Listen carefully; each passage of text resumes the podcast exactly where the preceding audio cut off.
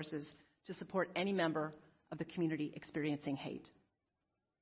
As president, I am committed to a safe, secure, and supportive educational environment so that our academic mission can thrive. It is crucial that ideas are exchanged and diverse viewpoints are debated. As a student of constitutional democracy, I know that we need both safety and free expression for universities and ultimately democracy to thrive. In these times, these competing principles can be difficult to balance, but I am determined to get it right. And we must get this right. The stakes are too high. Penn would not be what it is without its strong Jewish community, past, present, and future. I am proud of this tradition and deeply troubled when members of our Jewish community share that their sense of belonging has been shaken. Under my leadership, we will never, ever shrink from our moral responsibility to combat anti Semitism and educate all to recognize and reject hate. We will remain vigilant. I look forward to your questions. Thank you, Ms. Magill. Dr. Nadell, you're recognized for five minutes. Thank you, Chairman, Chairwoman Foxx and Ranking Member Scott for inviting me today. I'm Pamela Nadell. I'm a professor of Jewish history at American University, and I'm currently writing the book Anti-Semitism and American Tradition, supported by a National Endowment for the Humanities Public Scholar Award. And I'm delighted to be here today because this gives me an opportunity to thank Congress for sustaining through the NEH scholarship essential to understanding our nation's past.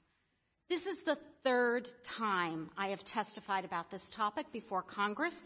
The first was in 2017, just three months after white supremacists chanting, Jews will not replace us, paraded through the University of Virginia brandishing torchlights, echoing Nazi stormtroopers strutting through Germany in the 1930s. I emphasize this because the anti Semitism igniting on campuses today is not new. It is part of a long history of American anti Semitism. While anti Semitism is difficult to define, historical examples convey some of its contours. Anti Semites believe that Jews have been corrupted by money since Judas betrayed Jesus for 30 pieces of silver, and they've employed code names for avaricious Jews Shylock, Rothschild, and in the 21st century, George Soros. Anti Semites believe Jews conspire to destroy Christian Western civilization.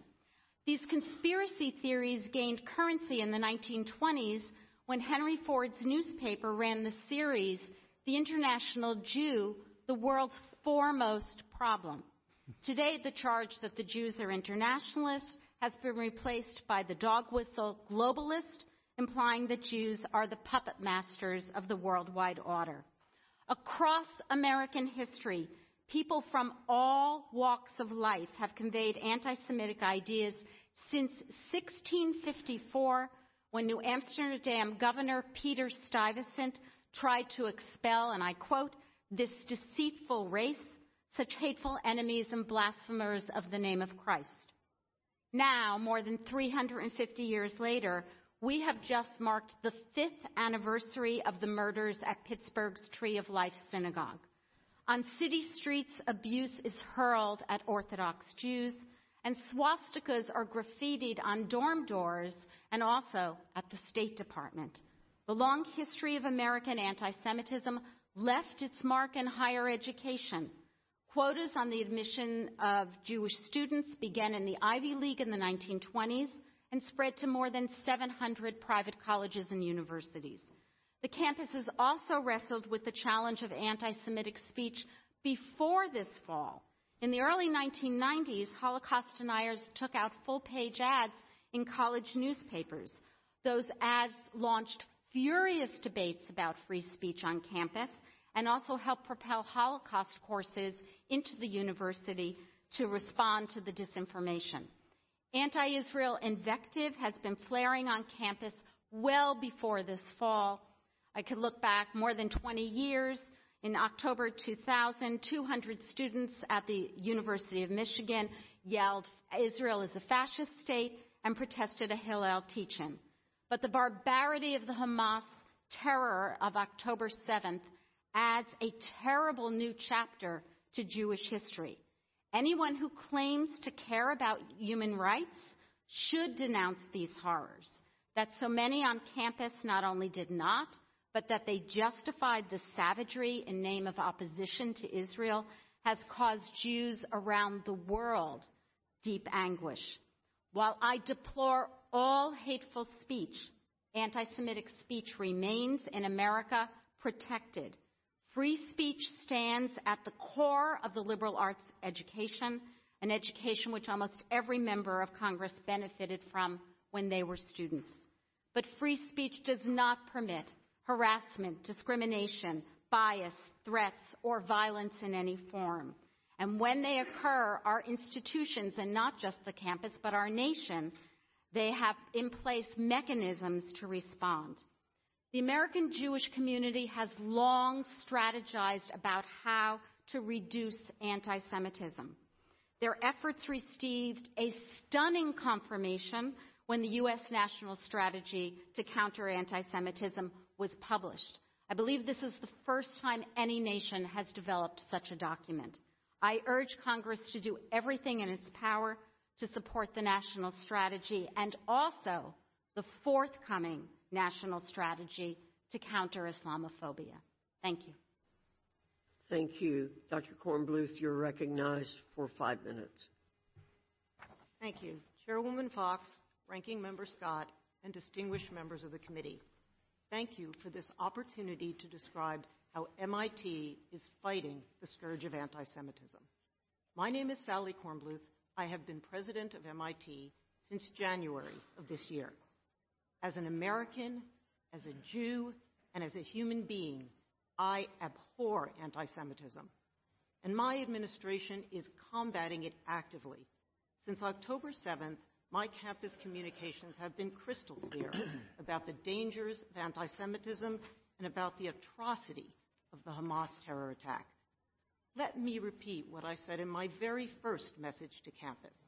In that video, I said, quote, the brutality perpetrated on innocent civilians in Israel by terrorists from Hamas is horrifying.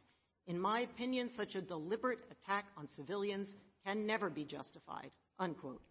I also made clear that students were feeling unsafe because of their Jewish faith or their ties to Israel and said, quote, that should trouble every one of us deeply, unquote.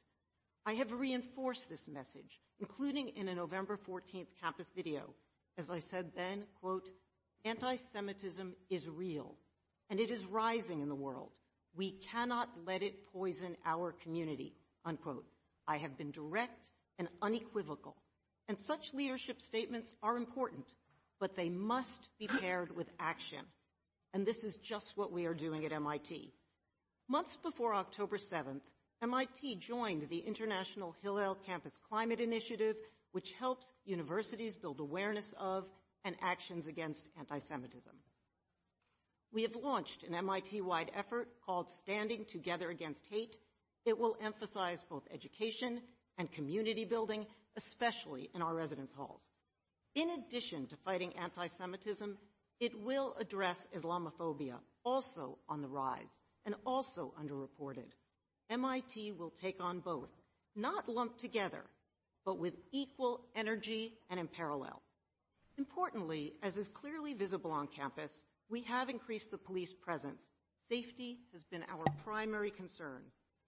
Nonetheless, I know some Israeli and Jewish students feel unsafe on campus. As they bear the horror of the Hamas attacks and the history of anti Semitism, these students have been pained by chants in recent demonstrations. I strongly believe that there is a difference between, what we can say to each other, that is what we have a right to say, and what we should say as members of one community. Yet, as president of MIT, in addition to my duties to keep the campus safe and to maintain the functioning of this national asset, I must at the same time ensure that we protect speech and viewpoint diversity for everyone. This is in keeping with the Institute's principles on free expression.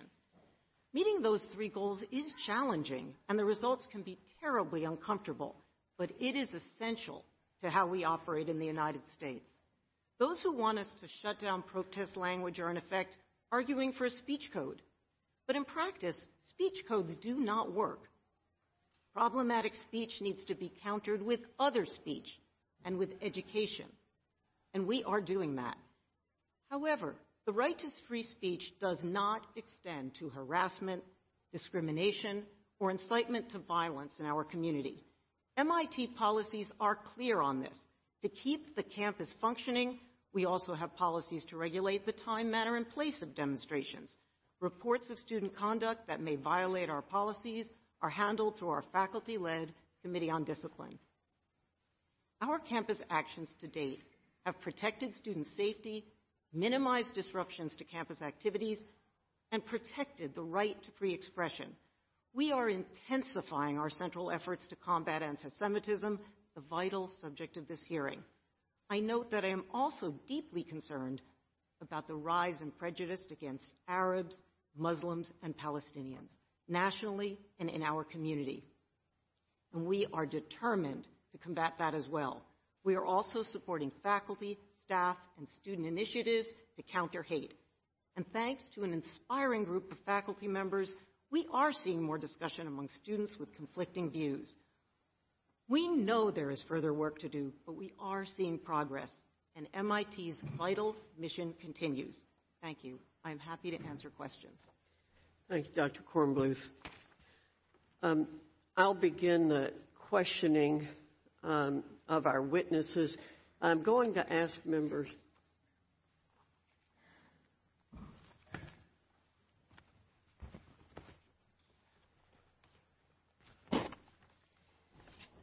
Uh, before I ask my questions, let me um, let me do some housekeeping.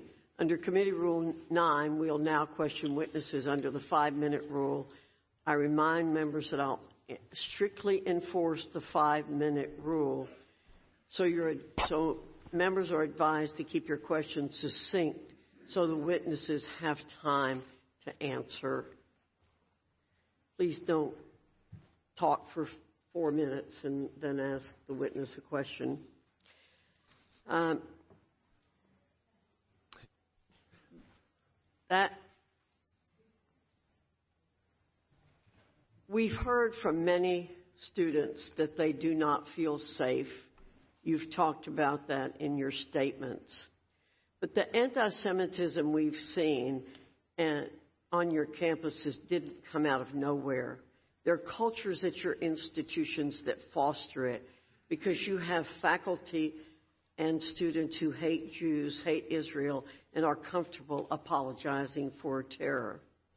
How did your campuses get this way? What is it about the way that you hire faculty and approved curriculum that's allowing your campuses to be infected by this intellectual and moral rot? Uh, President Gay, I'm going to ask you to give me a brief answer. I also would invite you to follow up with more in writing, and we will follow up with you. So I will go down the line, President Gay, then President Magill, and President Kornbluth. Thank you. Thank you, Chairwoman Foxx. Again, anti Semitism has no place at Harvard. When we recruit faculty, we do so with the understanding that they are joining a community where we, we honor, celebrate, and nurture open discourse both on the campus and in the classroom. And to be a successful teacher and educator at Harvard requires the ability to draw out all of the viewpoints and voices in your classroom irrespective of one's political views. And we devote significant resources to training our faculty in that pedagogical skill and Thank to prioritizing you. that in our recruiting and hiring. Thank you. Ms. Magill. Thank you for the opportunity to address the question. Uh, I'm troubled by what you're reporting about the, the culture of the institutions uh, that we're leading. um, very contrary to the values that I hold as a leader of University of Pennsylvania, as well as the institution, uh, where any form of hate is uh, very contrary to our values. Uh, I would venture an answer uh, Chairwoman Foxx that anti-Semitism has a, a role in the broader society, and that's what we're seeing happening in the society and on our campuses. And I'm committed to combating it in immediate term and the long term. Thank you. Dr. Kornbluth. Yes. So MIT is a majority uh, STEM education and research institution, and we are devoted to solving the problems that face society. Our faculty are hired for their brilliance.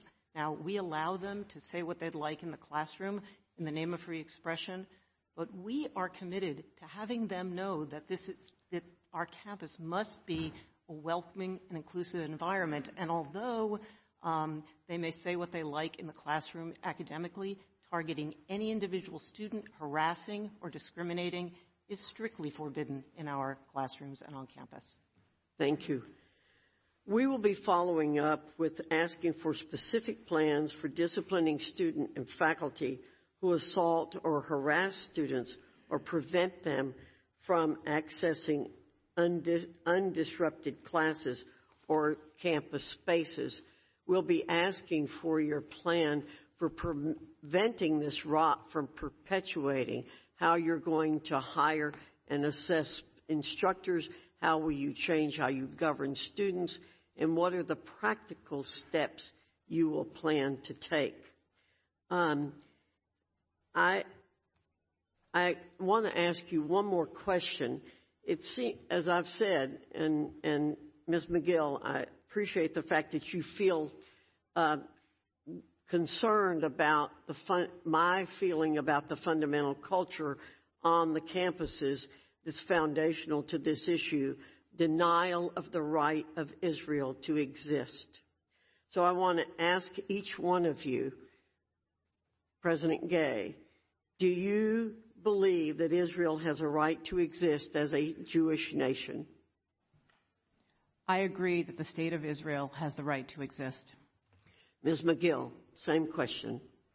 I agree, Chairwoman Foxx. The state of Israel has the right to exist. Dr. Kornbluth. Absolutely. Israel has the right to exist. I want to thank our witnesses again for being here and to say we will follow up and to tell you that um, while we've talked about a larger culture out there, it's the universities who should be um, examples of what this nation is all about. I yield back and I recognize the distinguished ranking member who is wanting me to recognize Mr. Courtney. Thank you, uh, uh, Chairwoman Foxx. And I want to thank you for the moment of silence for the 137 hostages who are still being held um, to this day. We had a hearing a couple weeks ago on anti-Semitism where I shared with my colleagues and the witnesses that um, a dual U.S. Israeli citizen with family in Waterford, Connecticut, was one of those being held at the time. Um, along, and we thought her husband, um, her name was Liat Beinin and Avi Benin. Uh, uh, the good news is, a week ago, uh, Liat was released. Uh, and unfortunately, a day later, the Israeli military uh, shared with the family that uh, human remains, which were found at the kibbutz where the violent attack took place, unfortunately matched up to Aviv. Uh, again, Hamas never shared the information about whether or not they had him or not, which is just another example of their their treachery. Um, Dr. Nadell, uh, in your testimony on page eight, you talked about President Biden's uh, U.S. national strategy to counter anti Semitism. And in particular, you talked about the use of Title VI of the U.S. Civil Rights Act in terms of being uh, an effective tool on campuses to, to combat anti Semitism. I was wondering if you could talk about that a little bit. So, Title VI allows for um, responding to some of the issues that um, the, the president's of these universities, but also, frankly, of most universities around the nation, it seems at the moment, have been dealing with in terms of when um, anti-Semitism moves into moves beyond free speech, moves in, beyond rhetoric, and it, it, it involves harassment or intimidation. The issue is that the Office of Civil Rights and the Department of Education needs to be fully funded in order to implement um, the U.S. strategy to counter anti Semitism. And I just want to comment about this strategy because it is an extraordinary document. It has actions for the um, the White House to uh, carry out, or the, the um, that, that, that division, but it has issues for Congress to carry out, which I have a sense Congress has not been carrying out, and it also has major charges to whole of society uh, to respond to anti-Semitism, some of which we are hearing is already happening on the campuses. The problem is they don't make headlines because they're not a bunch of protesters. Thank you. And uh, again, it's important to note that document was uh, released back in May of 2023, uh, certainly before uh, this committee and, and, and the you know, outrageous events of October 7th. And, and uh, the uh, ranking member mentioned in his opening remarks that you know, at the same time we're holding this hearing, we're also now still trying to get a budget passed for fiscal year 2024. The majority um, in the House reported out their budget which, as he mentioned, uh, carried a cut for the Office of Civil Rights. To be more specific, it's a 25% cut, $35 million out of their rather small budget, $72 million lower than what the president had asked for. Uh, I mean, we, we had a witness here again two weeks ago from the who worked for almost 20 plus years at ADL, the Anti-Defamation League. They've been around for 110 years fighting anti-Semitism in this country. And uh, again, she talked about the fact that you know that type of cut is just going to cripple uh, the ability of the anti-Semitism police, if you want to sort of look at it that way, in terms of trying to, to stop this type of activity on campuses. And again, I was just wondering if you had sort of a what your view is of a cut in terms of the impact of the Office of Civil Rights to do its job. I think the cut is uh, absolutely devastating. And what I would also remind everyone is that the Office of Civil Rights in the Department of Education does not only focus on anti Semitism, it focuses on all forms of hate and I, I would guess, I actually tried to find this uh, information but was unable to do so, but I would guess that the majority of complaints are not coming from Jewish students, although maybe now, given what happened since October 7th, I would guess the majority of the complaints are actually coming from people of color and from others who have faced terrible bias. So it is unthinkable, unconscionable to make that cut. Now, and talk is cheap. I mean, I've been around here a while. Budgets are what really, I think, show the true um, willingness to act in situations like this. And I'd just like to close by mentioning that um, in Connecticut, uh, a young uh, transfer student, international student uh, from the West Bank, um, Tahsin Ali Hamad, a, a, sophomore at Trinity College, who's a math major, who was up visiting friends in Burlington, Vermont. They were walking from going bowling, and this coward came out of his house uh, with a firearm and at point blank range shot all three uh, students who were absolutely, they were going to their relative's house at the time. And it shows again that the civil rights um, effort of the Department of Justice, which also was being subjected to a potential cut, uh, needs to get full funding um, in the Office of Civil Rights. And with that, I would yield back. Thank you, Mr. Courtney. I now recognize uh, Congressman Wilson from South Carolina for five minutes. Thank you. Thank you, Chairwoman Virginia Foxx. And uh, Chairwoman Virginia Foxx, I believe, appropriately began uh, this hearing about how serious this is, uh, that the uh, Iran puppets of Hamas uh, have victimized the world, including here in the United States. Uh, and shocking as we include people who have been affected. It should be Paul Kessler of California, who was murdered by a professor, a professor supporting Hamas as he was demonstrating peacefully on behalf of the people of Israel. And so uh, we have victims right in our country of murder uh, in California. With that in mind, and I say this respectfully uh, to each of the uh, university professors here today, uh, without any explanation, I would like the answer, uh, and it should be a percentage of conservatives. And that is, you each rightfully promote diversity and inclusion of race and gender with percentages available. that is available at your universities. Uh, what is the percentage of conservative professors at your institutions? I only want to know the percent of conservatives. What is the number, Dr. President Gay? Thank you, Congressman. So I can't provide you that statistic because it's not data that we collect. But I will say that we, we try to draw our talent to Harvard from. Hey, I, I, I, we've got to race ahead. Please, I want more. I just want to know what is the percentage of conservative professors at uh, Harvard? I do not have that statistic. We don't that collect that data. Me. And uh, President Magill, what are the uh, percentage of conservative professors allowed to teach uh, at your institution? Representative, I strongly believe in a wide variety of perspectives. We do not track that information, so and, I can't give I that think, to you. Okay, no, none. I, I got the message. And uh, President uh, Kornbluth, what is the percentage of conservative professors uh, at MIT? We do not document people's political views, but conservatives are welcome to teach on our and, campus. And I, and I think this is so sadly and shamefully revealing uh, that there's no uh, diversity and inclusion of intellectual thought. And, and the result of that is anti Semitism. And you can study with government money all you want to, Doctor, uh, but it's due to illiberalism that uh, has taken over the country. And uh, you might look into that uh, when you get your next government grant. With that in mind, the barbaric mass murder on October 7th by Iran puppets Hamas invading Israel, trained by war criminal Putin, has shockingly revealed that many college campuses are sickeningly anti Semitic. This is defending the maniacal Hamas agenda. The Hamas agenda is in their covenant of August 1988. I hope you read it because it says in Article 7, I'll take you, you don't have to read the whole thing, kill the Jews.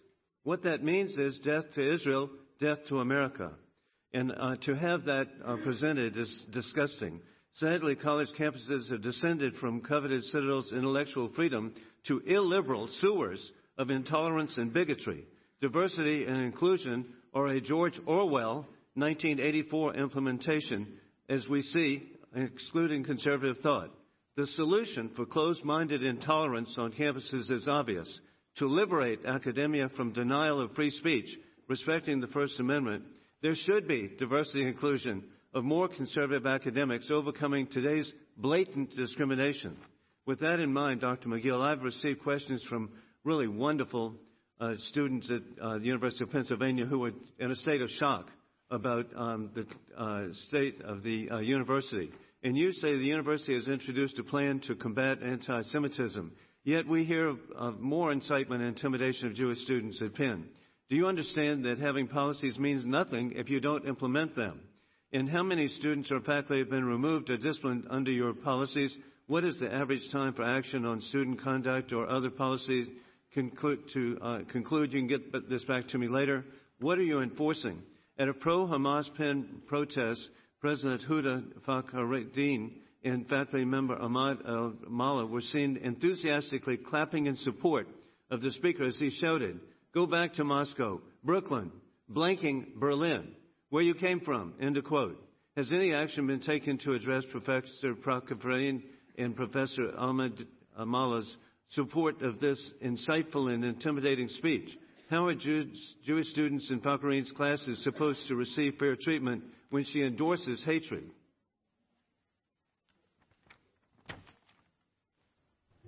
And I'll introduce that. And also, I, am going to conclude by another question. How in the world can y'all now have a uh, class on resistance literature from pre-Islamic Arabia featuring a, uh, a person who is with the uh, terrorist organization PFLP.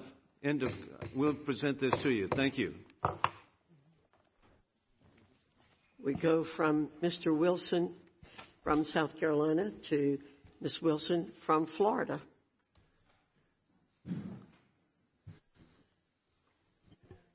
Thank you. Thank you, Chairman Foxx and Ranking Member Scott.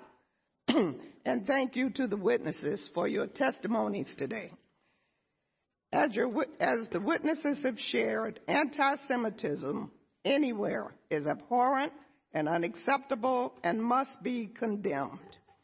I'm privileged to represent a strong, united Jewish community in South Florida. My next door neighbor is a rabbi. My Jewish constituents have experienced everything from bomb threats on Jewish centers schools to harassment of Jewish community members. I stand with them. We talk often. We commiserate and we pray. We must take a stand against all forms of hate, whether that be anti Semitism, Islamophobia, racism, xenophobia, and terrorism. This must stop.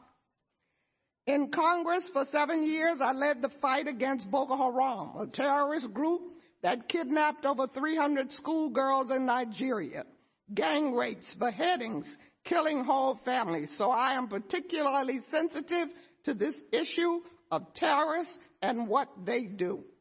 But disagreements about the conflict in the Middle East should never escalate to threats of violence against any community.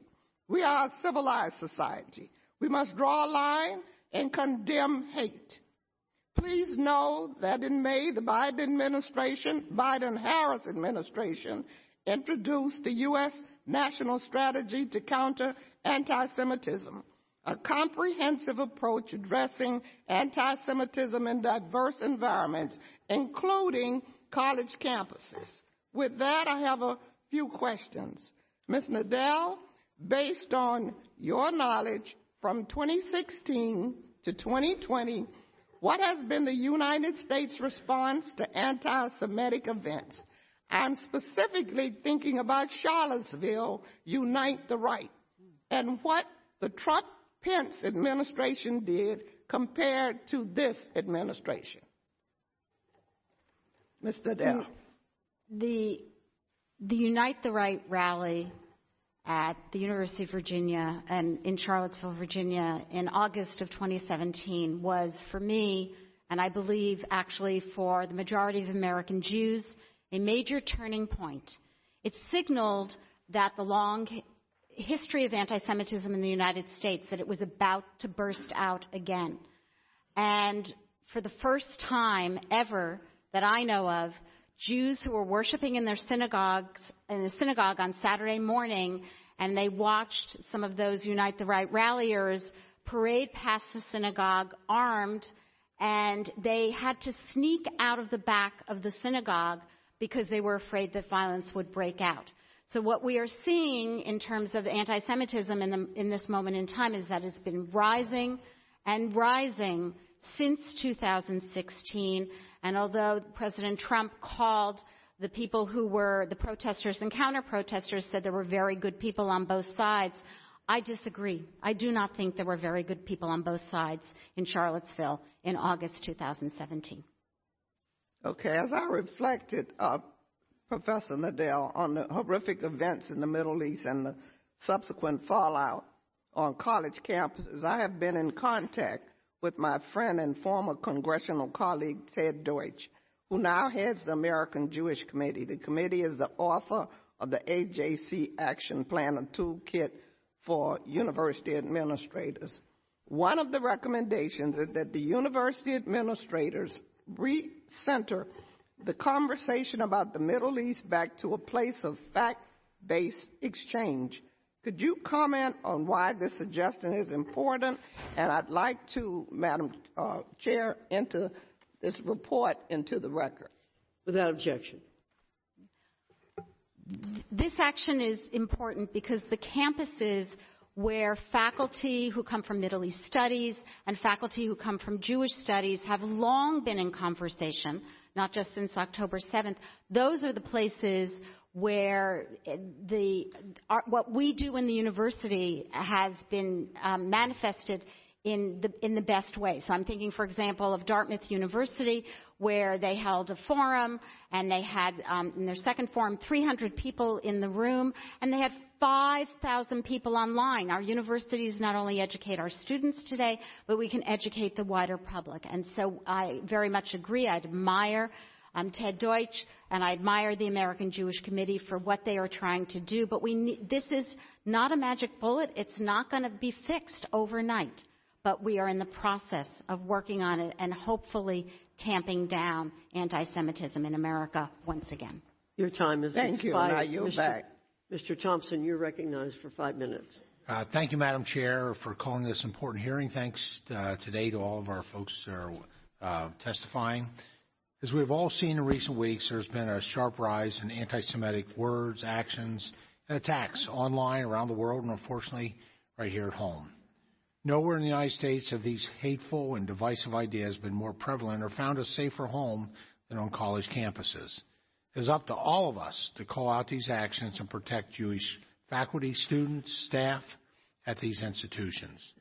Unfortunately, many of our university leaders have not met this moment and have allowed anti Semitism to continue to grow and to rear its ugly head.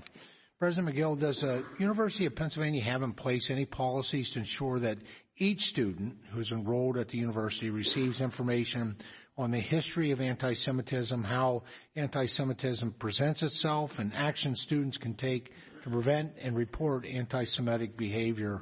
Um, you know, and if, you know, why or why not? Thank you for the opportunity to discuss that. We are in the midst of making certain that all anti bigotry efforts ensure uh, education about anti Semitism. We committed to that in September and we're working through that. We've added education. Some parts of our program do, and some parts of our program need to be enhanced. So we're working on that right now, and I assure you that we will make certain that that is included in all of our anti bigotry efforts, anti Semitism. That is uh, much appreciated. I wonder if that type of education would have been in place at all of our college campuses um, before this, um, uh, whether we would have seen the massive uh, reactions that we have that are just hard to describe and, and justify in terms of of the, the demonstrations and, and just the hate. Um, as part of the recent protests on and around campus, there have been dozens of arrests made by university police, including several related terroristic threats. Does university plan on requiring students, faculty, or staff arrested as part of these protests to, to receive further education on anti-Semitic behavior? Congressman, is that a question for me? Yeah, it is. I'm sorry. Please. Uh, well, we're very committed to making sure everyone understands uh, history and anti-Semitism for sure. Uh, the, the description of the arrests, I'd, I'd, need to learn a little bit more about. Well, the requests that have occurred, obviously, uh, related to protests uh, involving faculty or staff, students. Um, you know, the question is, uh, you know, uh, within the consequences, when university police are the ones that are that are, that are intervening, um, whether there's any thoughts to further education for those uh, individuals on regarding anti-Semitic behavior and the impacts of it. It's certainly consistent with my perspective and my values and the institution's values. I wonder if I could follow up with your team about the specifics of these arrests because they're, they're, I'm not, they're, I don't know exactly what you're speaking about, but I, I agree with you that anyone who uh, was arrested for an activity that was anti-Semitic, uh, some act or uh, something else, harassment, intimidation, uh, should certainly receive education in addition to other consequences. In my sure, some criminal activity they were arrested for that was obviously driven by anti-Semitic beliefs and expressions. Uh, several faculty members at Penn recently provided support for the boycott, divestment, and sanctions, or the BDS movement. The movement requires boycotting Israeli universities and individuals who are complicit in what they consider Israeli government misconduct. Uh, therefore, it is impossible for a faculty member uh, to support BDS and treat Israeli academics fairly. Can you tell this committee unequivocally that no such discrimination has taken place? I appreciate the opportunity to clarify a very clear position that the University of Pennsylvania has had for many years, which is we strongly oppose boycotting, divesting, and sanctioning uh, Israel. We have many flourishing academic, it's contrary to academic freedom, among other things. It's singling out uh, one state and treating it differently than others. We have many academic uh, collaborations with uh, universities in Israel. We, they're terrific collaborations. We have absolutely, we're very clear on BDS. We are opposed to it, and our practices make that clear. So, as a part of that, and I'm a strong supporter of the right to free speech, including on college campuses. Um, does, does University of Pennsylvania have any policies or procedures in place to ensure that BDS supporters cannot implement their boycott positions in their official capacities or not given such individuals administrative powers to begin with?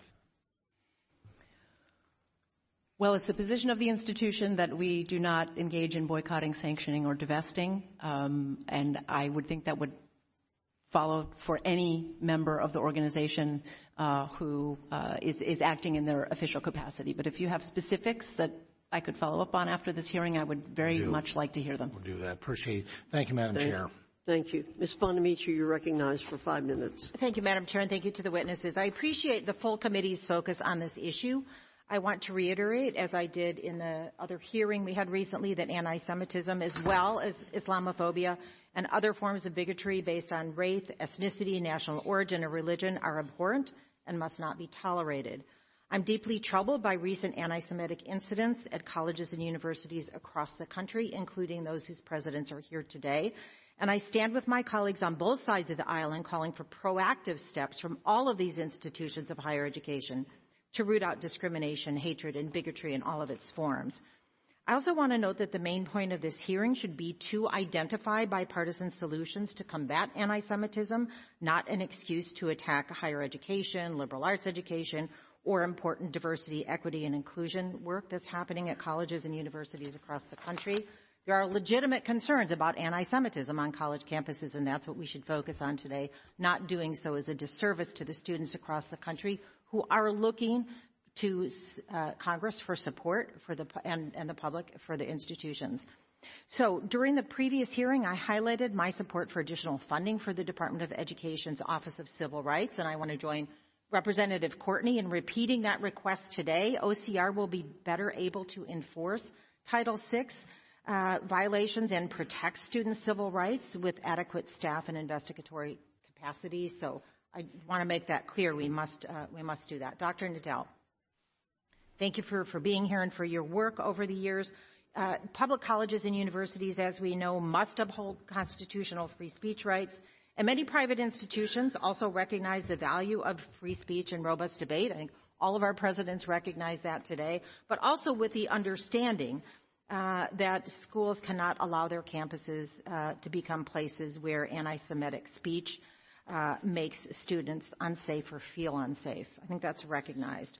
So, uh, Dr. Nadell, what are some of the best ways that colleges and universities can work to make their campuses welcome, safe, and inclusive spaces for all students in light of incidences of hate speech and discrimination, while also adhering to First Amendment principles? So, th- thank you for the question.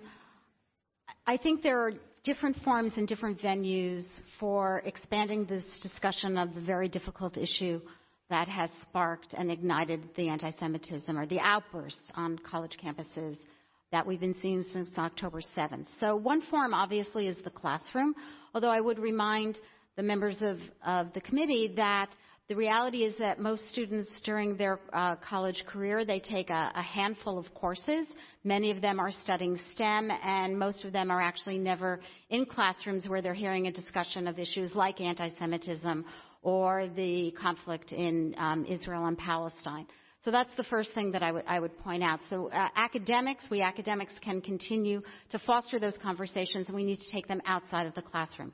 I think the other place where there can really be a lot of work done that would be very successful is on the side of student life on campus. And so student organizations are, um, uh, they, they range broadly and widely on the campus, everything from a gardening club to obviously um, the, some of the student organizations that have been involved in the protests against uh, against Israel. So these are other places. I don't want to cut you off, but Yeah. I have to get another question Oh, in. yeah, I'm running sure. out of time. But thank you for your work, and I also want to recognize as well the AJC action plan for confronting campus uh, anti-Semitism. Uh, President Gay, I understand that there's an ongoing investigation of your institution by OCR because of anti-Semitic incidents that occurred on campus, and I know we'll be closely monitoring the outcome. But in the interim and over the long term. What can Congress do to support your institution and other colleges in preventing discrimination? And also, if you could, could also respond in, in uh, the brief time, you mentioned that Harvard will not permit speech that incites violence or threatens safety. And I'd like you also to address who decides that and how and in what time frame. Thank you, Congressman woman, for your for your questions. Um, you're correct that there is um, an ongoing investigation, and obviously I can't comment on, on an active investigation other than to say we will work with the office to answer all of their questions. Um, and I will say the work of the office is vitally important for ensuring students have access to educational opportunities. Um, so I fully support that the work that they do and hope that the office gets the resources that it needs to be effective. Um, with respect to um, uh, student, I believe the question was about student conduct. So again, we are deeply committed to free expression, but when speech crosses over into conduct that violates our policies, um, policies against bullying, harassment, intimidation, we do take action. Um, and we do have faculty-led student disciplinary processes that are quite robust. Um, and even over the last couple of months, as there have been incidents, um, we have we've been leaning into those processes, and we do have um, disciplinary actions underway. Thank you. My time has expired. I yield back. Uh, I now recognize Mr. Walberg for five minutes. Thank you, Madam Chair. Thanks to the panel for being here. These are difficult times and difficult subjects, but they need to be addressed because leadership matters, and you are leaders uh, in academia, at your institutions as well, and leadership matters. Um, uh, President Gay, I was taken by um, some words in your, your opening statement where you said, cure for anti-Semitism is knowledge. Uh, I would, I would go where angels fear to tread and, and suggest that it might be better going back to the original motto idea for Harvard, which was Veritas, mm. truth. That the cure for anti Semitism is not simply knowledge, it's truth. Knowledge puffs up, knowledge sometimes is based upon falsehoods. I think that's what we're facing right now uh, in, in the climate on campuses is that we're missing the fact of truth um, and allowing, under the guise of free speech, uh, knowledge that isn't true to be exhibited in actions as well. So, President Gay, in, in the weeks since October 7th, and again in your testimony, you have said that Harvard's commitment to free speech extends to views that are objectionable or outrageous. Are you aware that Harvard is ranked dead last on the 2024 Foundation of Individual Rights and Expression scorecard of universities on freedom of speech? Thank you, Congressman, for the, the question. Um, respectfully, I disagree with that perspective as represented in the report that you cited. I don't think it's an accurate representation of how Harvard treats speech on campus. We are committed to free expression um, and to making space for a wide range of views and perspectives on our campus. With all due respect, this is, let, let me move on a bed, bit. Bedrock. I, I, would, I would expect that you wouldn't agree with that. I understand that. And I would expect at the University of Penn, the same would be true that you wouldn't agree that you're second to last on that same scorecard. But uh, President Gay, did you know that 70% of Harvard students say that shouting down a speaker is acceptable? That is not okay. I appreciate that. It seems that perhaps Harvard's commitment to free speech is pretty selective. As you are no doubt aware, prominent alumnus Bill Ackman tweeted you a letter on Sunday, and in that letter, and I have that tweet, I guess that's the beauty of social media, you can get those things. In that letter, he highlighted two cases of Harvard faculty members who were canceled because of views deemed too controversial for your campus. Tyler J. VanderWeele was deemed guilty for those crimes related to his views on marriage and abortion. And then Carole, uh, Carole Hooven, an uh, evolutionary biologist, was forced to resign because she stated that a person's sex is biological and binary.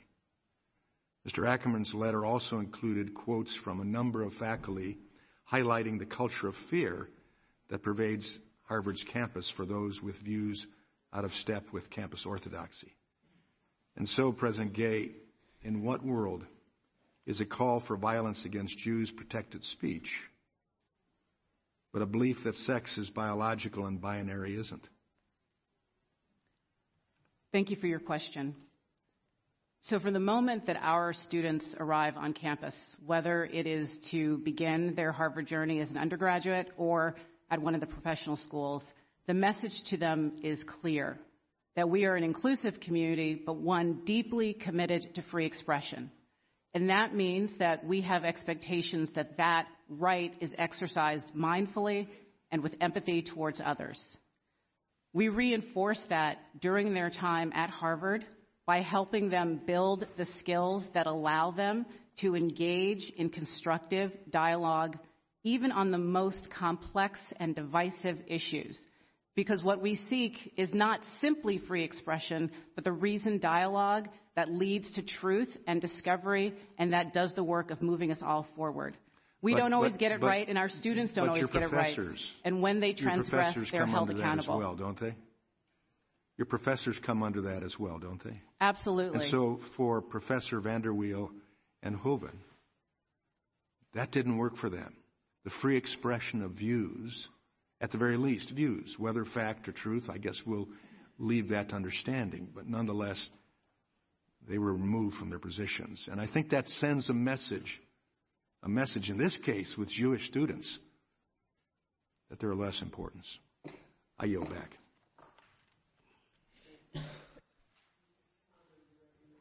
Mr. Takano, you're recognized for five Thank- minutes. Thank you, Madam Chair, and thank you to our witnesses for being here. I do wish we could meet under different circumstances. Uh, President Gay, uh, many individuals hold that Harvard did not condemn the attack against Israel swiftly enough.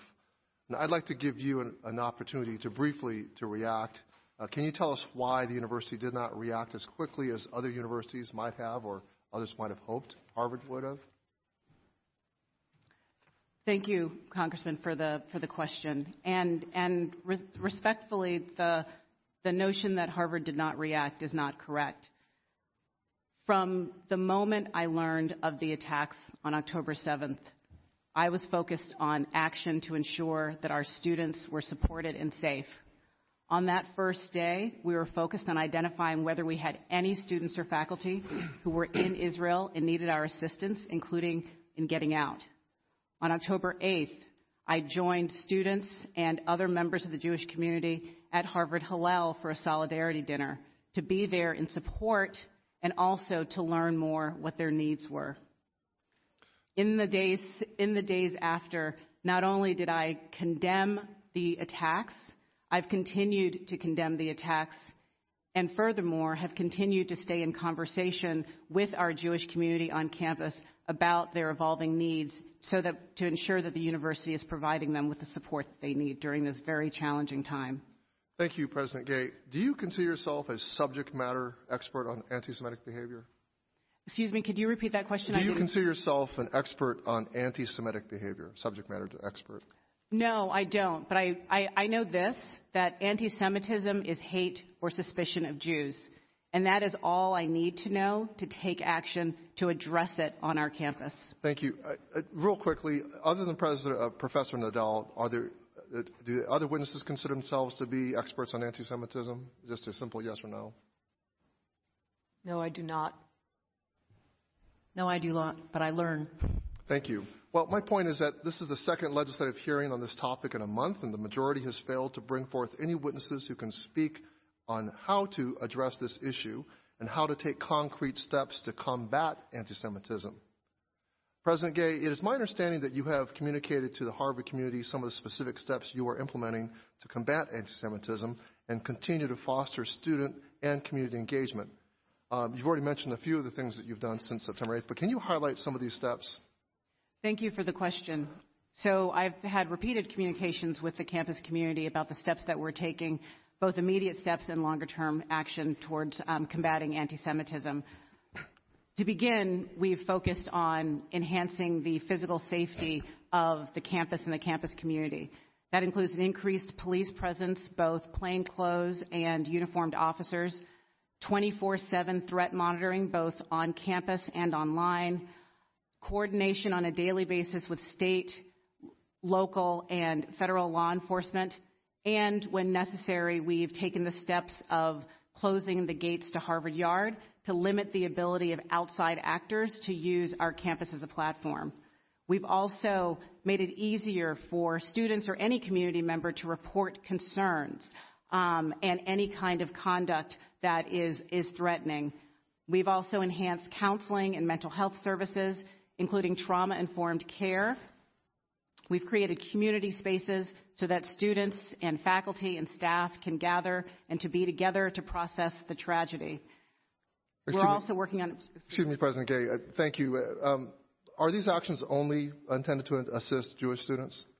These are resources that we're making broadly available to our community, but we're being particularly mindful to make sure that they are responsive to the needs of our Jewish community, um, as well as our Muslim, Arab, and Palestinian students who are also experiencing tremendous grief and are also fearful and distraught during this time. But, President Gay, universities stand as centers of thought, and it is of the utmost importance to strike a balance between First Amendment speech protections and the safety of students and faculty. But when speech crosses into the line of into the line of conduct, crosses the line into conduct, is it it's essential that universities act swiftly. Um, Harvard is a private university, and private IHEs have a, have different parameters to operate under than public IHEs. Does this give Harvard a pass to avoid protecting free speech? We are deeply committed to protecting free expression, even of views that we find objectionable and outrageous and offensive.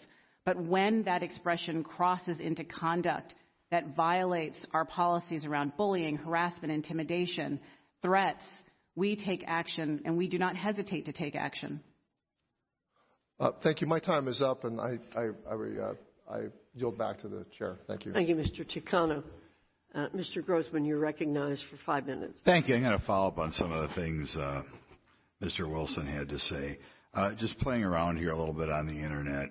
Uh, in 2016, they found about 2% of the faculty of Harvard were uh, viewed uh, President Trump, I think, as okay or good. And I think in the 2020 election, the, the Crimson, your local paper there, uh, found 1% of the students voting for Donald Trump, which given that nationwide is about 50-50, was kind of shocking.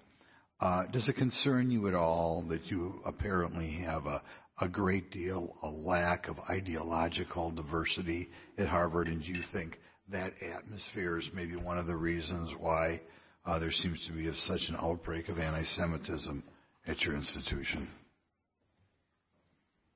Is that is that question for me? That's the question for you. Yeah, and I'll ask Okay. you, what are you, what Yeah. are you going to do about it? Do you think it's a concern? So we we strive to have as diverse a faculty as we as we can because we want to make sure that we are sampling from the broadest pool of talent available in the world. right, That's right. how we ensure uh, academic excellence. Wait, and wait, we wait, then wait. I, I, from what I read here, maybe I'm just they're making stuff up, but I don't think they're making it up. We, we said two percent of your faculty viewed Donald Trump as something other poor in 2016, and after four years of working for diversity, one percent voted for him. Now I know all sorts of good people who don't like President Trump, but I'm just saying when you compare the way people think at your campus compared to America as a whole, if there's one thing you are, it's not diverse right? You, do you consider that a problem, or the, the numbers I gave you? So, um, Congressman, I can't speak to the specific data that you are referring to. What I can say is that at Harvard, we try to create as much space as possible for a wide range of views and perspectives because we believe that allows for a thriving academic community. Oh, how, how in the world is that even possible? Uh, and that you're that you're trying to do that? Do you really feel that your that your faculty are ideologically diverse? You're, you you you came out of a what was it a political science background at Stanford? At Stanford, as an undergraduate, as an economics Oh, uh, major, and then for my PhD, it was a PhD in political science. Political science. That's what I thought. Did you experience what you would say, given America's divided now 50-50, about 50-50, or was it 75-25 or 90-10 regard, regarding to more a constitutional conservative perspective or more of a left-wing perspective? What, what is your experience both at Harvard and Stanford? So here's what I can say on the topic that you're exploring. And it's we want the most brilliant, talented faculty to come to Harvard. and to build their careers okay, there. They're only that- giving me five. You're not going to answer the question. They only give me five minutes. Um, is it common at Harvard to ask faculty to submit a diversity statement? That's a practice that varies across schools at Harvard. So sometimes you do. In some cases, there are schools that ask for that. okay. Could a scientist ever get uh, cut from consideration for a, jo- from a job because they had the wrong view of diversity? What I would say is that we aim to draw to our faculty the, Yeah, okay, I'll put the it this way. broadest pool of ta- But when when you hear that that, and this is not the way I wanted this to go, but when you hear that one percent of your faculty voted for a presidential candidate who got about fifty percent of the vote nationwide, does that concern you, or do you feel you're not as diverse as you should be? What I'm focused on is making sure that we're bringing the most academically talented faculty to our campus and that Okay. they are effective in the classroom. I'll, I'll give you one more question because I want to go to go to the gal from uh, Penn. Has Harvard ever made a faculty job contingent on a strong diversity statement? We look at everything a faculty member will bring to our campus. Okay. Academic brilliance and excitement and ability to teach a Well, campus community and Okay, student now, community. now I want to go to diverse. Miss Magill. I, I have a friend whose son goes to the University of Pennsylvania. Right now, he is physically afraid to go to the library at night. Okay, just unbelievable. Um, could you? I, I mean, I just can't even conceive that's going on in the United States of America. But that's what she tells me. She doesn't make it up. Could you give us your reasons as to why that is true at Pennsylvania? Why today a Jewish student is afraid to walk to the library at night? Congressman, let me start by saying I'm, I'm devastated to hear that, and uh, the safety and security of our campus and our students in particular is my top concern. Um, I would, if you would be willing, I would like to talk to your constituent and their, their Penn student. I'm very troubled by what you're reporting. It's our top priority to keep our students safe and secure. I'm going to have to ask you to follow up on that with Mr. Grothman and with the rest of the committee. Um, Ms. Adams, you're recognized for five minutes. Thank you very much, uh, Madam Chair, and thank you to the witnesses for uh, coming today and to testify before the committee. But uh, before I get started, I want to just thank you for your service uh, to students and to uh, the university community. Um, Dr. Nadell, this question is for you. I'm glad, first of all, to see uh, another Buckeye here, Ohio State. Uh, but as a former professor uh, at a small college in North Carolina, Bennett College, for over 40 years I taught there, uh, I am deeply disappointed uh, by the rise of anti Semitism rhetoric that's happening across the country. Anti Semitism has no place on, on our college campuses or anywhere. Uh, and it's been my mission to combat instances of anti Semitism and, and hate and racism alike. Uh, there are Jewish students across this country that are afraid to leave their dorms, afraid to step on campus because of the hateful rhetoric that's infiltrated our schools. So th- this question is to actually all the presidents, but I did want Dr. Nadell to answer first. Students should be able to express their views and opinions without fear of retaliation. Uh, how are you balancing the protection of free speech, academic freedom, with the need to, also um, uh, oppose uh, normalizing anti-Semitism attitudes that are, radical and, dangerous? And if we could just briefly answer that, I want to hear from the President um, uh, on this. Sure. So, just briefly, obviously, we need to protect free speech, but we also uh, need to protect the safety of our students on campus. And you use the word normalizing anti Semitism, and the problem is anti Semitism has been normalized in the nation, not just on campus. Thank you. Uh, Dr. Gay? Thank you. I'd say education is the key here.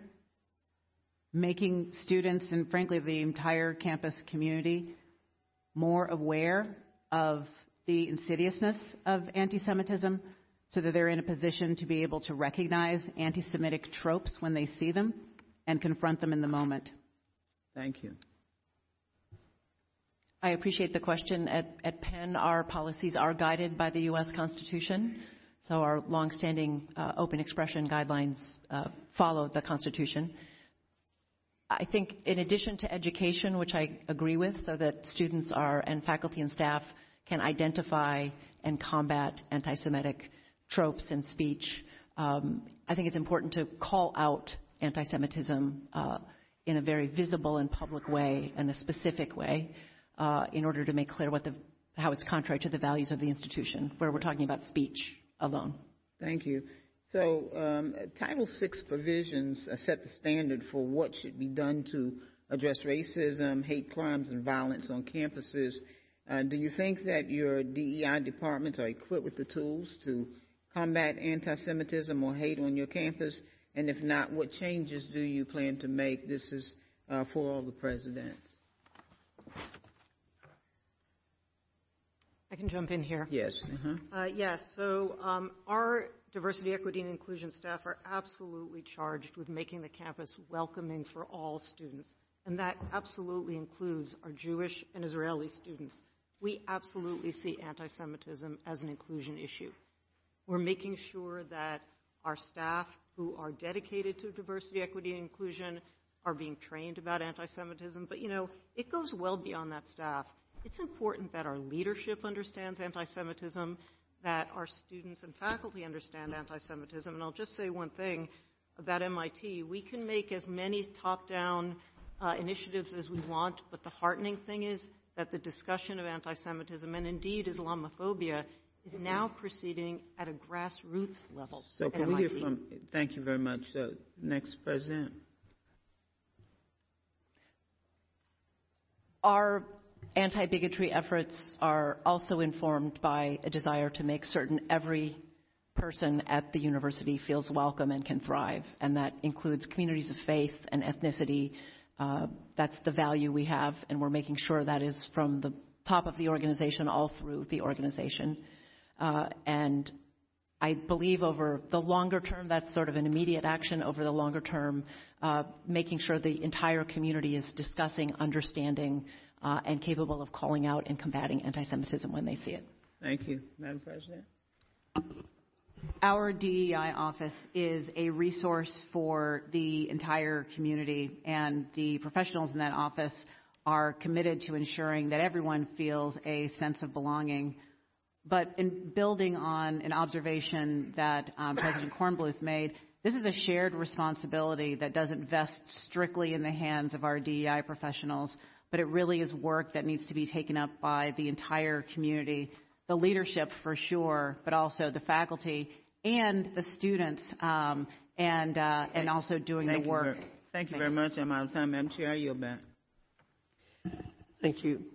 Ms. Stefanik, you're recognized for five minutes. Dr. Gay, a Harvard student calling for the mass murder of African Americans is not protected free speech at Harvard, correct? Our commitment to it's free a yes speech, or no question. Is that corrected? Is that okay for students to call for the mass murder of African Americans at Harvard? Is that protected free speech? Our commitment to free speech. It's a yes extends. or no question. Let me ask you this. You are president of Harvard, so I assume you're familiar with the term intifada, correct? I've heard that term, yes. And you understand that the use of the term intifada in the context of the Israeli Arab conflict is indeed a call for violent armed resistance against the state of Israel, including violence against civilians and the genocide of Jews. Are you aware of that? That type of hateful speech is personally abhorrent to me. And there have been multiple marches at Harvard with students chanting, quote, there is only one solution, intifada revolution, and quote, globalize the intifada. Is that correct? I've heard that thoughtless, reckless, and hateful language on our campus. Yes. So based upon your testimony, you understand that this call for intifada is to commit genocide against the Jewish people in Israel and globally, correct? I will say again, that type of hateful speech is personally abhorrent to me. Do you believe that type of hateful speech is contrary to Harvard's code of conduct, or is it allowed at Harvard? It is at odds with the values of Harvard. Can you but not say here that it is against the code of conduct at Harvard? We embrace a commitment to free expression, even of views that are objectionable, offensive, hateful. It's when that speech crosses into conduct that violates our policies against bullying, Does that speech not cross that barrier? Does that speech not call for the genocide of Jews and the elimination of Israel? When you speech- testify that you understand that is the def- definition of intifada. Is that speech according to the code of conduct or not? We embrace a commitment to free expression and give a wide berth to free expression, even of views that are objectionable. You and I both know that's not the case. You are aware that Harvard ranked dead last when it came to free speech. Are you not aware of that report? As I observed earlier, I reject that characterization. It's the data shows it's true. And isn't it true that Harvard previously rescinded multiple offers of admissions for applicants and accepted freshmen for sharing offensive memes, uh, racist statements, sometimes as young as 16 years old? Did Harvard not rescind those offers of admission? That long predates my time as president. But you understand that Harvard made that decision to rescind those offers of admission. I have no reason to contradict the facts as you present them. Correct, because it's a fact. You're also aware that a Winthrop House faculty dean was let go over, he, over who he chose to legally represent, correct? That was while you were dean. That is an incorrect characterization of what transpired. What's the characterization?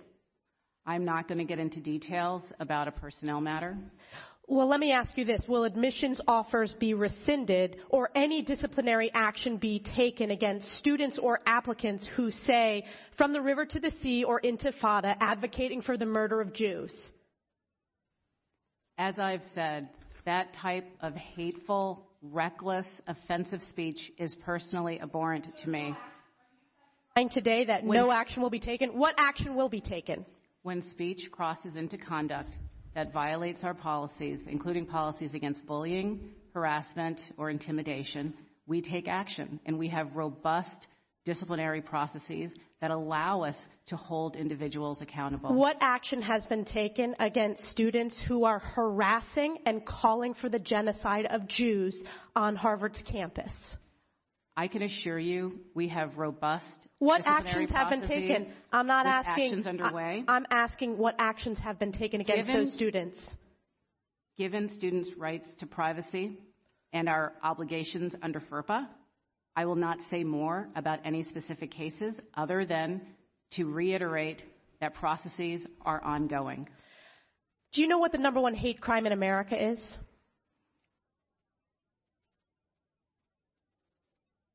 I know that over the last couple of months, there has been an alarming rise of anti Semitism, which I understand is the critical topic that we are here to discuss. That's correct. It is anti Jewish hate crimes. And Harvard ranks the lowest when it comes to protecting Jewish students. This is why I've called for your resignation. And your testimony today, not being able to answer with moral clarity, speaks volumes. I yield back. Gentlewoman yields back. Mr. Norcross is not here. Ms. Jayapal, you're recognized for five minutes. Thank you, Madam Chair. Uh, the Anti Defamation League found that reports of anti Semitism have nearly quadrupled since this point last year, and we're seeing that reflected on college campuses, with Jewish students reporting uh, that they feel unsafe. No student should feel unsafe. I think we all agree. Anti Semitism and indeed all forms of hate have to be rejected everywhere. And while all of you as college administrators have a responsibility to condemn hate and acts of hate in all its forms, including anti Semitism, I know that you also face the challenge of and the responsibility of ensuring that people can engage in healthy debates of ideas in a way that fosters safety and inclusion for everyone. So I want to thank you for your commitments to work to ensure a continued diversity of perspectives on your campuses, a diversity of faculty with varied lived experiences. I know that my Republican colleagues have been trying to attack DEI initiatives, including the funding for those initiatives, for some time, and I hope that that is clear in terms of some of the comments that have been made. Um, I want to just give Dr. Gay 30 seconds to, to respond to anything given the line of questioning that you had right before, in case you wanted to say anything before I go to my lines of question. Thank you for the opportunity, but I'm satisfied that I've conveyed our deep commitment to free expression, recognizing that it's uncomfortable. Thank you, Dr. Gay. Uh, uh, Dr. Kornbluth, your institution is one of many that has responded to incidents between pro-Israel and pro-Palestine groups. Many college campuses have been grappling with their responses to prevent anti-Semitism, to prevent Islamophobia and other forms of hate, while also making sure that every student feels safe to express their thoughts in accordance with the principles of free speech and to engage in the idea of critical thought on college campuses, which I think is what many of us appreciated about our college experiences. Can you speak to the um, challenges that you've faced in condemning hate and acts of hate while making sure that students were heard? And also, just want to appreciate the distinction that you made in one of your comments between what we can say and what we should say and um, and just say that, frankly, I think there's been an explosion, thanks to the previous president in part, that has shattered the norms of what is acceptable to say, and we're dealing with some of the effects of that. But what challenges have you faced in condemning hate and acts of hate while making sure students were heard? Thank you so much. Uh, you know, and I have to and say, if you can just pull that microphone oh, right sorry. up to you, that would be great. I'm sorry. Thank you. Um, you know, I have to say my my absolute goal is to ensure the safety of students and the continuity of our research and educational missions. And these recent um, events have troubled me deeply, and we have mobilized as a campus. I think the most important thing is first knowledge to understand that, as I mentioned in a previous answer, that our leadership, our students, and our faculty have to have knowledge. But way more importantly right now is these students are thrown together in classrooms and laboratories and dormitories every day. This is where the dialogue is taking place. And we have to ensure that they have the tools for constructive communication across differences. We are bringing these discussions to the dormitories. We have a Center for Constructive um, Engagement where the students are going to be able to have small roundtable discussions with each other we have uh, funded and mobilized, and I cannot tell you how wonderful our faculty have been. They've just issued a statement from 300 faculty about unity and working together with the students. And so there have been lunches, there have been meetings for our Israeli and Jewish students with Jewish faculty, for our Arab and Muslim students with Arab and Muslim faculty, but now they're working to figure out how to bring them together. If we're all going to live and work together productively, we have to move beyond, you know, formal training, which we are committed to, but to actual real dialogue and to actually model constructive and civil dialogue for our students.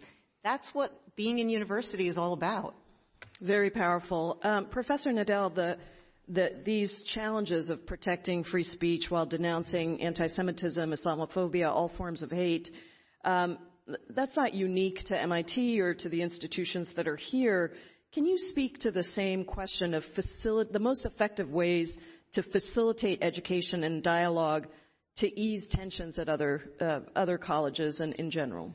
The most effective ways, and obviously I, I very much appreciate your, your question because it, it, this is happening across the United States on colleges and campuses, small and large. And the most effective ways are to recognize the many different levels and mechanisms for facilitating these dialogues at the student level, at the faculty level, at the administrative level, and bringing the how to unite the campus, bringing the campus together. That's what we're all trying to do, and it doesn't happen overnight. Thank you all so much for your work. I yield back, Madam Chair. Thank you. Mr. Allen, you're recognized for five minutes. Uh, thank you, Madam Chair, and I want to thank each of you for being here today. And um, uh, first, know, the, my colleague earlier asked the question, "What is the truth?" Of course, that question was asked two, 2,000 years ago of Pilate, and um, and of course, uh, you know, obviously knowledge is important, but what about wisdom?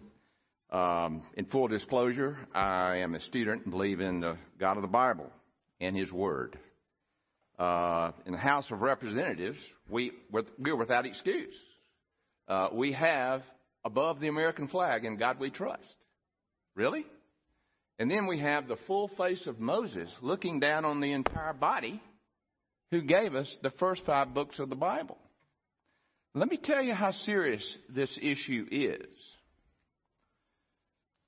In 1885 BC, BC, not AD, BC,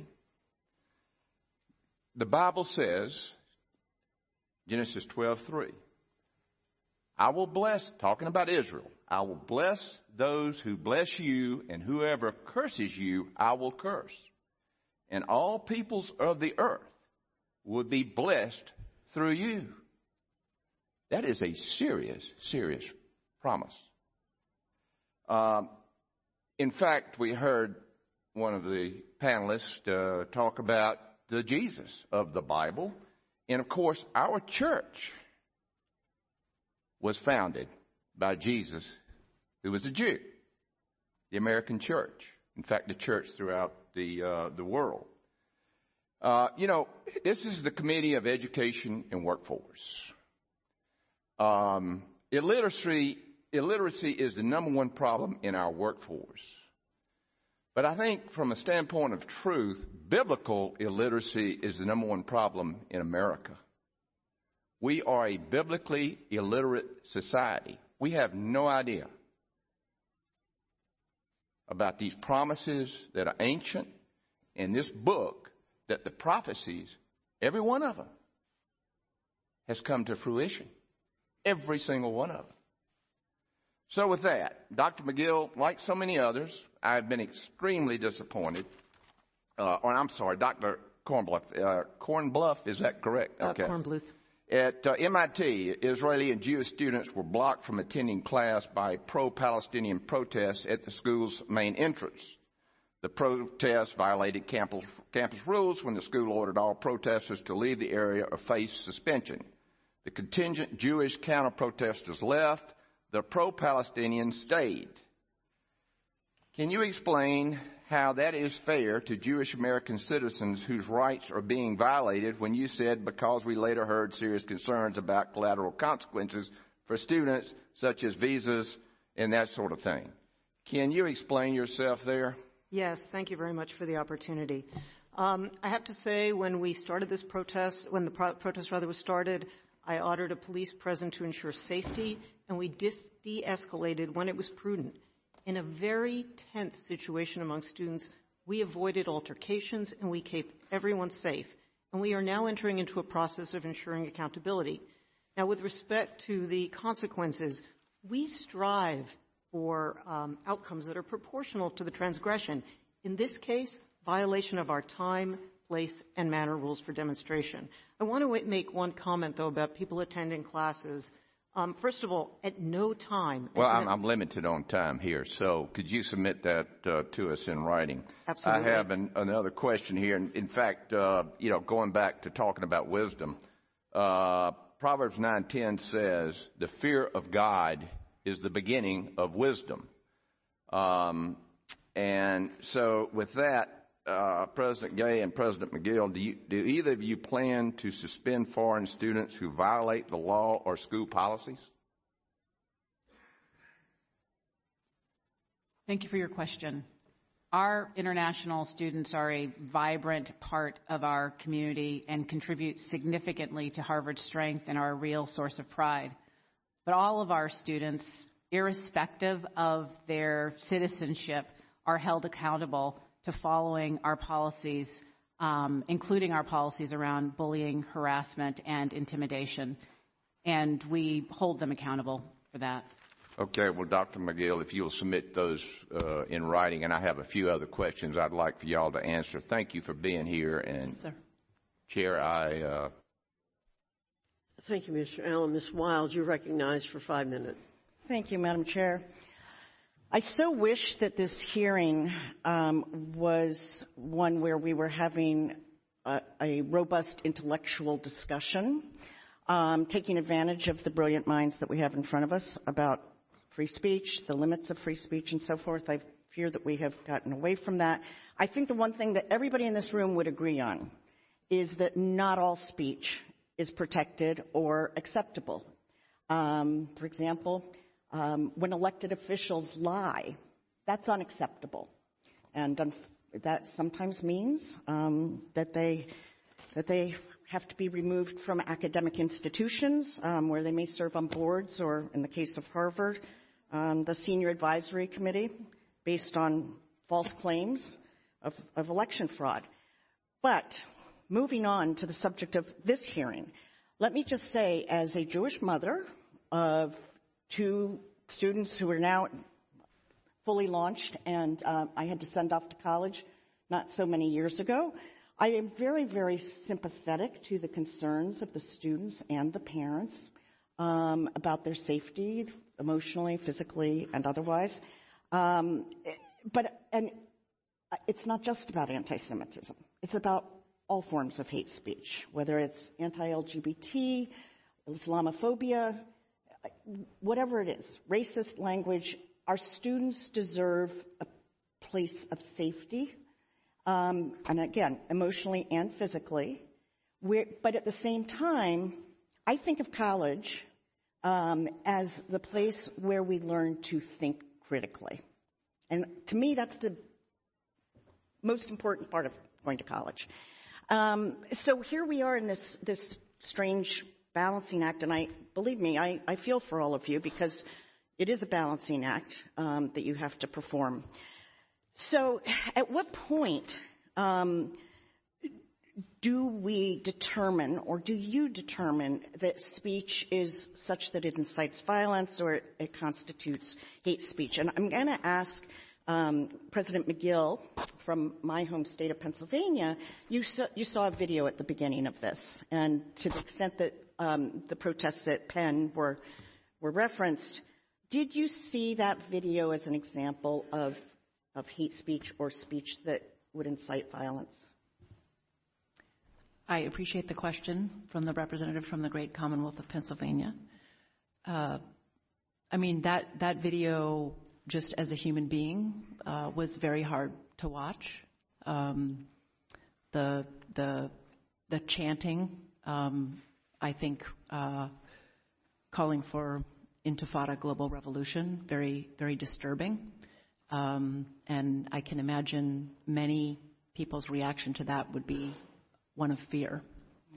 Um, so I, I, believe at a, a, minimum that is that is hateful speech um, that has been and, and should be condemned.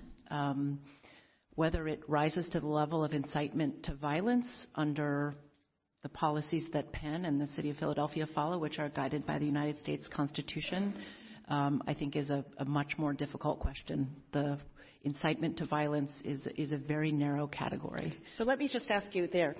If you became aware that a similar protest um, were, or rally or whatever you call it, was going to be occurring on your campus tonight or tomorrow, um, how would you respond? What would your approach be? Well, our approach with all rallies, vigils, and protests is that our, our public safety officers and something called open expression observers are at present at all of them. We have a long-standing open expression policy uh, that uh, makes sure our open expression policies are followed. So I would make sure that those people were there.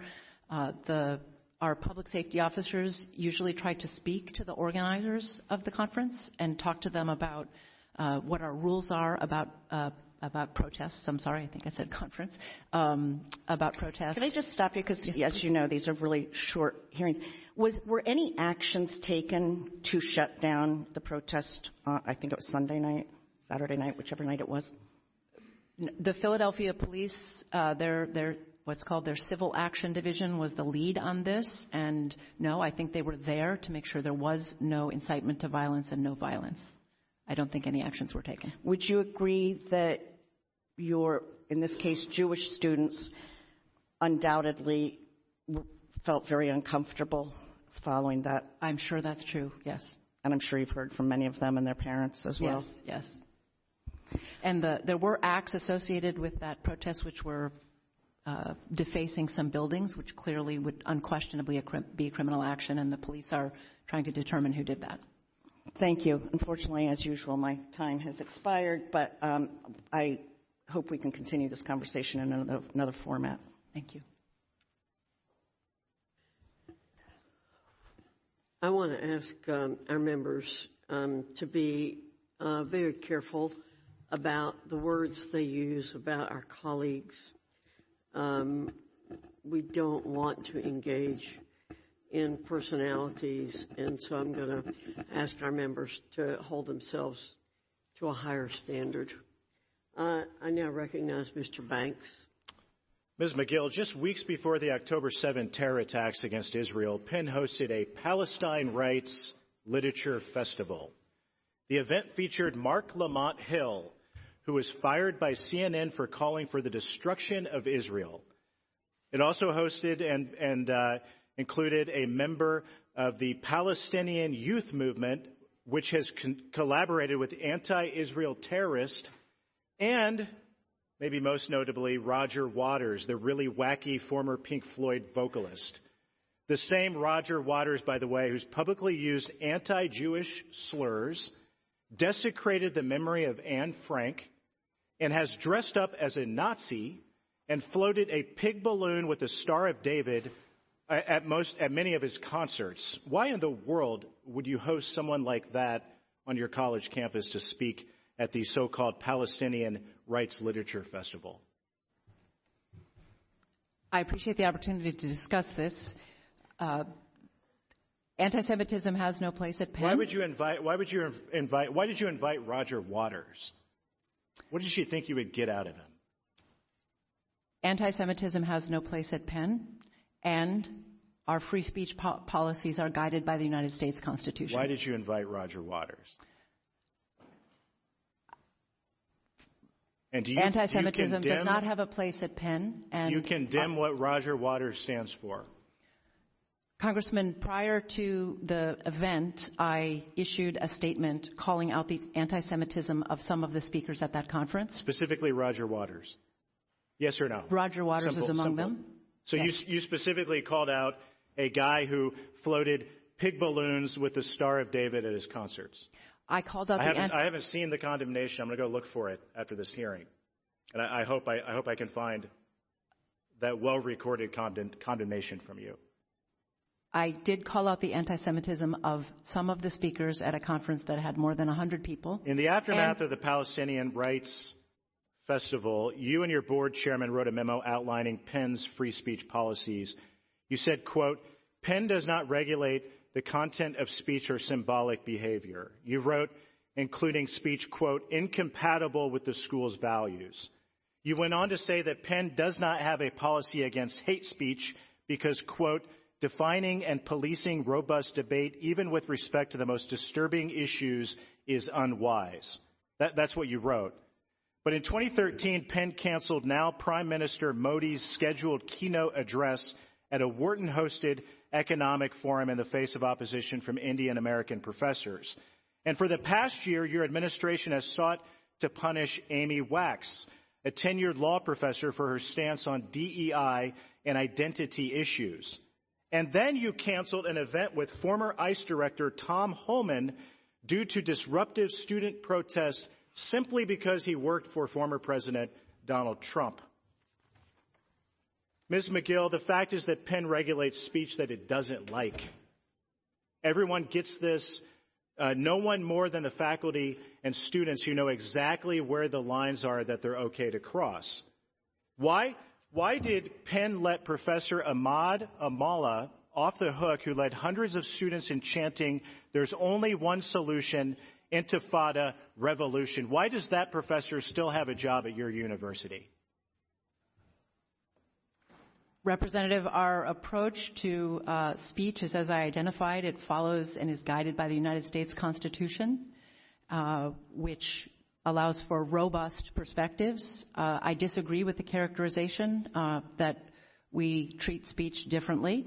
Uh, and I can't discuss any individual disciplinary proceeding. The same goes for Penn professor Anne Norton, who's repeatedly denied Hamas's worst, worst atrocities on October 7.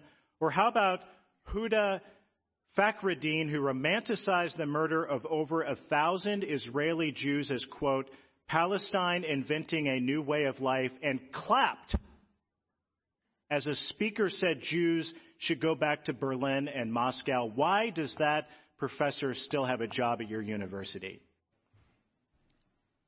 I'm very troubled by what you're describing, Congressman, that kind of uh, You're speaking out of both sides of your mouth. You're defending it. You allow these professors to teach at your college. You create a safe haven for this type of anti Semitic behavior. You said something earlier about anti Semitism being symbolic of the larger society. Your university is a hotbed of it. And one of the reasons that we're seeing a rise of anti Semitism and an unsafe environment for, for Jewish college students all over this country, you're largely responsible for it. With that, Madam Chair, I yield back. Thank you. Mr. Norcross, you're recognized for five minutes.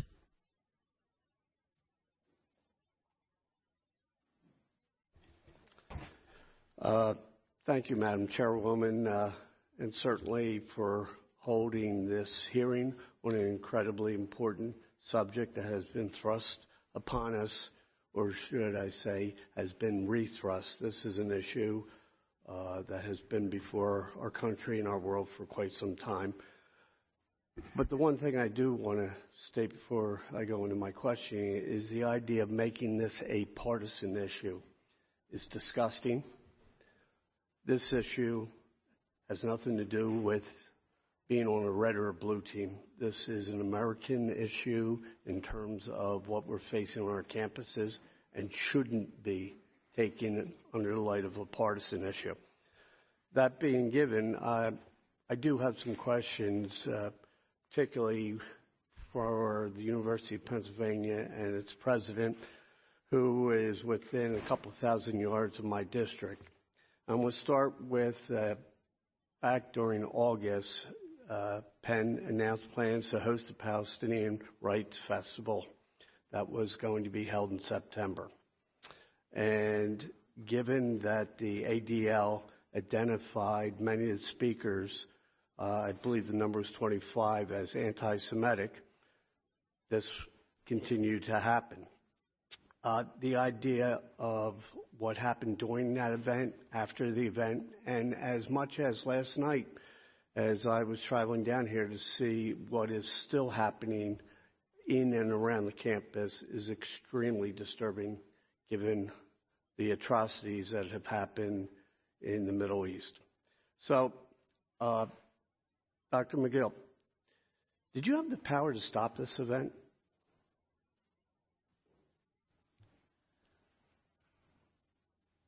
Under our approach to academic and free academic freedom and free expression, Congressman, we uh, have probably thousands of speakers to campus every sure. single year. Many of them I disagree with.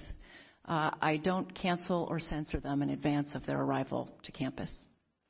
So, anytime you use the word censor, so any event on your campus, you would never interfere for the fear of censoring somebody. Is that what you're suggesting? Well, Congressman, there are we, we are of course always concerned about safety and security, so that could be a, a constraint we would be worrying about in thinking about an event. It's a so very there rare would occasion. Be times that you would stop an event under the terms of censoring if you, under your opinion or those advising you, say there would be a security issue. Well, our approach is not to censor based on the content, uh, but to worry about things like the safety and security and the time, place, and manner uh, in which the event would occur. So, given what happened in October, you could not see ahead that was going to happen, but the idea that groups coming on that are clearly identified as anti Semitic would be of a concern. I was concerned about the anti Semitism of some of the speakers at that conference, and also the timing of that conference was particularly painful because it occurred during uh, the holiest time of the Jewish year. And that's why, in advance of the conference, while uh, saying that we are committed to academic freedom and free expression and the conference would go on, I specifically condemned the anti Semitism of some of the speakers. Condemning, but you would have the power to stop it if, in your opinion, there was a security issue?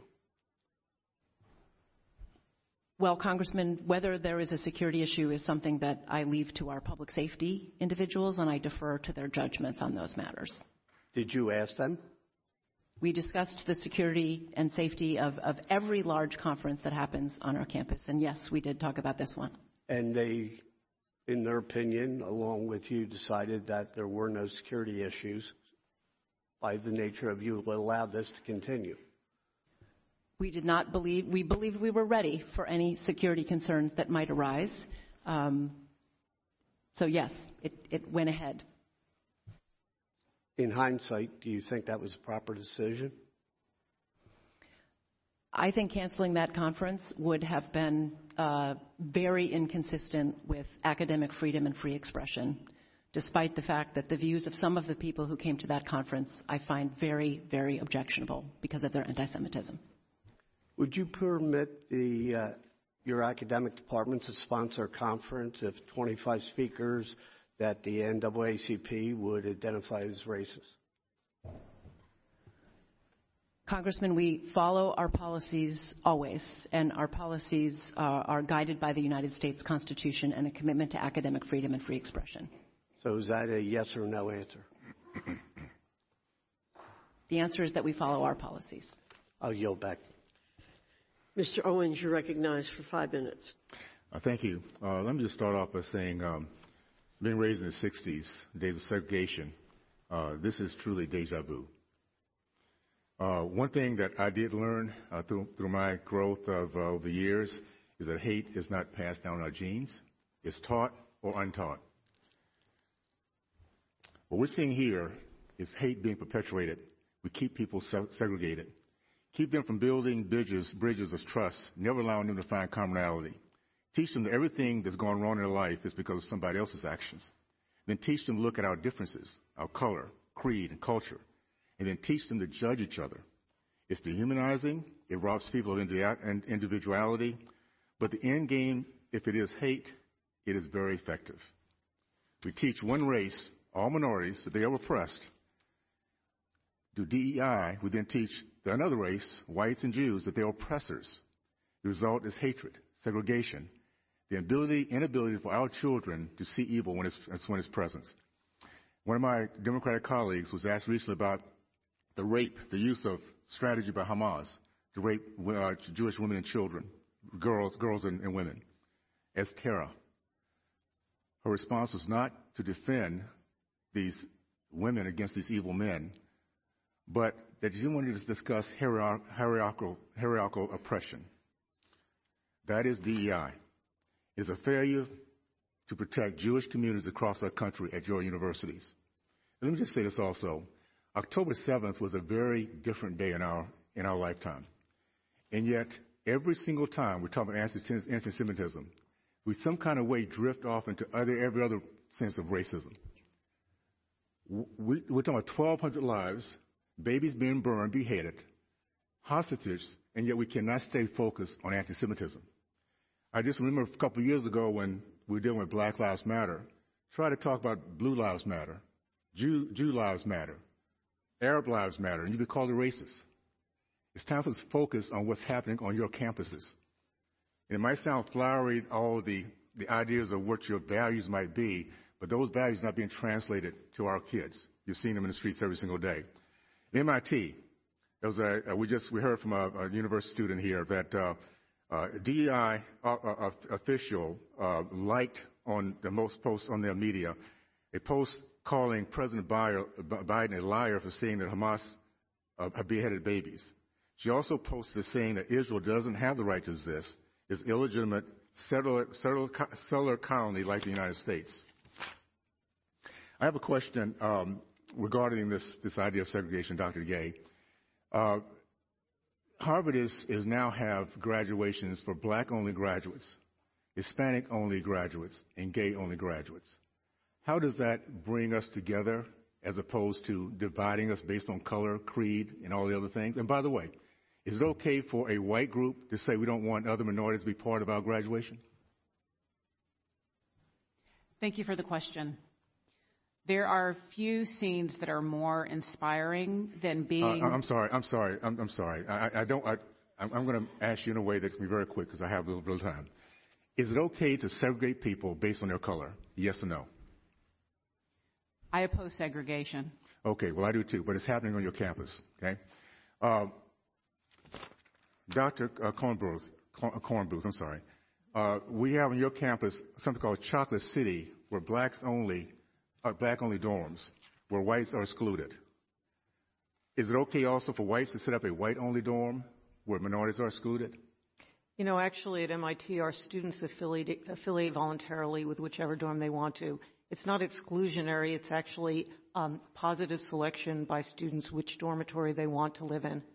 Okay, so it's okay for blacks to not make whites feel included. Is it okay for whites not to let blacks feel included on your campus? We're talking about segregation, and it's obviously happening on your campuses. You know, I think it's really important to say that there's a distinction between sending an exclusionary message and looking to other students for common experiences and support. Okay, okay. Let me just let me just. I'm sorry, I'm running out of time. And what you're saying is very simply, in 1960s, it would have been okay for whites and blacks to segregate themselves because they felt more like the people they're with. I disagree very, very much. But let me just say this: uh, if, in case we discover, and this is for everybody here, real quick, in the last few minutes, that there's a direct link from DEI and CRT to the growth of Marxist centrist groups like BL, uh, BLM, Antifa, and the Pro-Hamas on campuses, would you then end the DEI initiatives on your campus? If there's a, link between what that is and what the result of, hatred, would that be a, a, a would that be finished on your campus real quickly? We have just yes or no. Dr. Gates, start with you. Yes or no? Our DEI efforts are about ensuring that all of our okay, so that's a, that's a no. Okay, doc, Doctor, I'm sorry, Ms. Ms. Magill. Yes or no? If it's found to be a link between Marxist, BLM, um, Antifa, and, and, and, and hate, hate, hate, uh, hate groups. Yes or no? Our DEI office is committed to having everyone okay, so thrive. No. All right. Um, and Ms. Ms. Cornbooth, real quick, just yes or no? Sorry. I find it hard to understand how equity and inclusion as okay. a concept that's a no. is okay. a hatred inducer. Thank, thank, you so much. I think that's, that says a you lot. Can, thank you, Ron. Appreciate you it. You can give an answer in writing, and I have to remind members not to engage in personalities. Uh, Ms. McBath, you're recognized. Uh, thank you so much, Chairwoman Foxx, Ranking Member Scott, to our staff, and thank you so much to our witnesses today. And it is not lost on me that the in- intellect, the intelligence that we have on this panel today, the most intelligent minds that are leading our highest in- institutions are women. So thank you so very much. Um, I had the privilege of attending a very similar hearing in the Higher Education Subcommittee just a few weeks ago, and I'm glad to see that we're continuing this conversation at a full committee level. Uh, acts or expressions of anti Semitism have no place in our society and definitely not on any college campus or institution here in the United States. And what we must all understand is that this is not just the Jewish community's struggle. This is all of our struggle, and the Jewish community does not get to bear this burden alone. It is up to all of us to learn more and stand in solidarity against hate in our daily lives to ensure that the violence and the tragedies that follow unchecked, hatred will never be allowed to repeat themselves. I lost my son to that very hatred, so I understand it in my core. Similar to other expressions of racial and religious hatred, all freedom loving people, all those who truly believe in the ideals that this country was founded on and continue to strive towards, must stand together in the face of this disturbing increase in hate across the country and across the world. An outpouring of support for the Jewish community and public condemnation of these heinous acts by interfaith and community leaders and elected officials and all backgrounds is the exact type of action that we need to take to confront this form of radical evil.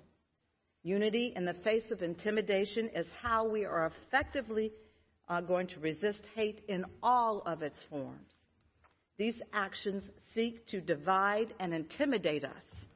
We must show that we will not be intimidated, that we will not falter when our neighbors need us the most, that we are un- united against hate and we choose to love instead, regardless of our political ideologies or our ethnic differences. As Dr. King once said, and I quote, returning hate for hate multiplies hate, adding deeper darkness to a night already devoid of stars. Darkness cannot drive out darkness. Only light can do that. Hate cannot drive out hate.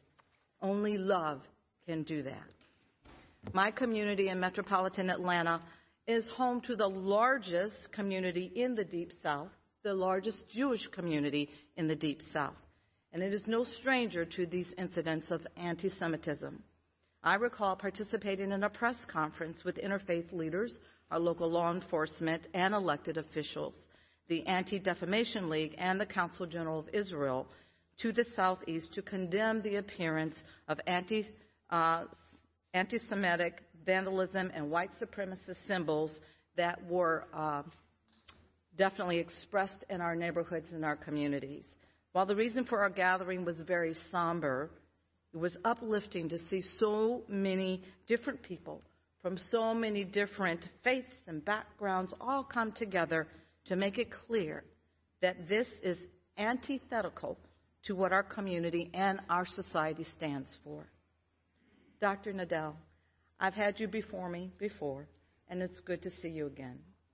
Can you please discuss some of the schools or the communities that have built strong interracial and interreligious connections and relationships in the aftermath of a racist or anti Semitic incident and what building those connections looks like and why they're so critical and imperative to healing? So, what, first of all, thank you. It's wonderful to see you again. What really stands out is how, at the personal level, change can happen. So, for example, at the, um, the, University of California at Berkeley, which is the campus that has been roiled, as these campuses have also been roiled, a professor of Israel Studies and a, and a faculty member from Middle Eastern Studies sent a, a joint letter pleading with the campus to speak in a civil tone. They, these are two faculty members who do not agree politically on what has been going on, but they got together to write this, and then it was sent out to the entire community. It is those kinds of actions that we need to be applauding, and we need to be elevating and uplifting. And as I said before, they just don't tend to make headlines. Mm-hmm. Thank, Thank you so you. very much, and I yield back my time. Thank you, Ms. McBath. Mr. Good, you're recognized for five minutes. Thank you, Madam Chairman. Uh, uh, Ms. Magill, uh, September 21, a Penn student was taken into custody after bursting into a Jewish organization's morning prayer service, shouting, shouting anti Semitic comments, destructing property, and so forth. On November 10, after the October 7 Hamas attack, Penn issues an apology for a display of light projected onto campus buildings with anti Israeli messages, including phrases such as, from the river to the sea, Palestine will be free, and Zionism is racism. On November 15, the Department of Ed announces that Penn is under investigation for possible civil rights violations of Title VI. And then just two days ago, another pro Palestinian march happened on the edge of campus with Penn uh, property being graffitied with offensive messages such as F the IDF, Intifada, uh, the Arabic word for uprising, and so much and more. Uh, there is a deeply troubling tendency by many on the left, as has already been expressed in this hearing, uh, in, the, in media, academia, among elected officials, and even some on this committee, who try to somehow conflate or equate anti Semitism with so called Islamophobia. It's troubling that it seems that it's only Jews or Israelis who, when they're attacked or victimized, somehow become the oppressors or instigators of those attacks in the eyes of leftists or some on Penn's campus specifically. It's wrong to suggest that anti Semitism and Islamophobia are, are equivalent problems in this country as noted already in this hearing, Jewish hate crime is the most predominant hate crime in this country today. Ms. Magill specifically. Uh, again, just this past Sunday night, there was another march uh, on the edge of the UN, UPenn campus, an anti Israeli march. Has there, at any time since October 7, been an equivalent large scale gathering of crowds in support of the slaughter of Muslims or the elimination of an Arab or predominantly Muslim state? Has that happened on your campus or anywhere near your campus that you're aware of since October 7? Congressman, any act of hate, I, I find I, I ask a specific question. Has there been any large gathering, uh, you know, uh, uh, in support of the slaughter of Muslims or the elimination of an Arab state on or near your campus that you're aware of since October 7th? Congressman, not that I'm aware of. Okay, thank there you. Have been... So you would agree then it would be immoral or dishonest to treat the two as equivalent problems on campus, meaning anti-Semitism and Islamophobia, that there's an equivalency there on the scale of the scope of the problem on campus. Would you agree that would be immoral or dishonest to equate the two? Congressman, I, I abhor all acts of hate. Would you agree that it's immoral or dishonest to equate the two? That the problems are equal on, the, on your college campus or other college campuses? Any, re, any evidence of that effect? Congressman, I abhor all acts thank you, of hate. Thank you. Dr. Gay, uh, on October 8, nearly three dozen Harvard student groups authored a statement holding Israel responsible for the Hamas attack. On October 18, a Jewish Harvard Business School student was surrounded, accosted, and shoved to the ground while walking near and filming an anti-Israeli pro- anti-Israel protest.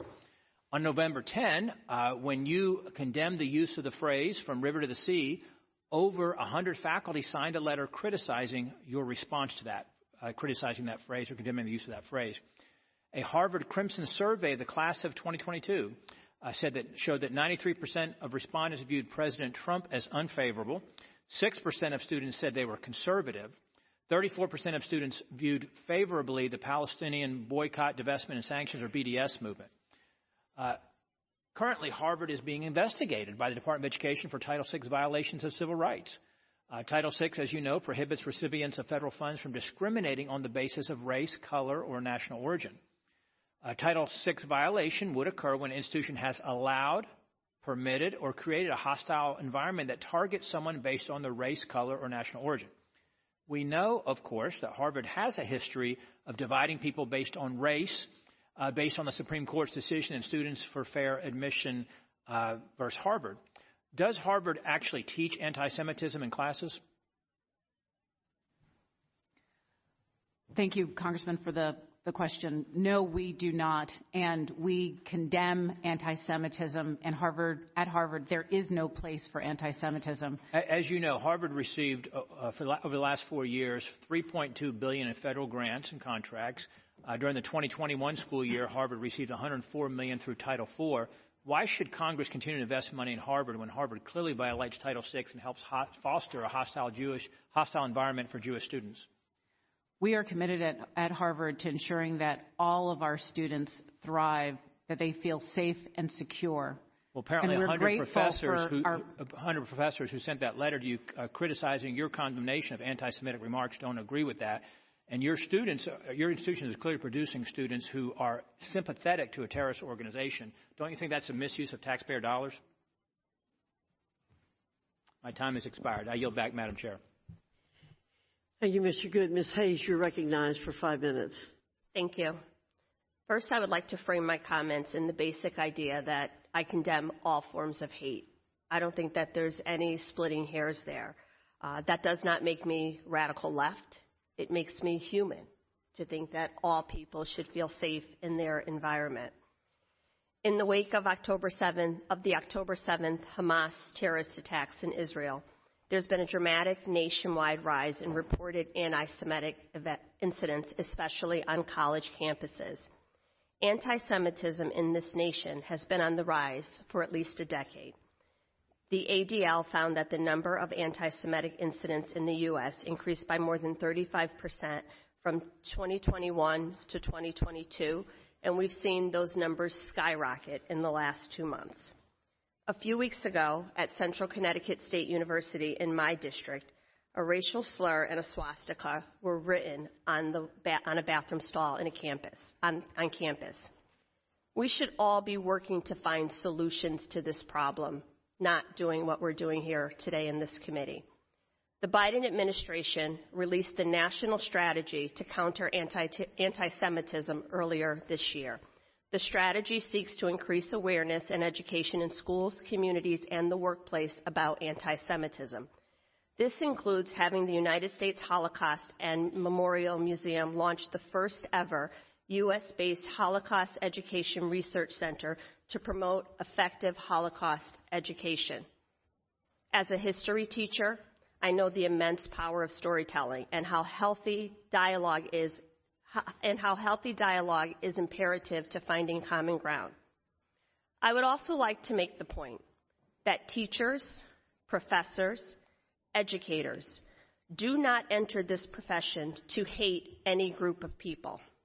I'm happy to hear that all of the people on the panel list responded to the question by my colleague that you do not collect data on the conservative or liberal views of faculty I'd argue that that would be unconstitutional. I would also like to note in the case of Harvard, you had a very conservative, notable alum who was invited to join your advisory committee. So diversity of thought is important, and all those views should be welcome on any college campus. President Magill what steps has the University of Pennsylvania taken in the history to ensure students have an understanding of the history of anti Semitism in order to address the rise of hate on your college campus? I appreciate the question very much. Uh, there are a wide variety of things we do at Penn. We are very proud to be home to uh, a very strong Jewish studies department with uh, faculty members who are expert, uh, uh, like Dr. Nadell, on the history and uh, manifestation of anti Semitism. Many students are taking those classes. We are proud to call Penn home to the Katz Center for Judaic Studies, which is a, a world resource um, in historical materials about uh, Judaica and anti Semitism and uh, many centuries of history, actually. Uh, and many of our faculty and staff and students participate in programs at the Katz Center through their fellowships and education.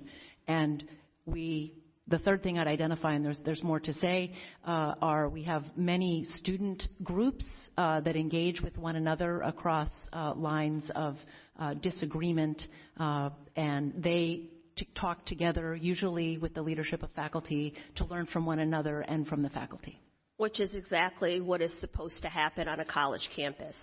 I also want to acknowledge the increase in Islamophobia after the October 7th attack not so-called Islamophobia, but Islamophobia. Palestinian, Palestinian students on and off college campuses have been target, targeted. President Gay, in your November 9th open letter to members of the Harvard community, you mentioned specific steps that you are implementing in connection with your ongoing work with the Anti Semitism Advisory Group. Specifically, you mentioned work being conducted at the Office of Equity, Diversity, Inclusion, and Belonging. I'll also just say that 18,000 complaints have been received by the Department of Education Office of Civil Rights, the same office that my colleagues are trying to defund.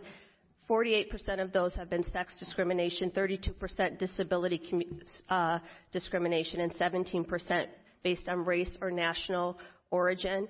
We have a problem.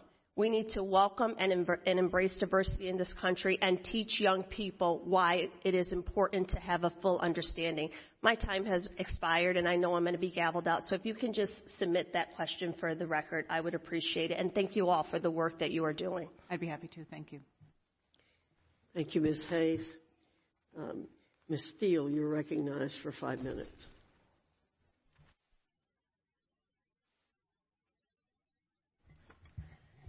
Thank you, uh, Dr. Foxx, for leading this important hearing. In October, I introduced H.R. 5933, the Deterrent Act, to bring greater transparency and accountability for institutions of higher education accepting donations from foreign entities. This, will, this bill will pass the House hopefully tomorrow, and I'm hoping that Senate will take it up the involvement of hostile foreign entities in our post-secondary institutions is one of the biggest threats facing colleges and universities. Question number one is Dr. Kornbluth. Um, in September 2019, then Secretary DeVos opened the Section 117 it's a foreign disclosure section, investigation into MIT that has not been closed.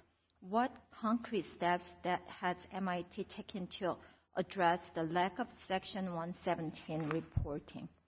So let me say, and thank you for the question, we have cooperated fully.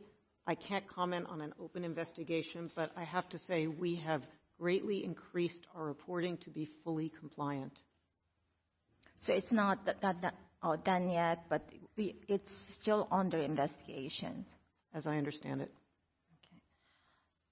A study released just last month by the Institute for the Global Study of Anti-Semitism found that from 2015 to 2020, institutions that accepted unreported money from Middle Eastern donors had an on average 300 more anti Semitic incidents than those institutions that did not. President uh, Gay, Magill, and Kornbluth, any of you can answer this. Do you believe foreign nations with views hostile to Israel would desire U.S. students to echo their views? I, I think Dr. Gay can start. Thank you for the question. So we have alumni all over the world. And those alumni, through their philanthropy, support student aid, scholarships, cutting edge research. One thing that their philanthropy does not do is influence how we run the university, how we enforce our policies, or how we keep our students safe.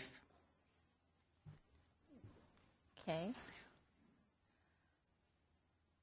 Thank you for the question. At Penn, we, we of course follow every law and regulation uh, uh, about donations um, from individuals in other countries. Uh, beyond that, we do not accept any gift uh, that would compromise our mission or create any sort of conflict of interest. So we have a very elaborate vetting process, and uh, we have declined gifts where we have a worry that would be inconsistent with our mission, uh, and we're very clear about this. Yes, thank you. So all funds that come to MIT in any form are for open, publishable research. We retain full control over what research is conducted. Uh, we also have an extensive internal review process for reviewing foreign gifts. Um, we also adhere to all federal laws, and we see these reviews through the lens of national security, economic security, and importantly, human rights. Thank you for your answers, and I hope that's really true. President Magill, that from 2014 through 2019, Penn received a total of almost $300 million in Section 117 funding. Are you aware of the amount that was given by Qatar? Were any of these donations conditioned on the inclusion of a pro-Palestinian uh, curriculum or pro-Palestinian events are you aware if any of these donations were conditioned only for pro-Palestinian professors? I, I appreciate the question. I want to repeat that we follow all laws and we accept nothing that is inconsistent with our mission um, of teaching, research, and service.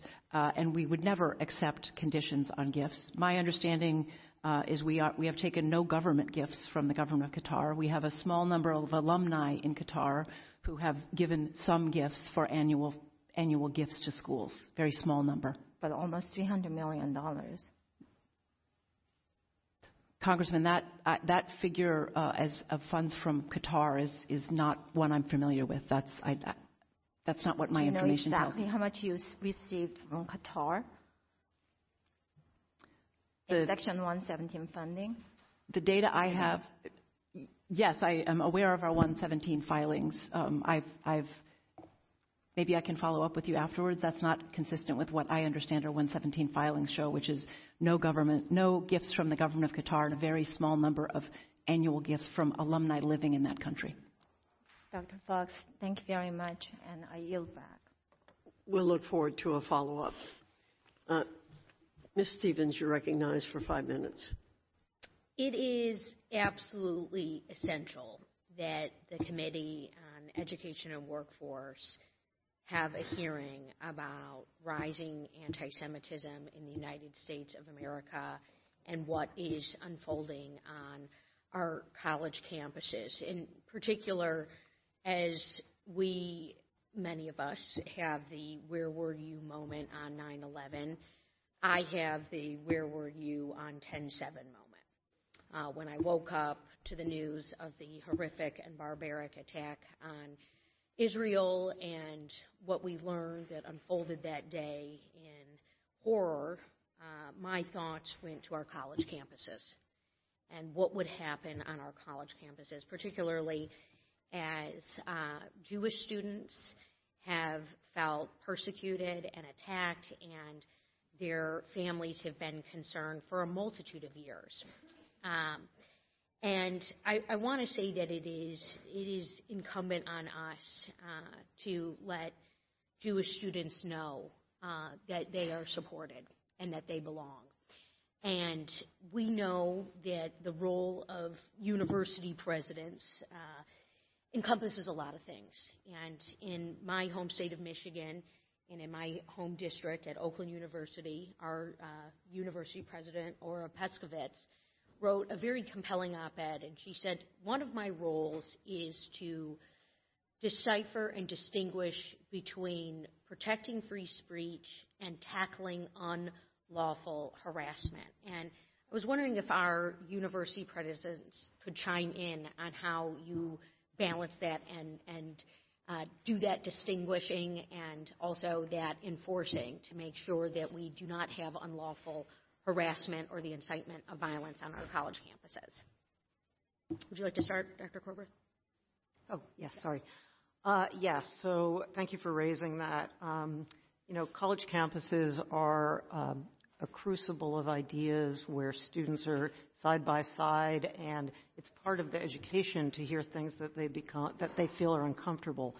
But to, beco- to be absolutely clear, speech can become a form of harassment, and our policies make absolutely clear that harassment is punishable.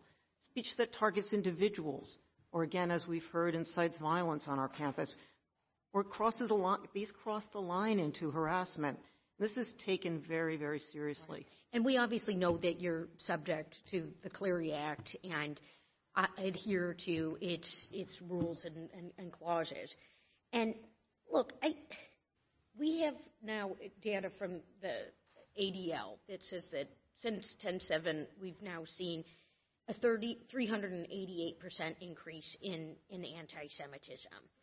And we, we have to, one, call out anti Semitism, but two, make sure that we have the right anti hate laws in place. And it's important for us as a Congress to be partnering with all stakeholder groups. But something else along these lines, um, and, and maybe I'm sharing, sharing this as a, a, fellow student of the humanities, someone, I, I hold a uh, master's in philosophy. And so a lot of times it's what's the question, not necessarily what is the answer. And I, by the way, Dr. Nadell, I, I hail from American University. Two people graduated from my, my class in 06. So we need to have the proper place to exchange ideas and, and have the space to ask tough questions. What happens when we remove humanities? What happens when we, when we allow for government to dictate what is being taught on our college campuses, similar to what we're seeing in Florida and in West Virginia? What risk does that pose, particularly when we talk about the proper teaching of history? May I take that? Yeah. yeah, you know, it's interesting. Coming from a majority STEM institution, as I said, um, I can't even think of a place where it's more important that our students also learn humanities, have a humanistic perspective. We all have to live and work together as people. And in order for us to be successful, when I think about the technologies that are coming down the road, we want our students to understand the moral implications. We need to do both. We need we, to do both. We need exactly. to do both. And, and, and we will continue to call out anti Semitism as members of Congress and, and push on this topic. Five minutes is certainly not enough, and I, I call on our committee chair. Let's have a, a, hearing about affirmative action and what the Supreme Court ruling has now done to minority students and minorities being able to, to join institutions of higher education. Let's have a hearing about Islamophobia and let's talk about anti-LGBTQ practices that are affecting the mental health of students on college campuses. Thank you, and I yield back. The representative from Michigan, Ms. McClain, is uh, recognized. Thank you, and thank you all for being here today. I listening to, listened to your opening statement, and we all talked um, so passionately about what was happening on the college campuses as it pertains to anti-Semitism is absolutely unacceptable, and I appreciate that. However, talk is cheap, and we really need action.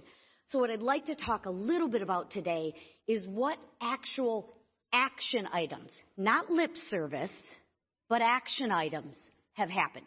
So I'll start with you. President Gay, under your leadership, Harvard has done little to condemn Hamas's brutal murder of women and children, promote Israel's right to defend itself, or protect Jewish students from harassment. For example, I'm curious, what action was taken from Harvard when a Jewish student was mobbed on your campus last month? Action, not lip service action, ma'am. So this specific incident, um, I've communicated with, I've communicated about publicly.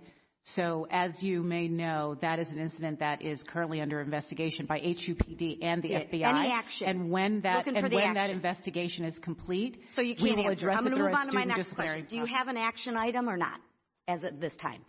Was any action taken? Any action? I can't Okay, share thank you. about. Um, will these students intimidating Jewish students just because they are Jewish be expelled from the university? I'm sorry, I didn't catch your question. Will the students who are intimidating Jewish students just because they're Jewish be expelled? You're describing conduct that sounds like it would violate our policies against bullying and intimidation and harassment. And if that is the case, simple it would be addressed yes. in- Thank you. through our policies. Another question. Why did you allow protesters to occupy University Hall for 24 hours? And not only were these students not punished, but two of your deans provided them, with food and promised no disciplinary action would be taken. And that was reported by the Harvard Crimson. I can assure you that we have very strong disciplinary processes, and where conduct violates our policies, we so did use conduct those vi- policies. violate your pro- policies we during have that disciplinary incident? processes underway. so is there an answer to that or not? We have disciplinary processes underway. So was any discipline action? I, I love the lip service. I do. And, you academic, Mm-hmm. I love that. I'm looking for an action item. Yes, no. Was anybody expelled? Any action item. And if you don't know, that's okay too. We hold our community to All right, account I'll for our reclaim my policies. time. Mm, Thank you, President Magill. Under your tenure, swastikas have been drawn outside residence halls where Jewish students live.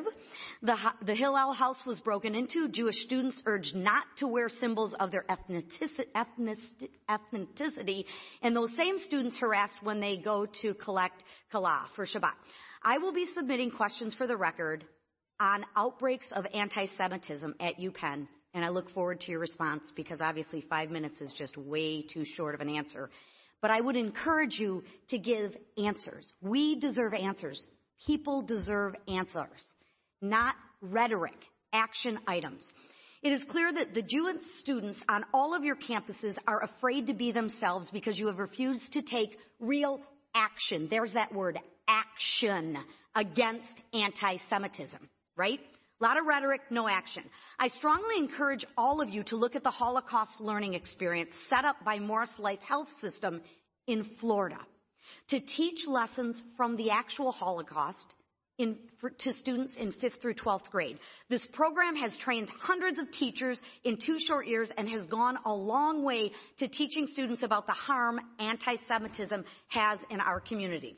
Harvard, UPenn, and MIT, I think y'all could get, learn a little bit about this. With the remainder of my time, I will yield to Ms. Stefanik.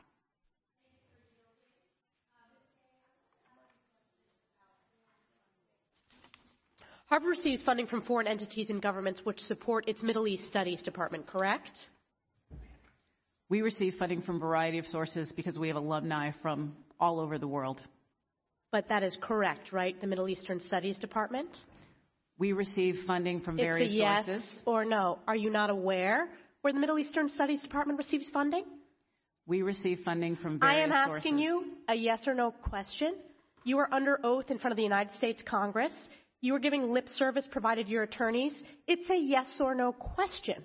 Harvard receives funding from foreign entities and governments which support its Middle Eastern Studies Department, correct? We have alumni all over the world, and we benefit So the from answer is their correct. friends and their Yes? philanthropy. Yes? The answer is correct? We receive support And from our that's- alumni from all over the and world, that support, from individuals. And what amount of support is that reported to the federal government? I'd have to actually look at our filings. I, You don't know? As the president of the university, you don't know? Not that particular number. It's No, $1.5 billion over the past three years. Are you aware of that? I don't know if that is the correct number, but that's the number you've shared. Has Harvard reported all Regular of the federal? Oh, my time.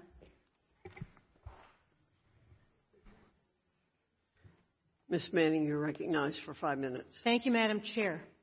For years, virulent anti Semitism has been on the rise on college campuses. And sadly, since October 7th, the, the October 7th Hamas terrorist attack, campus anti Semitism has skyrocketed on your campuses and all across the country. It is shocking, it is pervasive, it is threatening, and it is stunningly visible. The fear Jewish students are facing is real and it's justified. Jewish students are trying to get an education while entrance to their classes are blocked by protests outside and inside classroom buildings.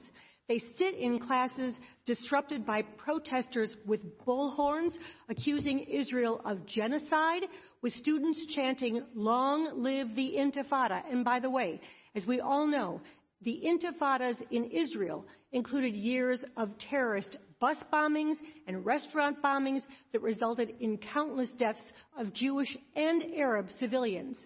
Jewish students in college dining rooms are confronted with banners that say, From the river to the sea, a phrase that calls for the end to the Jewish state and the killing of Jews.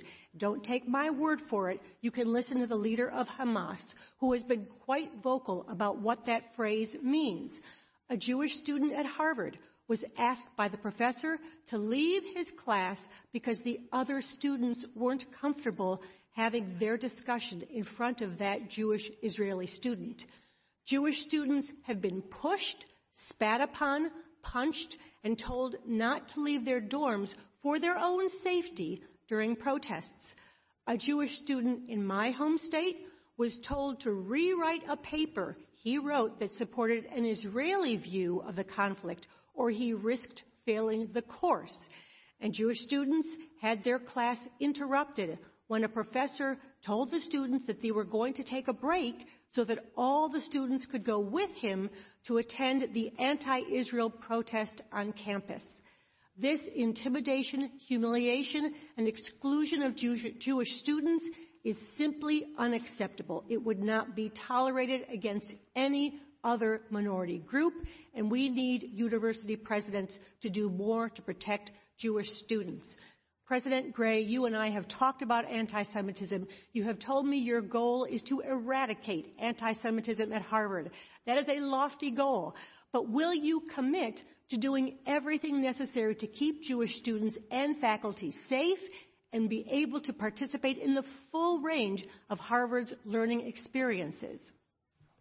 The short answer is yes. Thank you. And will you enforce all the codes of conduct against students and faculty who violate those codes? And will you communicate those codes and your intention to hold students and faculty accountable? Absolutely. Will you endeavor to recenter the conversation about the Middle East back to a place of fact based exchange and evaluate your course offerings and your faculty to ensure that you have intellectual diversity and multiple perspectives about Israel and Zionism, including professors who support the right of Israel to exist and support the right of Jewish people to self determination in the Middle East Studies Department. Absolutely committed. Thank you. And will you commit to work with Jewish and Israeli scholars to make sure Harvard has full range of lectures and scholarship described, as described in Dr. Nadell's testimony? Education is the path forward here. So I understand that you have condemned the phrase from the river to the sea. But I also know that the Harvard School of Public Health has a course called The Settler Colonial Determinants of Health that introduces students to the concept of settler colonialism and its health equity implication. It uses case studies in the United States and Palestine and talks about poor health outcomes for indigenous and other non-settler communities. President Gay, are you aware that Jews were indeed indigenous to the land of Israel and have lived there for 2,000 years? I do know about the long history in Israel. So, what is Harvard doing to educate members of the community about these phrases and other false accusations that Israel is a racist, settler, colonialist, apartheid state, given that Harvard is actually teaching courses with the underlying premise that Israel is a colonial, a settler colonial state? We have faculty, we have outside speakers who come and over the last couple of months in particular have, have been providing more insight into the nature of the conflict and the ways forward. And obviously we have more work to do and that's part of how we're going to eradicate anti-Semitism on our campus. Sadly, my time is expiring, but I'd like to follow up on that and other courses at Harvard, and I'd also like to follow up uh, with Ms. Magill about how her students felt, her Jewish students felt, after the Palestinian writers uh, meeting, and whether they in fact felt Thank you, threatened and Ms. intimidated. Manning. Thank Ms. you, Madam Chair. Ms. Miller, you're recognized for five minutes.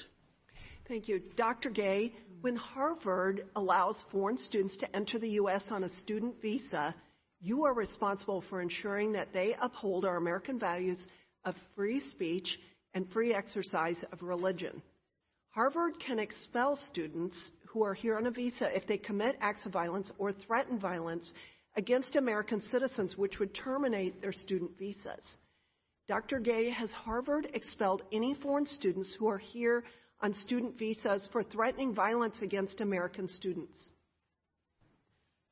Our international students are an enormous source of pride for Harvard and part of our strength as an institution. Absolutely. And we hold those I just students want to know accountable. If we have hold you those expelled students anybody? we hold those students accountable to the same set of disciplinary Mm-hmm. processes that we hold all of our students accountable to. So you have not expelled anybody. I'm assuming your non-answer is an answer to the students.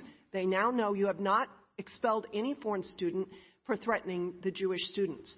Dr. Gay, if Harvard found out that a student organization was taking money or taking money from or coordinating with a foreign terrorist organization, would you immediately suspend that student organization? So our student organizations are recognized on the condition that they comply with Harvard policies. When they violate those policies, there are repercussions. Thank you. Dr. or Ms. Magill, today you said that you defend free speech at UPenn and follow the U.S. Constitution to determine your speech guidelines. Would you allow President Trump, who is a graduate of UPenn, to speak at UPenn if a student group invited him? Yes. That's excellent. I'm sure President Trump will be happy to hear that you would welcome him on the UPenn campus. Ms. Magill, earlier this year, a former UPenn student told the House Judiciary Committee that she was forced to undress and change next to a grown man with male genitalia 18 times a week in the locker room. Ms. Magill, do you think it's appropriate for UPenn to force young women to change in a locker room with biological men against their will? I appreciate the question. Uh, at, at Penn, we follow the rules of competition, and if a student complies with the NCAA rules, they can compete for Penn. Yes, this is a clear violation of Title IX. You are violating the civil rights of your female students, and you will be held to account for it. Ms. Magill, as president of UPenn, can you give us some insight into why Joe Biden was paid almost a million dollars by UPenn? What were his responsibilities when he is at UPenn? Did he teach a class? I appreciate the question. Uh, President Biden was a professor of practice at University of Pennsylvania for a little over two years. My understanding is that his salary was $400,000 a year. We also had uh, Mr. Jeb Bush as a professor of practice at University of Pennsylvania. Professor, uh, President Biden had a wide variety of uh, uh, obligations. He was in many different classes. What obligations exactly did he have? He was he held seminars. He was in many different classes. He interacted with thousands of students over the time he was there. Mm-hmm. He invited uh, speakers. The goal of the center was to enhance for four hundred thousand dollars. Anonymous student, uh, anonymous Chinese donations poured into UPenn after your university hired Joe Biden, and he appeared to have a no-show job. The House Oversight Committee is going to get to the bottom of this, and I yield the remainder of my time to Dr. Foxx.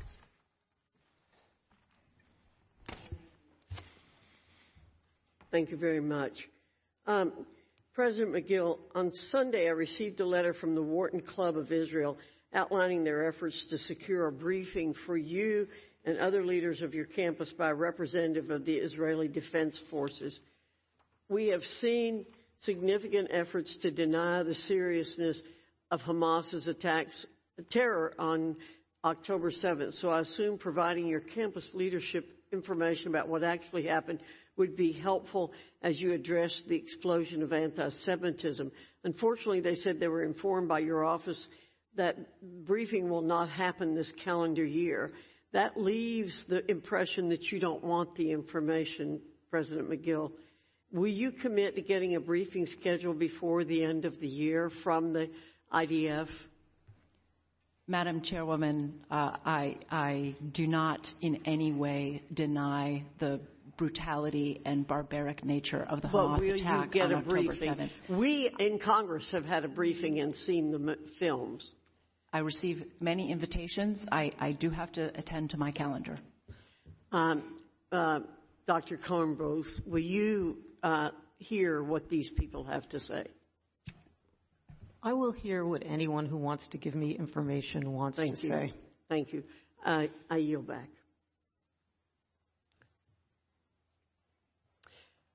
Mr. Bowman, you're recognized for five minutes. Thank you so much, uh, Madam Chair, and thank you to our witnesses for being here. Really appreciate you taking the time and sharing your experiences and expertise during this uh, very difficult time. Uh, quick yes or no question. Do you all feel that education globally is very important in addressing the issue of anti Semitism? You could just shake your head or, or say yes. Yes. Absolutely. Education is key. Okay. Thank you for saying that. Um, I'm asking that question because, you know, a lot of this conversation has been framed around, uh, you know, holding students accountable for their uh, threats or violence towards Jewish students as they should be held accountable, absolutely. And some of it has been framed around, you know, additional punishments, of course. Um, but there's been a lot of political pandering discussed here without the action that goes with the accountability and the condemnation that must happen when we see anti Semitism as it raises its head. And what I mean by that is, I introduced something called the Great Replacement Theory Resolution, and I wanted us as Congress to condemn the Great Replacement Theory. The Great Re- Replacement Theory is a white supremacist theory that says Jews, blacks, and immigrants are looking to replace white people in America. I introduced that theory last Congress. It passed along Democratic lines. I don't believe any Republicans voted for that particular resolution. In addition, my colleagues on the other side of the aisle continue to look to cut funding to the Department of Education, which will be critical to helping us fight anti Semitism. In addition, we have discussed already cuts to the Office of Civil Rights that my Republican colleagues support. That also is critical to fighting anti Semitism. I would also have, add cuts to the Department of Health and Human Services as part of this conversation. So, absolutely, we must condemn. Absolutely, we must hold people and students accountable.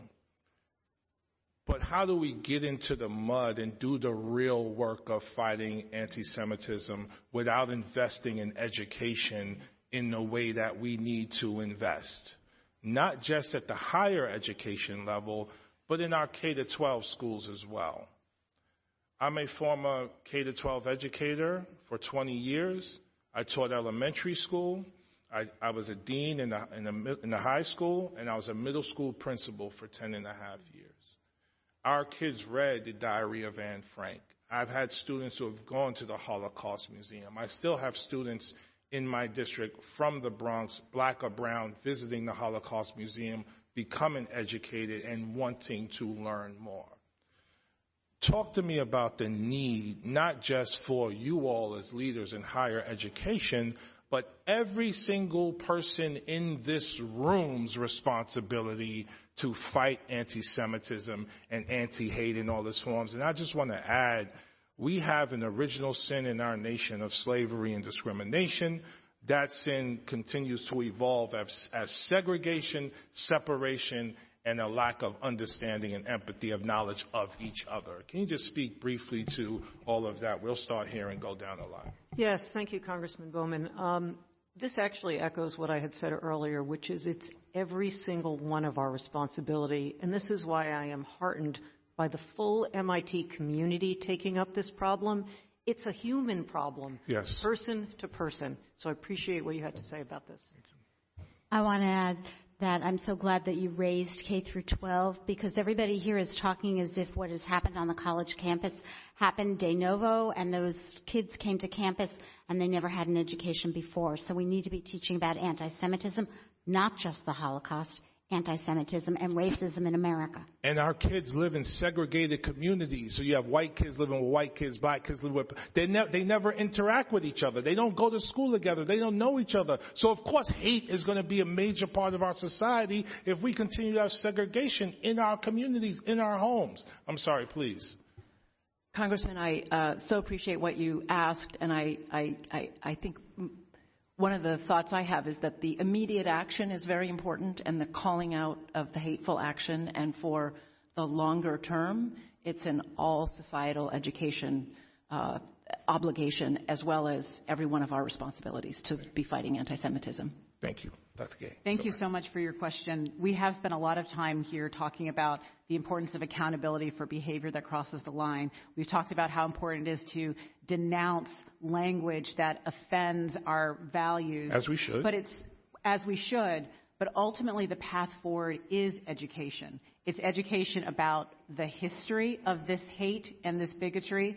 It's also education about how it manifests in the, in, in the present and what modern anti Semitic tropes look like.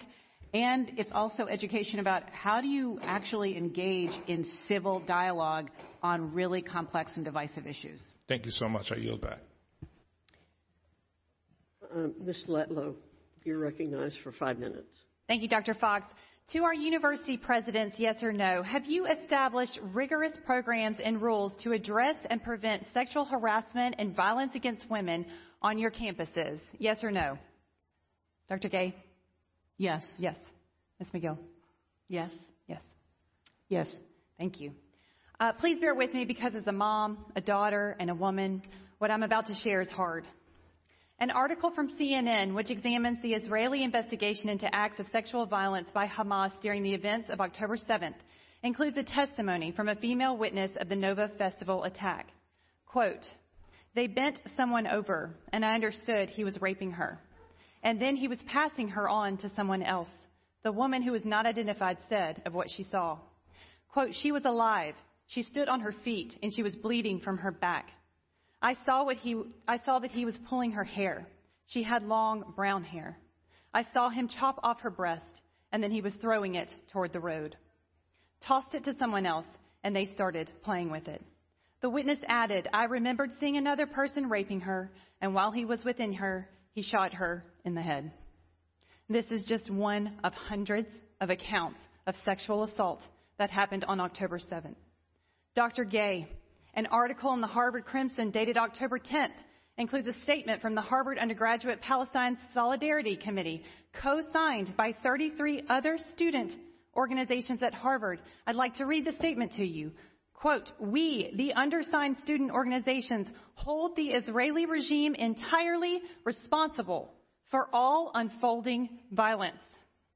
How, Dr. Gay, do you recon- reconcile the blatant hypocrisy of allowing your students a forum to promote and celebrate terrorist groups that make the rape and mutilation of women and children a core function of their operations, while at the same time working for years to combat sexual violence towards women, and by allowing a month to pass before addressing with a real plan and demonst- uh, the demonstrations and intimidations on your campuses, what message is this and this delay conveying to your women on your campuses, I can only imagine how terrifying it is to be a Jewish woman on any of your campuses.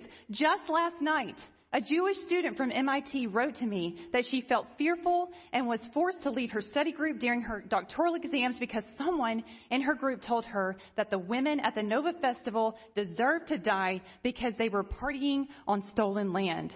Now, while I am grateful for your condemning of anti Semitism in statements to your students and to this committee, it's not enough. There has been no real action to hold anti Semitic students accountable for their behavior. They should be expelled. The bottom line is that the buck stops with university presidents, and all students should feel safe on a college campus, especially in this case, Jewish women. As it would be terrifying to know, and as a former administrator myself in higher education, this is a major step backward in all that we have done to stand up against sexual violence towards women. I have always defended higher education in this institution, but quite frankly, today, I am embarrassed. I yield back the remainder of my time to Ms. Stefanik. Dr. Gay, did anyone contact you about flying the Israeli flag over Harvard Yard? Yes. And the decision was made not to allow the flag to be flown over Harvard Yard? It's been standard protocol at the university for years to only fly the American flag unless we have a visiting dignitary. Uh, so the decision was made to allow the Ukraine flag to be flown over Harvard Yard? That was a decision that was made by my predecessor as an exception to a long-standing rule. So it was an exception. So you made an exception for the Ukrainian flag, but not the, the university made an exception for the Ukrainian flag, but not the Israeli flag. That was a choice made by my predecessor. Um, are you aware that there are stickers that are placed on Harvard University Dining Services food calling for Israeli apartheid? It says, warning, Sabra funds Israeli apartheid and the murder of Palestinians. Is that acceptable? I can assure you that we have strong disciplinary processes when there are violations of our rules. And this is a violation of the rules? I can't see that very clearly, but are you not um, aware I've, of the stickers I've, being placed on the food items provided to Harvard students? I do recall an episode like that. And there are disciplinary actions ongoing? Given students' privacy and FERPA, which I'm sure you know well, I will not say more about these particular cases other than to say that disciplinary processes are underway.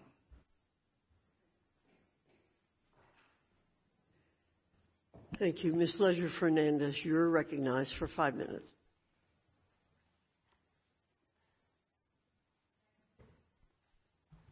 Thank you very much, and thank you to the witnesses for being here. And, and I am struck um, by the passion which we all are bringing uh, because we know that the issue we're talking about today, anti Semitism, uh, white supremacy, you know, the issues that give rise to this, the issues of hate, uh, need to be addressed. What saddens me is that my colleagues on the other side of the aisle uh, recently passed uh, an appropriations bill out of the committee that would cut funding to the Office of Civil Rights by 25%. We know that we must investigate these and hold universities, including your universities, uh, or the universities in my home state of New Mexico, accountable if they do not protect students from anti Semitism, if they do not protect students from Islamophobia, if they do not protect students from the many versions of hate that we too often see in our communities. So I would urge and encourage and ask and plead with my colleagues to fully fund the Department of Education and the Office of Civil Rights so we could go after those instances where universities fail to do what they're required to do. Recently, I sat with students from New Mexico, from the University of New Mexico, to ask them to share with me so I could bring their stories here about what are you facing on our campus back home. And sadly, the stories I heard would make your heart cry. They made my heart cry. We heard from Sephardi students who are proud of the heritage they bring with them, having suffered through for their minds the Inquisition. We heard from Ashkenazis whose parents and grandparents are there, a lot younger, so grandparents and great grandparents suffered through the Holocaust, and how there is a normalization. They are worried about the fact that anti Semitism is now being normalized. And we all have a duty to fight back against that. And one of the things that they pointed out is that there seems to be a lack of understanding of the history of anti Semitism. There seems to be a lack of understanding of the attacks on Jews over the centuries. As we mentioned, from the Inquisition and before that to the Holocaust to the latest that we are now seeing. And they said, how come there isn't general curricula that requires it. We talked about the importance of K through 12, understanding that. We know at Harvard, for example, that you have a, a I believe, a course on the Holocaust. But what do you have for before you get to that specialized course? Like, how are we making sure that all students understand that? And you, uh, Madam President, if you could answer that, I know you looked like you wanted to respond. You're making an excellent point. So already in our curriculum, there are so many opportunities for students to learn more about the relevant history. But I think one of the things that has become apparent over the last couple of months is that we have to find ways of making that education more broadly available to our campus community, to all of our students, and also to our faculty and to our staff. And we have work to do on that for sure. And because this idea that, that they are that, that Jewish students uh, and that Jews are not indigenous to these lands, I think is something that needs to be pushed back against, right? Uh, and uh, and some of these false narratives I think are really important. And and I think one of the questions then is what do we do when there has been that loss of faith? When students at UNM say we're being told we're not from that land, right? And and and students who have who are indigenous you know, who share both, uh, you know, heritage of the Sephardi, uh, heritage of the Zuni Pueblo, heritage of being Latino, uh, who want to and deserve to be able to claim it all. Like I would ask, and maybe Dr. Nadell, uh, or, or uh, I think you wanted to say something. Uh, how do we regain that trust? So what you're saying is really, really important. Um, we're making a real effort to educate our students on the history of the Middle East. Our Center for International Studies has organized an online course um, and really understanding the facts. The other thing I do want to say, though, about your comments on the Holocaust, as the last survivors of the Holocaust um, are passing away, it, it, it really um, behooves us to make sure our students at all levels understand the history of the Holocaust. And as you say, this starts at K to 12, not just once they get to us at university. Dr. Nadell, did you want? Uh, I, I, would just add that um, the magical word online. We can really reach millions and millions of people with online programs about this history. Thank you. And with that, my time has expired, and I yield back. Thank you, Ms. Leger Fernandez. Mr. Kiley, you're recognized for five minutes. President Gay, a few months ago, the Foundation for Individual Rights in Education released its rankings of how good colleges are at protecting free speech. And out of 248 schools ranked, Harvard ranked dead last, number 248. In fact, it was the worst score in the history of the rankings, zero out of 100. Now, you've quibbled with the study, the methodology, but you don't get to be dead last without there being some truth there. And yet, in the aftermath of October 7th, including several times today, you've repeatedly stressed Harvard's commitment to free speech. You've certainly been more outspoken about free speech after October 7th than you were before. I don't think there's any doubt about that. So anyone looking at this objectively will see that you had literally the worst record in the country on free speech. And it was only once chants of globalize the Intifada started disrupting classes and harassing students that you suddenly became a stalwart for free speech. Do you understand why that's troubling to people?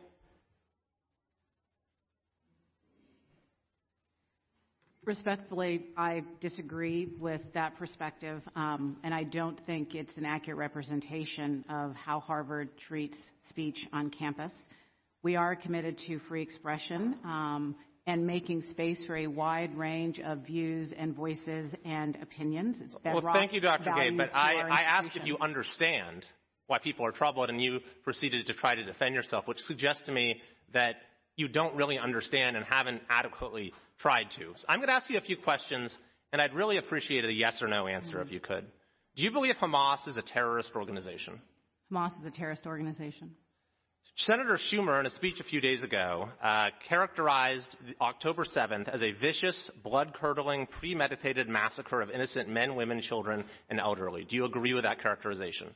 That characterization is accurate, and I have condemned the heinous Th- and barbaric you.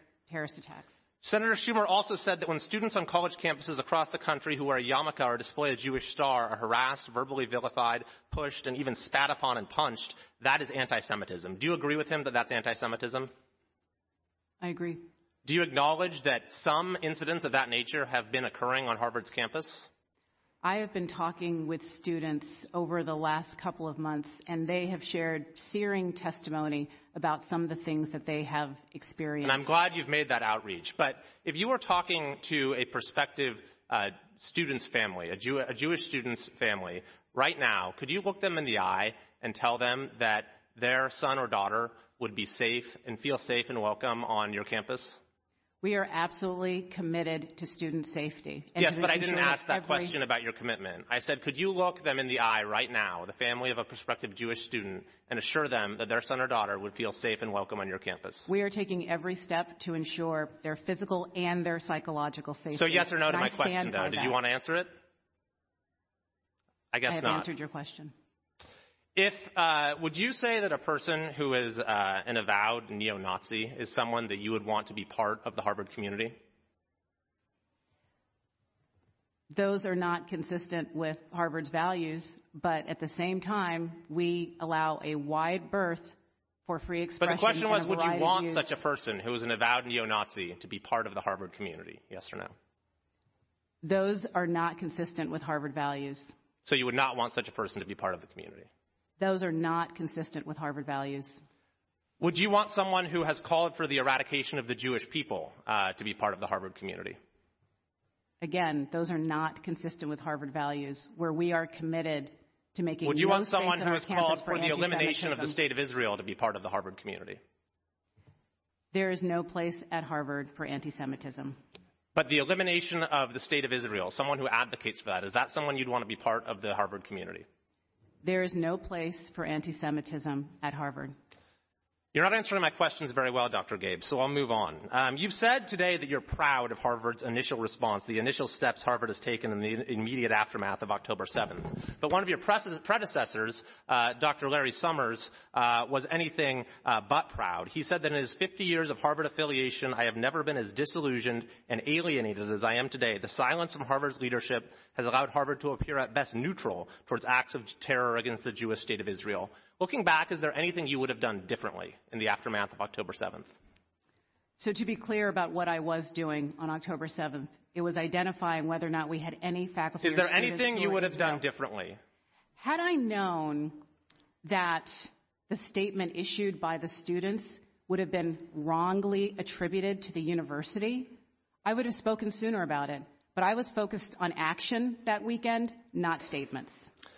Well, I appreciate you saying that, but it's clear for me from your testimony, uh, President Gay, I don't think you're a person of any kind of prejudice yourself, uh, but you clearly seem to believe that you need to, that the forces of anti-Semitism are a constituency that needs to be catered to. I think that's clear from your silence, from the carefully parsed statements, from the Orwellian passive voice, and unfortunately, that message was heard loud and clear by the forces of anti-Semitism on your campus, and has reverberated across American higher education and seeped into our broader culture. So we need fundamental cultural change Thank you, on university Mr. Kiley. campuses.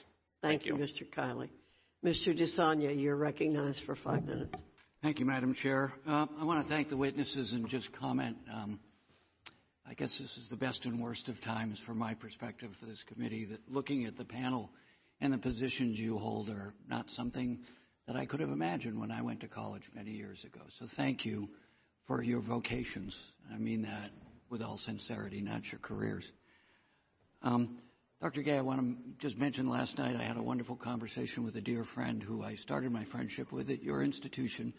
Gabby Giffords and I were both in state and local government. We went to that program, um, and it was a wonderful experience. And it was one of those examples of where uh, academia interacted with the real world in the world of action. So I want to thank you for that. Dr. Nadel, um, I wanted to talk to you as somebody from the Bay Area and very involved with technology for many years about its impact on our public discourse, um, on hatred, on anti Semitism, on racism. I'm reflecting on a, a, Berkeley professor, Michael Goldhaber, I think. Let me check. Yes, uh, he's the Cassandra of the Internet, according to the New York Times, where 30 years ago, he predicted that once people started to connect uh, with technology, that the sociology of reality and knowledge would change. And I would say this hearing is a, a comment to that. So could you comment on social media's impact on anti Semitism and hatred, uh, both in academia and as you see it in your research? Thank you for the question. Social media has been probably the most destructive force for spreading anti Semitism ever imaginable, um, in, certainly in, in my own lifetime. Um, when a uh, pop star like uh, Kanye West can uh, put out a, a, few messages that are anti Semitic and he has millions and millions of followers. And in the wake of that, Jewish students were also feeling terribly unsafe and insecure. And we have seen this over and over, and we have seen it harnessed not only from the left, but we've also seen it harnessed from the right. Social media and various chat forums, various different um, platforms were used to create the Unite the Right rally in 2017. And of course, the, the uh, man who's been convicted of murdering 11 people at the Tree of Life Synagogue also posted on social media that he wasn't waiting any longer and he was going in. So it's been terrible. And there's been so much really good research and writing on the subject matter in the last 10 years where I, am thinking about the shallows from Nicholas Carr in 2005, where his research shows that globally our, skulls are actually decreasing because of how we retain and absorb information. So all of this on the educational side, and I'll ask, um, maybe starting with Dr. Gay, this is about the short-term political moment that we're in. But I'm equally concerned with, and I've had this conversation with the chair and the ranking member about what you see in education that our brains are changing because how neuroscience and everything we've learned because of research about how this works in the last 50 years. But until the Congress figures out how we roll in this in this can, in this committee, what is it doing to our to young people? In Nicholas Carr's book, in The Chaos Machine, Susan Linn, a distinguished member of your faculty, I just had a lovely conversation about her book about who's minding our kids.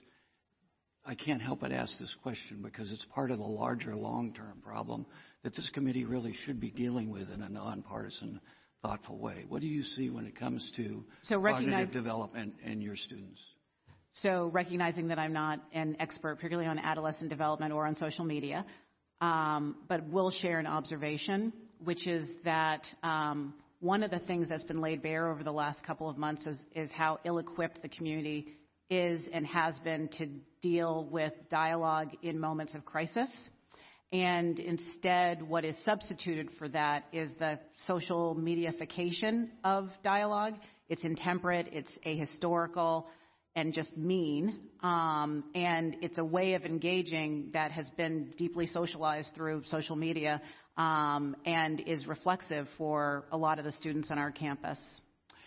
Dr. Kornbluth, just because I just finished a book, uh, Reestablishing Conversation, by one of your faculty who talks about this. Yes. Maybe you can just briefly. No, I agree completely with President Gay, and I would say that you know social media is like a drug, right? It's addictive, and it reinforces over and over again messages regardless of their truth. And so, as educational communities, we need to strive for making sure our students know truth and speak to each other as human beings. That's beautiful. Thank you, Madam Chair. Hopefully, we can have a further discussion about that particular issue in this committee. I yield back. Thank you, Mr. DeSaulnier. Mr. Bean, you're recognized for five minutes. Thank you very much, and good afternoon to you, and good afternoon, panelists. Thank you so much for being here and your testimony uh, today.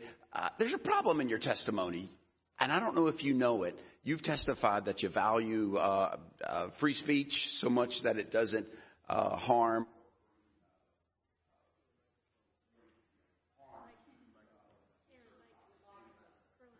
Very good. Thank you very. It came off, Madam Chair. Um, your testimony today, you've all testified that uh, you value free speech so long as it doesn't interfere or harm uh, students. You've said that you've created a, a, uh, a, very safe haven and you value safety for your students. Uh, the problem is the evidence doesn't support your testimony. Just uh, as we started our meeting, the videotape showed uh, what's really happening on your campus uh, says uh, um, the America sees what's happening not only on your campuses but campuses across America. And then just today we had some courageous students, some of which are still in this room today, courageous students that testified on your campuses. Uh, contradicting, uh, contradicting your testimony that it's a safe space. It's not a safe space. Imagine uh, trying to be a Jewish student on campus and just going to the library, going to class, going to wherever on just being scared to death. That's real. That's real. So these videos and the testimony just doesn't add up. Here is some things that are uh, we've seen. America has seen. Uh, th- there are these anti-Jewish campus organizations uh, called Students for Justice in Palestine. They've been suspended and kicked off many campuses, uh, but none of yours since uh, October 7th uh, their purpose is to just harass and intimidate Jewish students into retreating from campus life campus life. Uh, President Gay, there are numerous videos of students for justice in Palestine. At Harvard, they're known as Palestine Solidarity Committee, uh, assaulting, intimidating Jewish students on your campus. When Palestine Solidarity Committee took over University Hall, instead of removing them, uh, your administration gave them burritos. Uh, President Kornbluth, in one of the most observed, uh, crazy campus incidents of the past two months, a viral video went of a math professor at MIT handing his lecture over to MIT's version of Students for Justice in Palestine, the MIT for Palestine Coalition, who invoked lies and just called for hatred and harm against Jewish students. Uh, and he sat and watched this. Uh, so, here's your chance to tell America who's gotten fired, what organizations you've kicked off your campuses. Anybody want to jump in and say, uh, we kicked them off or we've expelled students? Anybody want to jump in? You've all also said that you value academic diversity, but you have no idea how many of your professors are liberal or how many of your professors are conservative. So, how do you know? If you don't know that, that's a pretty important piece of information. If you don't know that, how do you know that you're academically diverse? Anybody jump in? Just go for it. I just happen to have uh, the Harvard Crimson, which did a study uh, of their uh, professors on uh, on Harvard campuses. This is dated last year. 80% of professors either identified as liberal or very liberal. 80% of the, of the uh, faculty there versus 1% identified as conservative, 0% identified as very conservative. So 80% versus 1%. President Gay, is that the type of academic diversity that you brag about at America's leading institution, Harvard? We seek to have a very diverse campus on every 80% dimension. versus 1%, you would say that's diverse. Madam Chair, I'd like to yield the remaining of my time to the gentlewoman from New York, Ms. Stefanik. Thank you. Dr. Gay, according to the Hillel College Guide, the Crimson Freshman Survey, and even Harvard's own Education Next journal, the population of Jewish undergrads at Harvard has plummeted from roughly 25% in the 1980s to between 5 and 10% now. Why is that? That is not data that we collect as part of the admissions process, so I can't speak to those numbers or to the trajectory. So, what is the percentage of students uh, who are Jewish at Harvard in undergraduate now?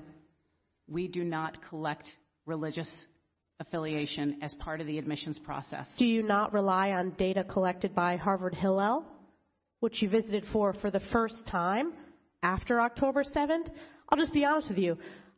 When I was a freshman, I enjoyed going to Harvard Hillel and had the opportunity to celebrate Shabbat dinners with my fellow undergrads. The fact that it took you until after October 7th to go to Harvard Hillel is unacceptable. Yield back. Thank you. Mr. Moran, you're recognized for five minutes. Thank you, Madam Chair. Uh, Dr. Gay, I'd like to direct my questions to you, if, if that's okay. In an open letter to members of the Harvard community that's posted on Harvard's website, you stated the following, uh, quote, anti-Semitism has no place at Harvard, end quote. You also said, quote, we are committed to doing the hard work to address the scourge, end quote. Just, a mom- uh, just moments ago when Representative Kiley asked you questions, you reaffirmed one of those statements and said, there is no place at Harvard for anti-Semitism. Will you now reaffirm those statements today with me? Yes. Good. Are these mere words, or is Harvard willing to put action behind these words? We are acting on that commitment. Tell me how you're acting on that commitment in a very specific manner. Well, to begin with the immediate actions that are focused on the physical security of our students in our campus, there's enhanced police presence, 24 7 threat monitoring, coordination with local, state, and federal law enforcement, and when necessary, we close the gates of Harvard Yard so that outside actors are limited in their ability to use our campus as a platform. When you talk We've about also- when you talk about outside actors, let's talk about the inside actors. So you've had a number of uh, students and student organizations that have uh, made many, many anti-Semitic statements in the past few months and past years, frankly, and it's gone, uh, in my opinion, without any uh, response from the university. President Gay, a report by AMCHA Initiative for the 2021-2022 academic year found that Harvard saw the most anti-Semitic incidents, that's 25, of any university surveyed. You were dean at the time, correct? Sorry, what was the date? I- 2020, 21 and 2022. Yes, I was. I was dean of the Faculty of Arts and Sciences, yes. In 2022, after the editors of the Harvard Crimson endorsed the anti Semitic BDS movement, which seeks the destruction of Israel, a group of 49 faculty penned a letter defending the Crimson editors.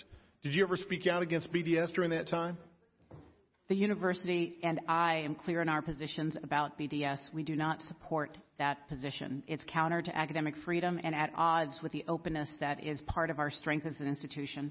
Well, when you say, you said earlier and you reaffirmed to me the statement, there's no place at Harvard for anti Semitism.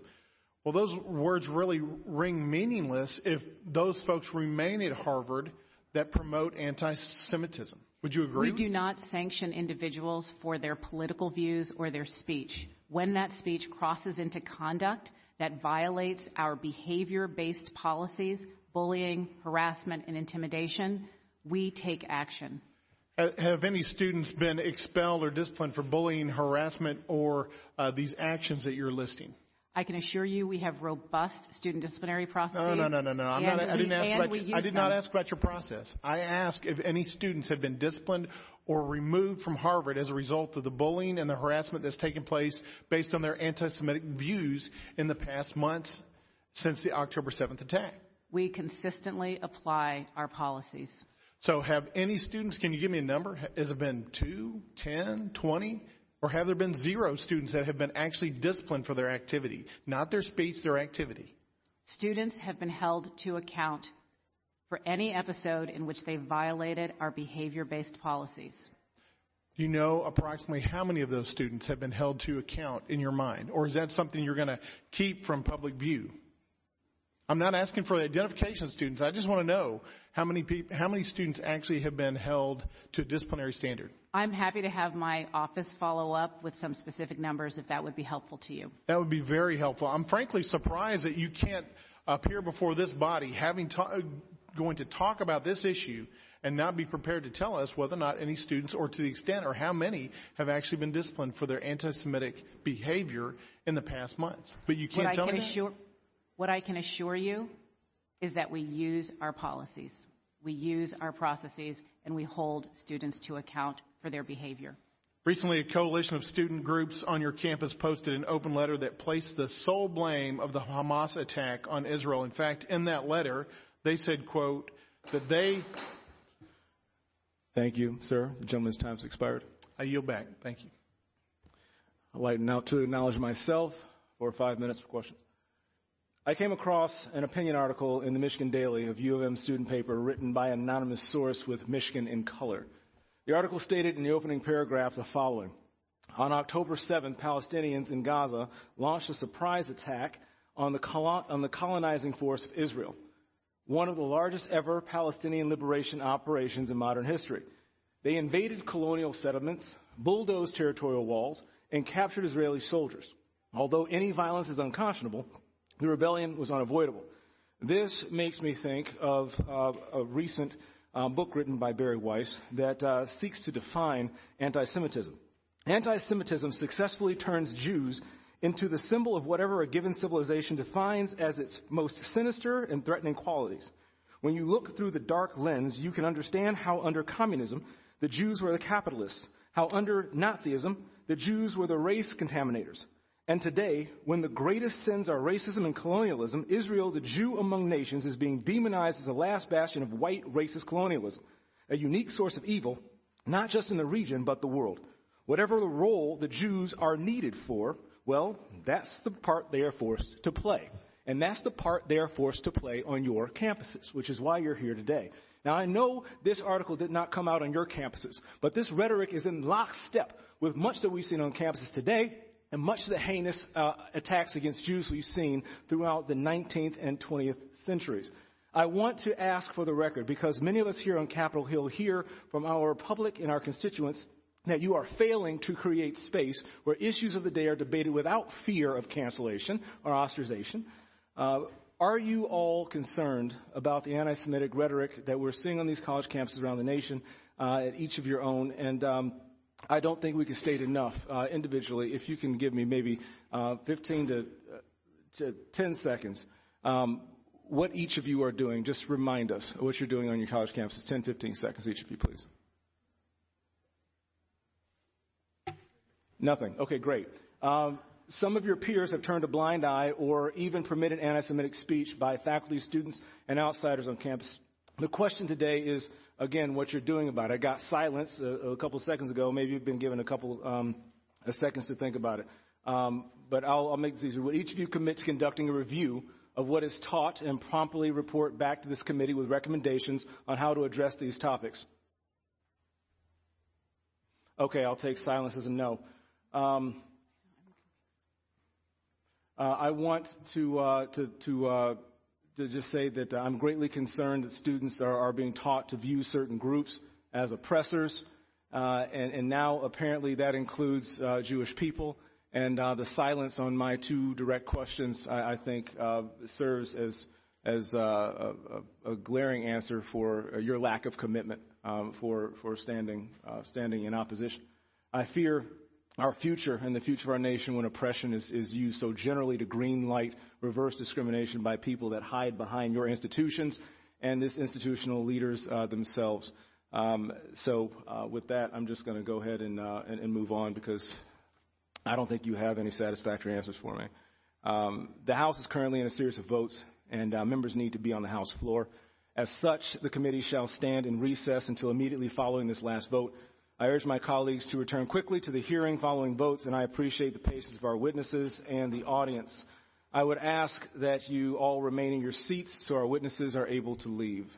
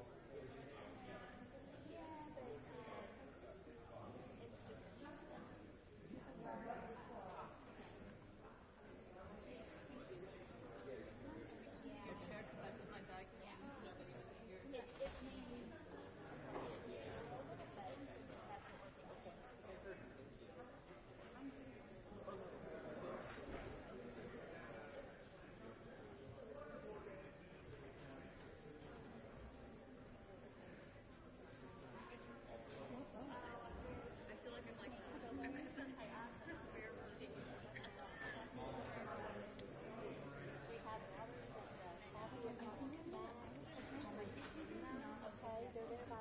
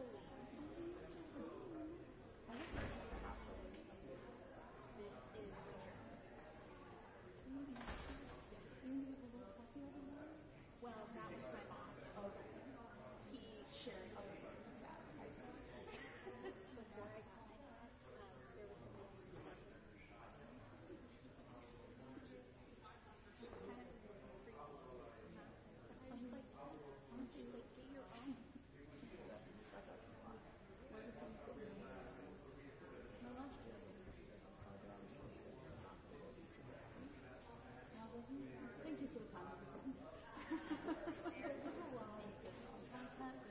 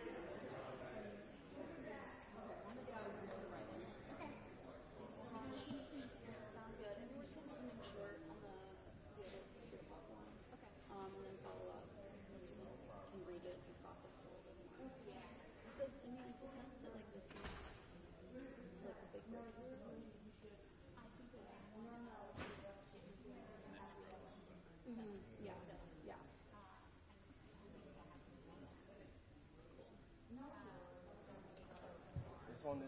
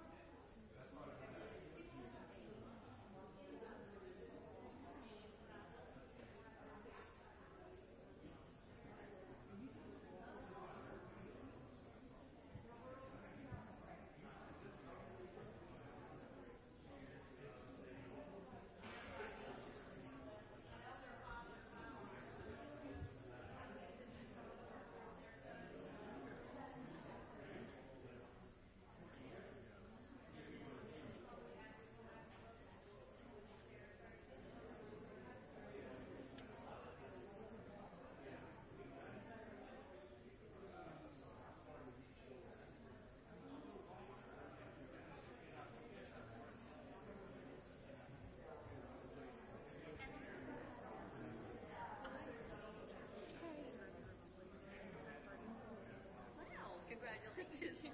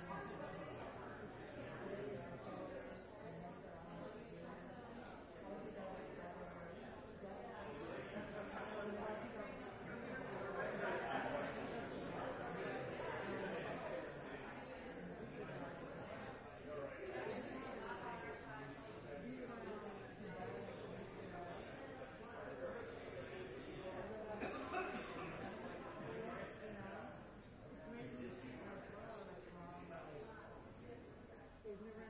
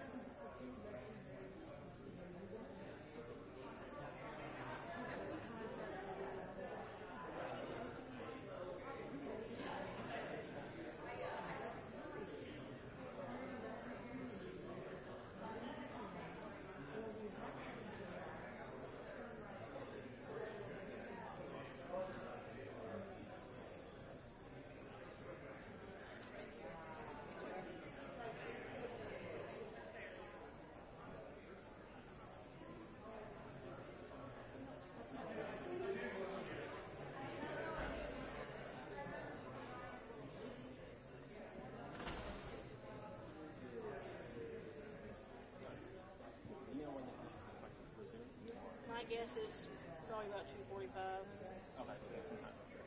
You got a little bit of time uh, because we're expecting to finish floor votes at 2:30. Around what? what? They're supposed to be finished on the floor at 2:30. Okay. And then they have been instructed to swiftly return to this room. So. Okay. Do you know if the witnesses are over there? I do not know where the witnesses are. Okay. I have been navigating this crowd. Sounds good. Sounds good. Sounds good. Are the press are we permitted there or no? Okay.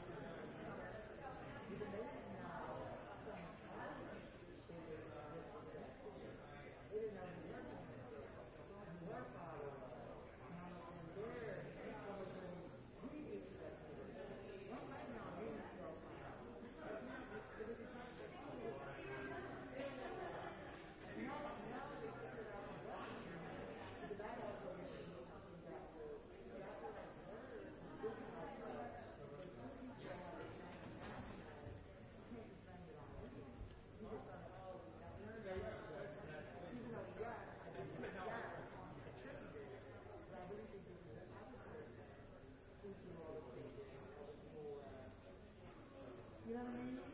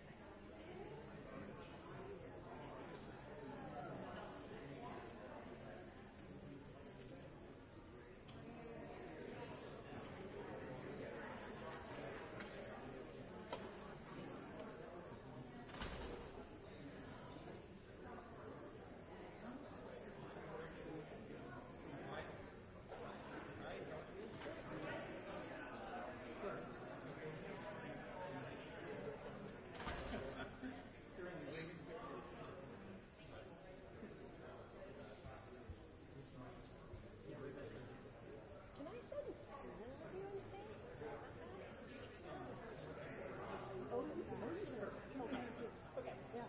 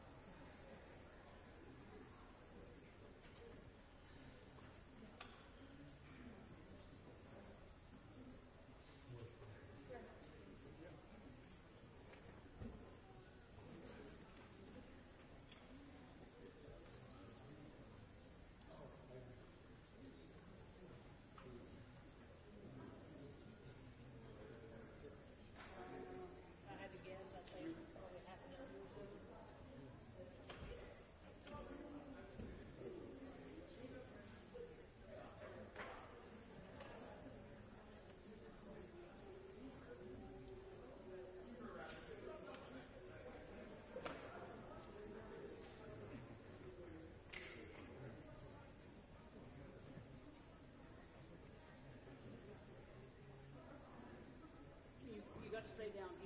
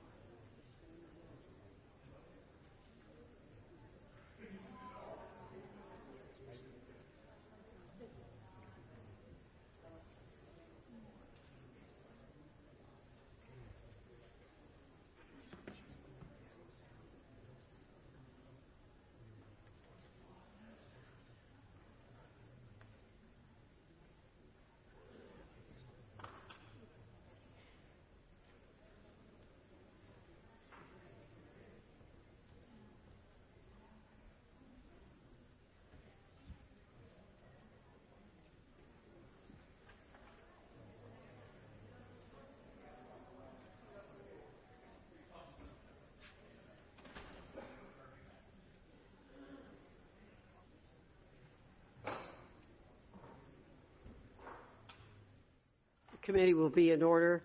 I thank everyone for your patience while we uh, recess to go vote. Um, I now recognize um, Ms. Chavez-DeRemer for five minutes. Thank you, Madam Chair, for holding this unfortunately necessary hearing. President Gay, Magill, Kornbluth, while I appreciate your testimony, I am a bit confused. In each of your testimonies, you addressed anti Semitism on your campuses in the present and future tense, as if there's no underlying cause predating October 7th, which explains why many of your students were at the, were at the ready to harass, threaten, and attack Jewish students. Are we really to believe that anti Semitism didn't exist on your campuses before the Hamas attack? As presidents of the universities, your jobs don't stop at fundraising and promoting academic success. The cultures of your campuses have no greater influence than you and what you choose to prioritize. And at an educational institution, the most powerful mover of culture is the education itself. The opportunities to learn about people's history provide students the best chance to challenge preconceptions, biases, and inspire curiosity to understand rather than villainize. At each of your schools, there are numerous classes focused on Latino, Black, Indigenous, and AAPI history. The existence of such classes is necessary, speaks to your commitment to these communities, the commitment to the amplification of those voices. Minority groups need their voices at the table. The Jewish people make up 2.4% of America's population and are only 0.2% of the global population. For the past 5,000 years, they have, they have been enslaved, lynched, and systematically murdered. During that same time, they have relentlessly improved the course of humanity, selflessly contributing to societies which eventually betrayed them. And yet, President Gay, your university, Harvard, teaches only two courses on the history and culture of the Jewish people at the undergrad level. And one of those classes is focused on portraying all Jews who support Israel's existence as colonialist and racist. Compared to the roughly 125 classes Harvard offers on Latino, Black, Indigenous, and AAPI history, the discrepancy feels odd. But you're not alone. President Magill, the University of Pennsylvania, offers three classes on Jewish history to undergrads. And President Kornbluth, MIT only offers two classes on Jewish history to your undergrad students. This gives the impression that your deans and professors view Jews as an exception, that their voice as a minority group isn't worth amplifying. This near erasure of Jewish history from offered courses is chilling to me. Harvard, MIT, and the University of Pennsylvania offer its students an incredibly limited opportunity to learn about the 5,000 years of Jewish history. It's no wonder so many of your students see Jews as having less humanity than the rest of us. In denying the Jewish voice a seat at the table, in denying your student body equitable access to Jewish history, you have created a hostile environment for Jewish students.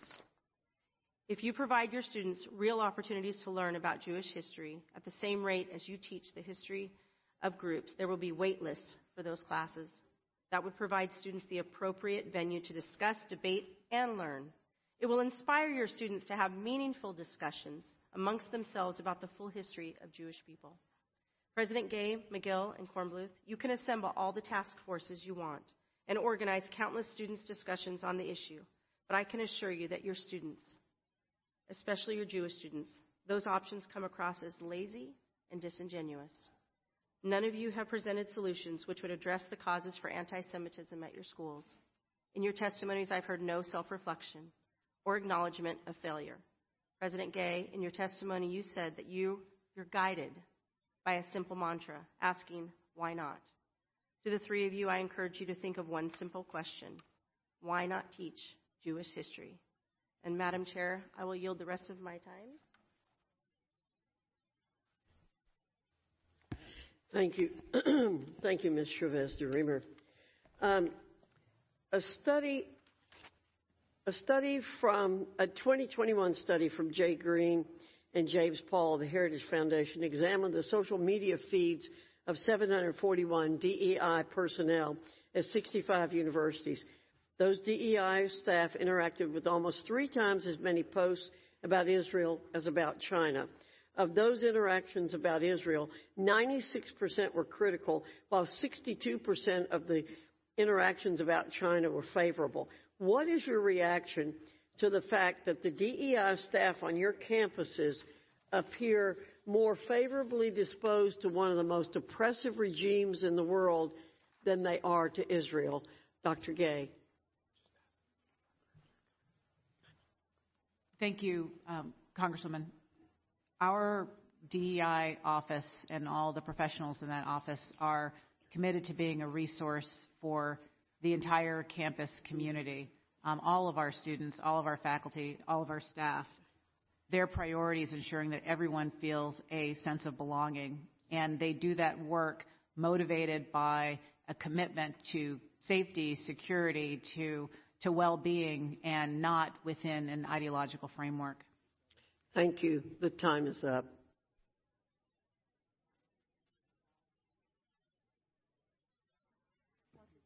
You can go next. Okay. Uh, Mr. Comer, you're recognized for five minutes. Thank you, Madam Chair. Many of our country's top universities and colleges are for sale. That's a fact. Uh, and our biggest foreign adversaries know it. Take, for instance, China and the Chinese Communist Party. They have used so-called Confucius Institutes on college campuses to spread CCP propaganda. Now we're learning about billions of dollars flooding into our universities and colleges from countries supporting terrorists, terrorists that hate what our country stands for. For example, the U.S. Department of Education data shows that Qatar, a key backer and ally of Hamas, is one of the largest investors in U.S. universities has given more than $5 billion to U.S. institutions of higher education since 2001. Ms. Magill, data from the Department of Education shows UPenn uh, has received more than $1.5 billion from foreign sources. Earlier, you shared with Representative Steel that Penn does not accept gifts from the government of Qatar, but has received gifts from alumni who reside in Qatar. Do you know the total amount of those gifts from alumni in Qatar? Thank you for the question, Congressman Comer. We, of course, follow all of the laws, and we accept no gifts that are inconsistent with our academic mission that would create any uh, interference with doing what we do at Penn.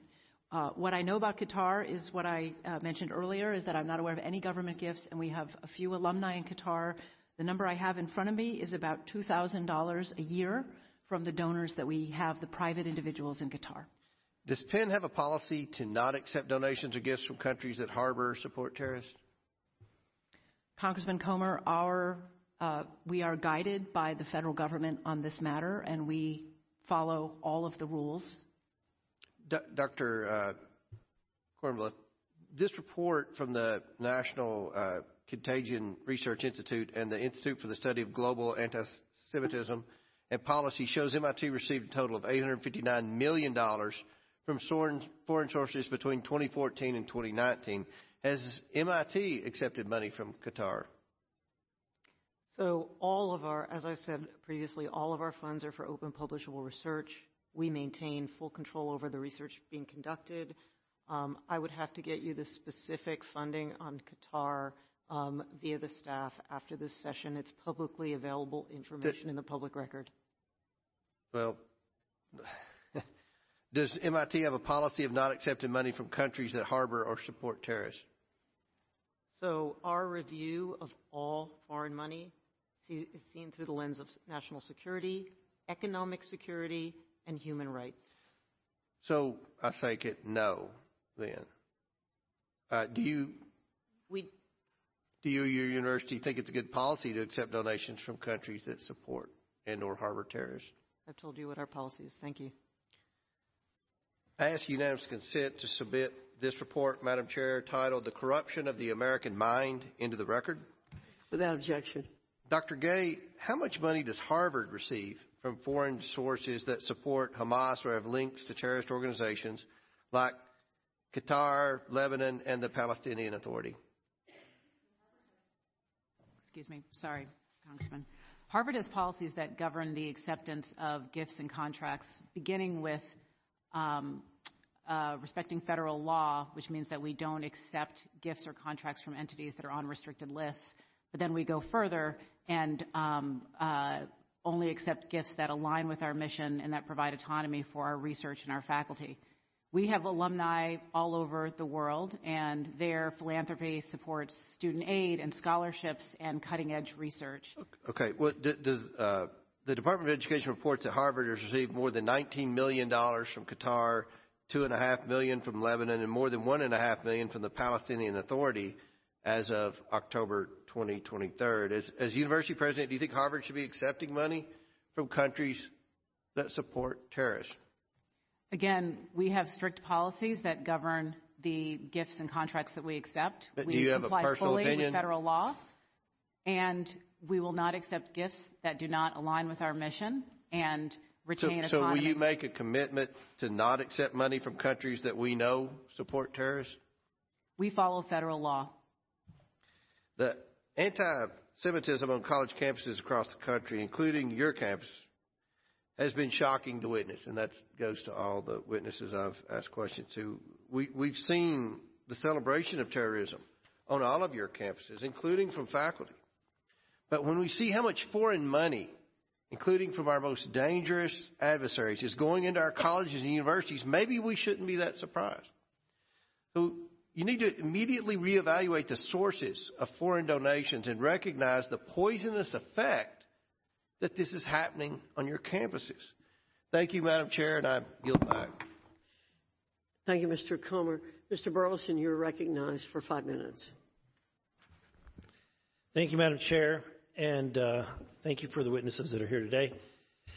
In response to the ongoing harassment of Jewish students, including supporting a quote National Day of Resistance, the Anti Defamation League and the sent a letter to colleges and universities around the country urging them to investigate the activities of their local campus chapter of Students for Justice in Palestine. Several universities followed through with that, and as a result, um, some universities um, kicked those chapters off their campuses. Um, in, in some instances, Columbia University suspended the S- SJP and the Jewish Voice for Peace. Um, what steps have your universities taken to address the, the Students for Justice in Palestine? Dr. Gray, Dr. Gay. Thank you for the question.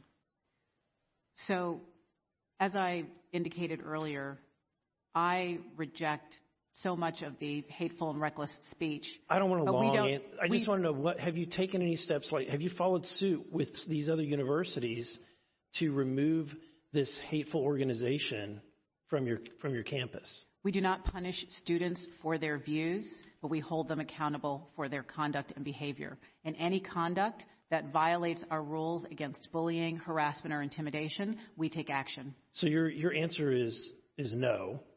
Um, does it not? Doesn't it concern you that your policies say that intimidation is a factor for for removal, and yet this group clearly their their very presence is an intimidating factor to is, Israeli students?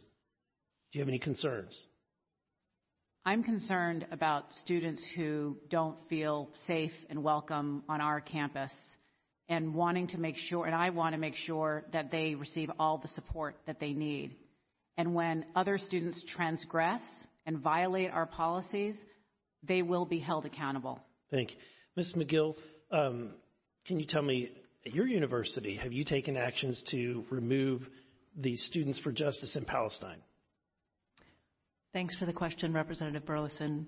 Uh, we uh, have similar policies, which is that uh, any, stu- any organized student group uh, must comply with the rules of the university, and if they have violated those rules, uh, they can be non recognized. Okay. And then Mrs. Kornbluth, same, same question. So, as far as I know, we do not have an SJP chapter. We do have students who are um, allied with, you know, are interested in advocating for the Palestinian cause, but we are not aware of any national links of that group. The next line of inquiry has to do with the lack of reporting standards when it comes to these foreign contributions, as was mentioned by my colleague. I understand that Harvard and MIT are under um, Section 7, 117 investigations Um, a New York Post article just um, recently revealed that MIT received over $859 million in foreign funding. Um, I, I, think Harvard received similar numbers, nearly nearly um, oh, you know, nearly 900 million dollars. Um, and as, as was stated, some of this money is coming from countries in the Middle East that have a history of large contributions to fund these academic centers called the Middle East Studies Centers. Are are you has Harvard taken any money to fund the Middle East Study Centers? We receive support from a variety of sources, and um, our alumni are all over the world, including in the Middle East, who support our activities on campus. Well, an analysis has, has indicated that there is a direct correlation between the universities that have received money um, for these Middle East study centers and the activity of the SJP. So I would, I would highly encourage you to examine, and, and I'll, ask, I'll just ask it directly. Is it because of the money that you're receiving from these foreign com- countries that you're not kicking these, this, these hate groups off campus? Our donors do not influence how we run the university, how we enforce our policies, or how we keep our students safe. I yield the rest of my time to my colleague from New York. Dr. Gay, does calling for the genocide of Jews violate Harvard's rules on bullying and harassment? The rules around bullying and harassment are quite specific, and if the context in which that language is used amounts to bullying and harassment, then we take, we take action against it. Can you say yes to that question of does calling for the genocide of Jews violate Harvard's rules on bullying and harassment? Calling for the genocide of Jews is anti Semitic.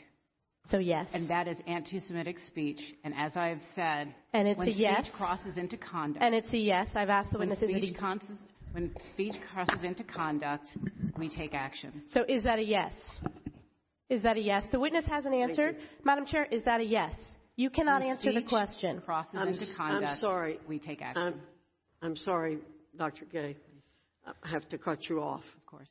Uh, Ms. W- Mr. Williams, you're recognized for five minutes. Thank you, Madam Chairman. I have the unfortunate distinction of being a graduate of the University of Pennsylvania as well as a visiting student at Harvard University for a year. Um, the purpose of this hearing is to assess the health of our most elite and until recently esteemed educational institutions uh, in this country. We raise the question whether your institutions and others like them deserve to enjoy the benefits of partnerships with our government. Research investment, student loan guarantees, tax-free status for, the, uh, for your endowments, funding for veterans to receive educations tied to their prior service, like myself, uh, or their ongoing service. It's been uh, stated several times that this runs in the tens of billions of dollars across uh, higher education, uh, perhaps even into $100 billion. Uh, Dr. Gay, you've repeatedly in your testimony today have claimed that you believe in accountability, uh, that acts of hate are personally abhorrent to you, that you uh, follow federal law, that you believe all parts of your community must feel safe and secure, and that education is the solution for anti Semitism. Does this accurately reflect your views? I've expressed those views, yes. And those are your testimony today. Um, how long have you been president of Harvard? Five months. Sorry? Five months. Mm-hmm. What is your annual budget? For the entire university? Yes. About six billion, pretty close to that. Six billion. Uh, how many employees? We have 19,000 faculty and staff. And uh, how long is the how large is the university endowment? It is just over 50 billion dollars. And how long has Harvard been in existence? 387 years. 337 years. 87. 87. Sorry, I cut you by 50 there. Uh, you've said that education uh, is the solution. All of you agreed, actually, that education is the solution for anti-Semitism. Yet your educational institution, under your leadership and previous leaders, is seething with hateful and threatening anti Semitic demonstrations. But these are only, as I've mentioned, these are only against the Jewish students, no one else, just Jews. at your school. Yet, uh, you say you believe in accountability. Should the federal government keep shoveling money and privilege to institutions like yours that fail so profoundly in their mission? Your mission's to educate. Education's the solution. You have 387 years, and you've arrived at this place of virulent anti Semitism and hate. Why should the federal government continue to uh, partner with you in, in such a failed accomplishment or lack of accomplishment? The federal university partnership is not only a critical source of the success of all American higher education. Well, it maybe we should redirect is- it to the ones that are, because there are other universities that are succeeding. I'm trying to get at the heart of if education is the solution. You don't seem to be accomplishing that solution, even though you've had a 30, 387 year run up to stamp out anti Semitism. What happened? Is it leadership? We have work to do to build the community that our students and our faculty It's, deserve. it's, I'm looking backwards. I'm saying, how did you arrive here if education is your mission and anti Semitism is your result? How did you arrive here? Let me, let me help. 100 years ago, Harvard, University of Pennsylvania, other Ivy League schools actually publicly and actively began restricting Jewish enrollment. Now, I'm proud to say that Syracuse University in my district resisted this trend and did not implement those kinds of uh, um, uh, policies. But today we actually see the fruit of those, decision, of those decisions. And it seems to me that the leadership that we need needs moral clarity to understand the moment that we're in. And I'm not really hearing that, um, frankly, from anyone. Uh, Ms. Magill, how long have you been the president of U- University of Pennsylvania? Just under a year and a half, And the, Congressman. and the budget and employees there? uh, about 12 billion because we have a very large health system. We have about 45,000 employees. The, um, the endowment, please. About 20 billion. Do you not have enough resources to complete your, your mission, your stated goal of education? We have many resources that we invest in the education of our 30,000 students. So if education's the mission and education's the solution, how did you, Penn, arrive at this horrible place that actually I'm ashamed to be an alumni of your university? I'm very sorry to hear that, Congressman. Uh, I'm not alone. We have uh, we have work to do. I agree. Well, I I keep hearing that. I think you have a need for leadership or a need of federal intervention to cut off the resources that allow this continued failed, mi- this mission that's failed to continue. I yield back. Thank you, Ms. Houchin, and you're recognized for five minutes. Thank you, Madam Chair. Thank you to the witnesses um, for testifying today. I want to just say how frustrated I am that this hearing is even necessary. I would be naive to recognize, not to recognize, though, anti-Semitism on our university campuses, uh, including my home state. As you may know, this fall, two members of the Indiana University student government published a resignation letter due to the blatant anti-Semitism of the student body president. According to their firsthand testimony, this student body president was intentionally neglecting the experience of Jewish students on campus by not only refusing to meet or work with Jewish students, but by actively ignoring the voices of those who tried to bring attention to their issues and the concerns for the well-being of their Jewish students. It's especially appalling when we recognize that 10% of Indiana University's student body is Jewish. Campus life in the United States has become a daily trial of intimidation and insult for our Jewish students, a hostile environment that began with statements from pro Palestinian student organizations justifying terrorism has now rapidly spiraled into death threats and physical attacks, leaving Jewish students alarmed and vulnerable. At least 124 anti Semitic incidents have been reported on campuses since October 7th, and that's likely a severe undercount. The response to this has been empty rhetoric. Words have been weak, action has been slow. No action has resulted in Jewish students feeling safe or welcome. This is an example is why I'm an original co-sponsor of a congressional resolution condemning the support of Hamas, Hezbollah, and other terrorist organizations at our institutions of higher education. We will not tolerate the creation of a hostile environment for our Jewish students, faculty, and staff on college campuses. Uh, if you won't do it, then we will take action ourselves. Uh, Madam Chair, I'd like to yield the balance of my time to the gentlewoman from New York. Dr. Kornbluth, does M- at MIT, does calling for the genocide of Jews violate MIT's code of conduct or rules regarding bullying and harassment? Yes or no? If targeted at individuals, not making public statements. Yes or no? Calling for the genocide of Jews does not constitute bullying and harassment? I have not heard calling for the genocide for Jews on our campus. But you've heard chants for intifada. I've heard chants, which can be anti Semitic depending on the context, when calling for the elimination of the Jewish people. So those would not be according to the MIT's code of conduct or rules. That would be um, investigated as, as harassment if pervasive and severe. Ms. Magill, at Penn, does calling for the genocide of Jews violate Penn's rules or code of conduct? Yes or no? If the speech turns into conduct, it can be harassment. Yes. I am asking specifically calling for the genocide of Jews.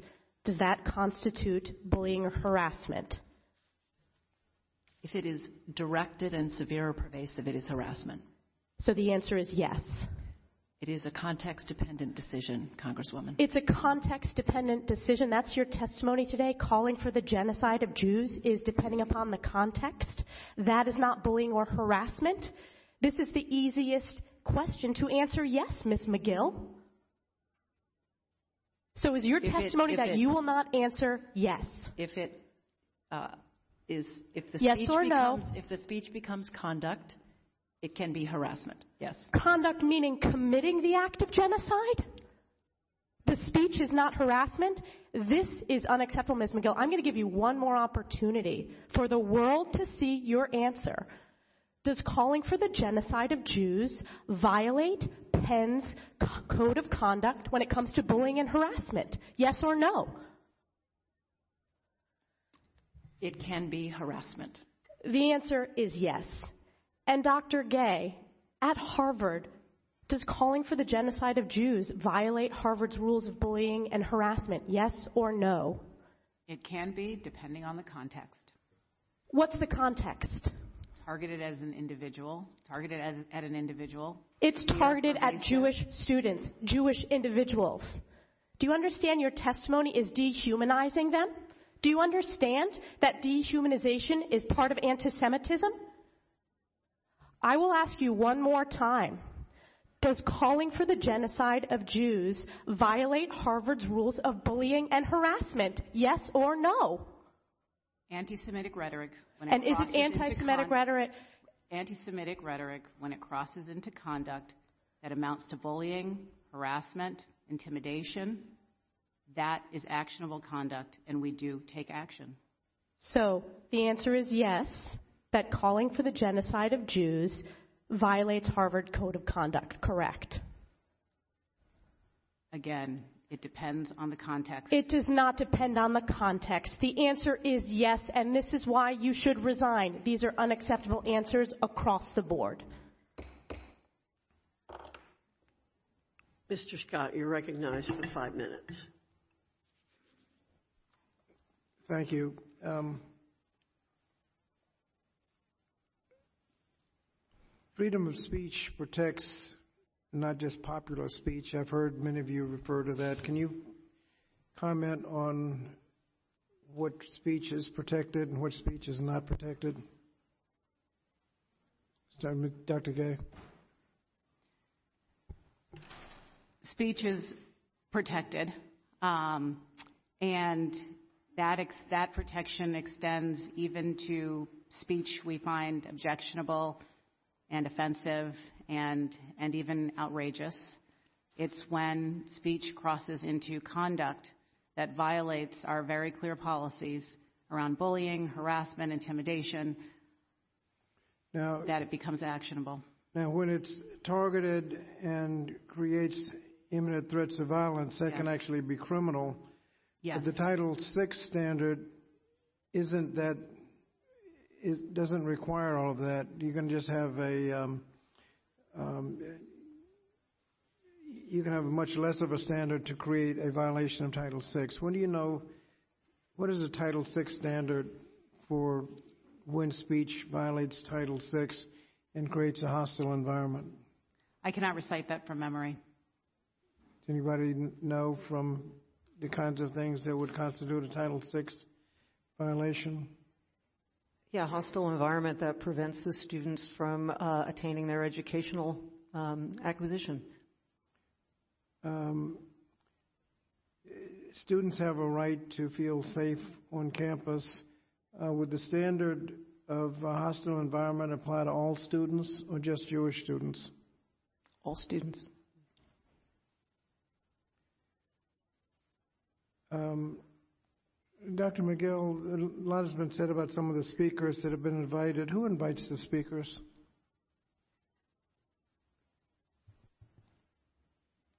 Congressman, it varies. It might be a student organization, it might be a faculty member, it might be a staff member.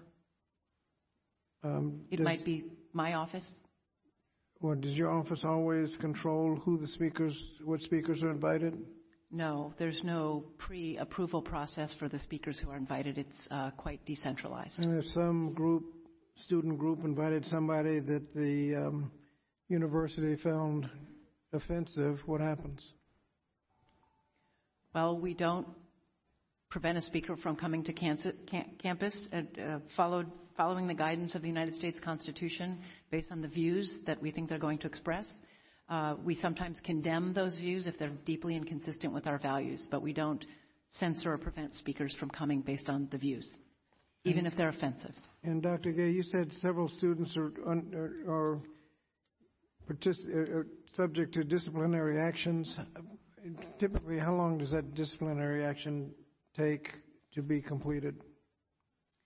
So the process, we try to move with all deliberate speed, um, but it varies depending on the complexity of the incident. It could be a matter of days or weeks, or it could be a bit longer than that.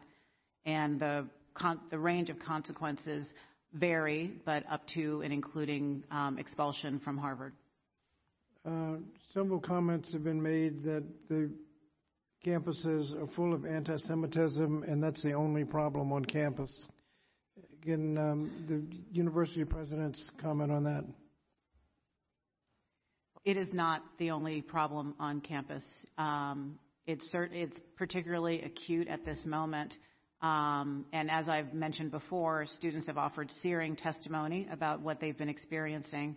Um, but it's not just anti-Semitism; it's also Islamophobia and, um, and frankly, just hostility to individuals who are visibly Muslim um, or Arab or Palestinian. Um, and then we also have other student communities that feel marginalized, um, not just in this moment, but have been struggling to feel a sense of belonging at Harvard for some years, including students of color. Ms. Magill? I would describe very much the same experience at the University of Pennsylvania, as Dr. Gay described. Dr. Yes. Kornbluth? Racism, Islamophobia, anti-LGBTQ sentiment. One thing, if I might add, about free speech on campus with these issues is that the best way to fight negative speech is more speech. To have speakers and individuals who fight anti Semitism and can speak to our students on campus. Thank you. You back.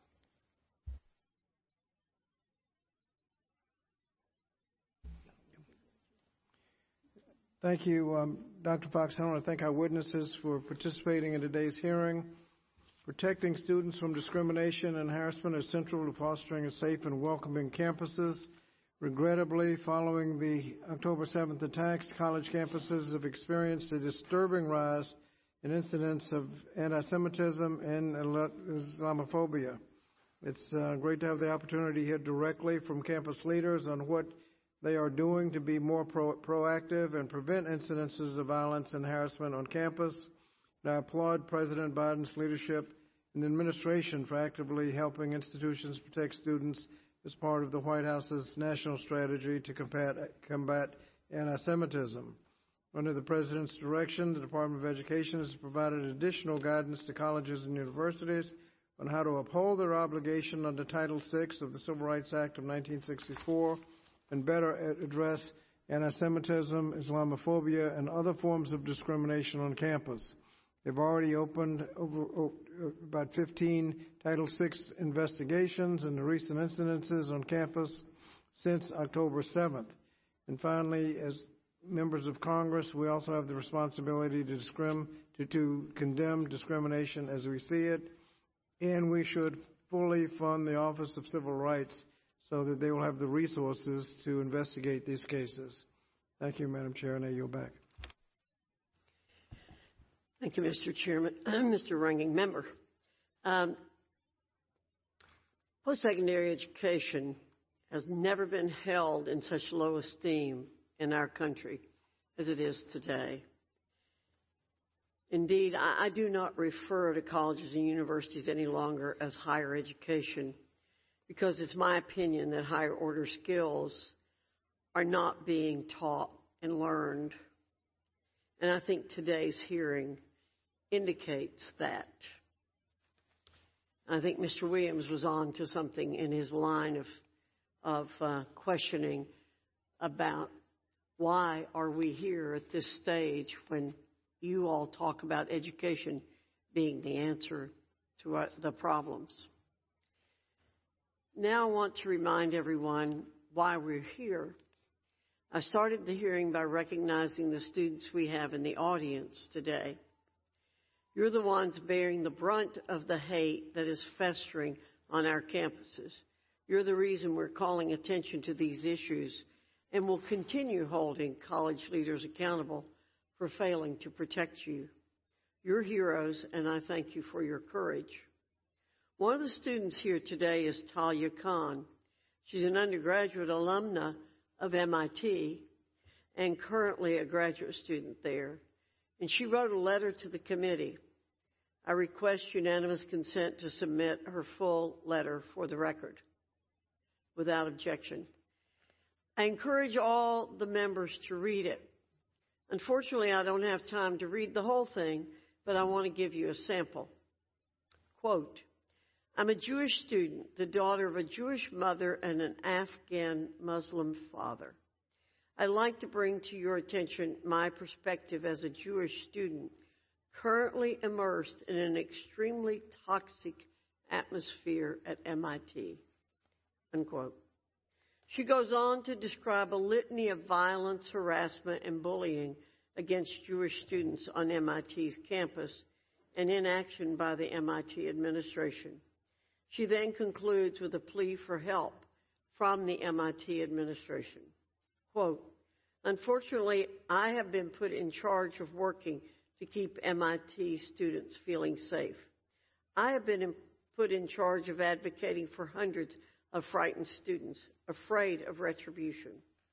I want to stop being told about the most recent anti Semitic incident and feeling like I have to push and pull, push and push to report it, even though nothing ever gets done. This should not be my job. Sally Kornbluth, please let me be a student again. It is your job to keep Jewish students safe, not mine. Unquote. Talia, thank you for sharing your ordeal with this committee. Talia happens to be a student at MIT. Unfortunately, her story isn't unique to that campus. Horrific acts of hate, violence, and intimidation are happening at the University of Pennsylvania, Harvard, and institutions all over the country and institutional leaders are failing to meet the movement with courage, clarity, or decisive action. I also ask unanimous consent to submit for the record a Wall Street Journal op ed from this past Sunday by Lance Morrow. The op ed is called, quote, The New Anti Semitism is the Oldest Kind, end quote,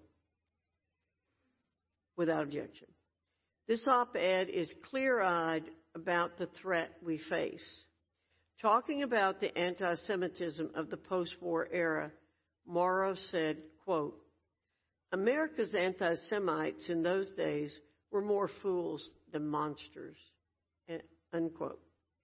Then he says, quote, the anti Semitism that is poured forth onto the country's streets and campuses in the autumn of 2023 is a different thing.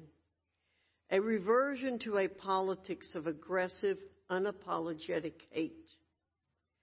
Of course, the new Jew haters, especially young people on campuses, think of themselves as perfectly virtuous.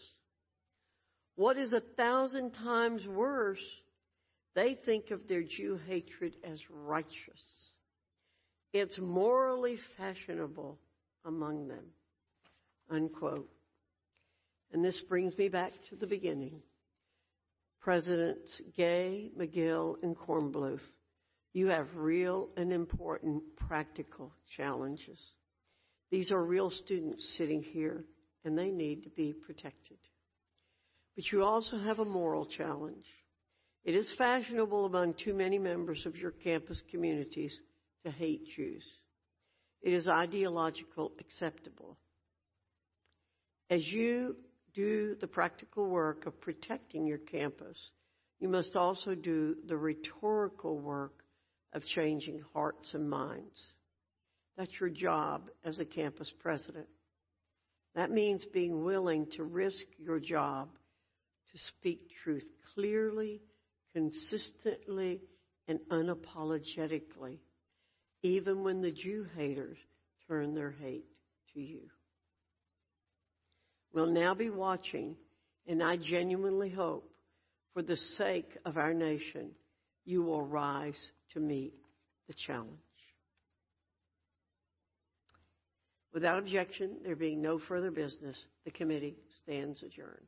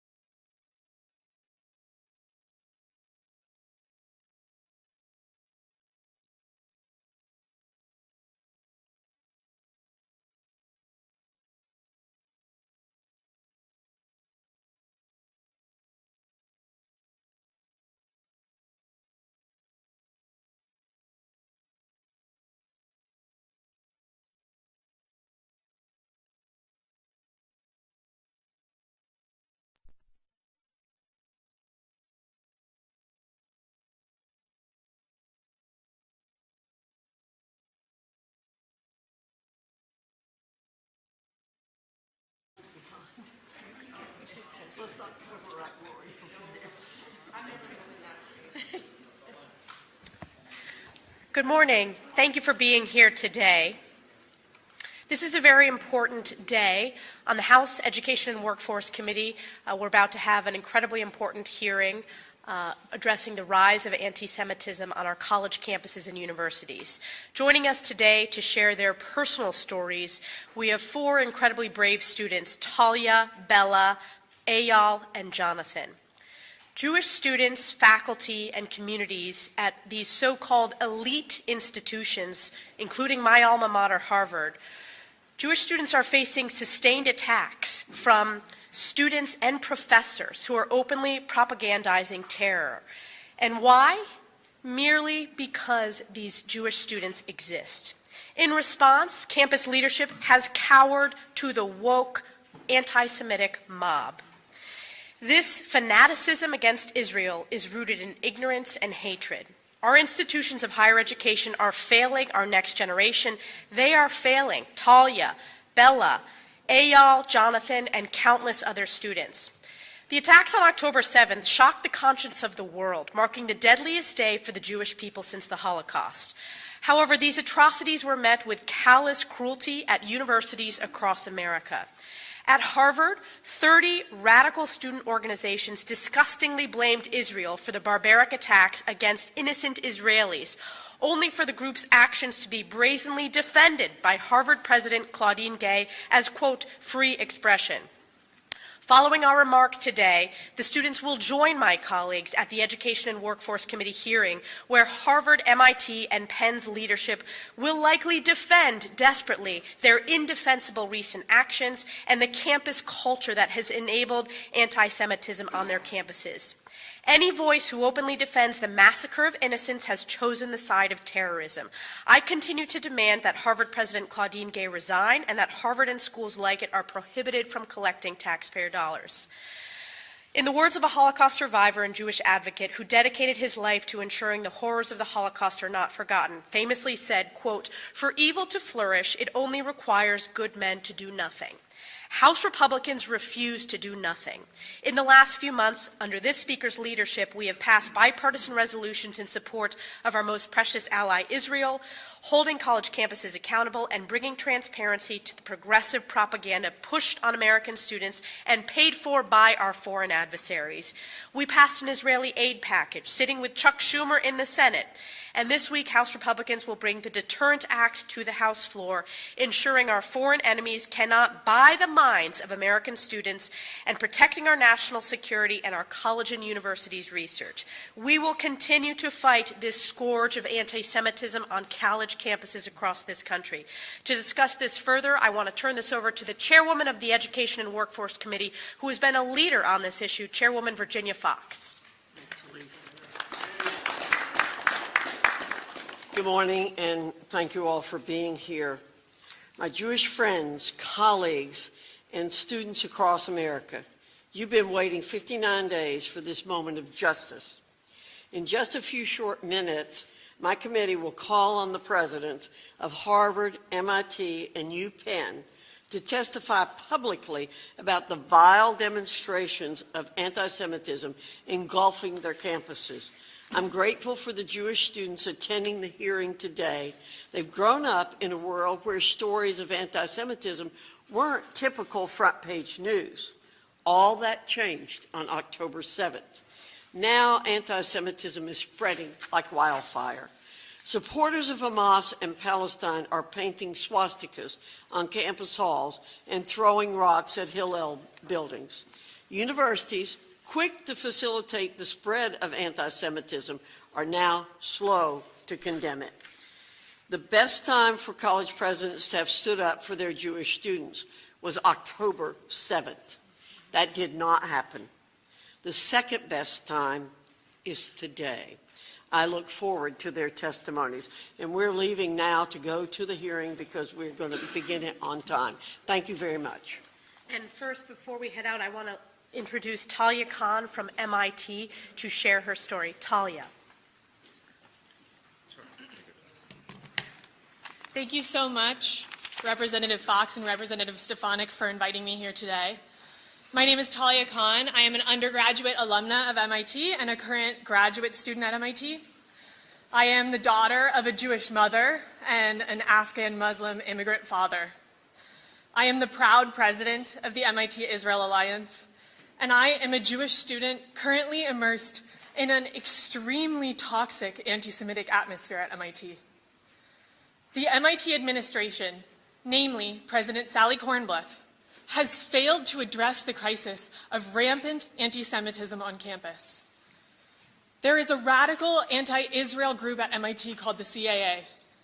In recent weeks, the CAA's anti Semitic rhetoric has shifted the culture on campus to such an extreme of intolerance that 70% of MIT's Jewish students polled feel forced to hide their identities and perspectives. An Israeli student whose identity and personal info was sold online for a bounty has not left his dorm room in weeks out of fear due to death threats.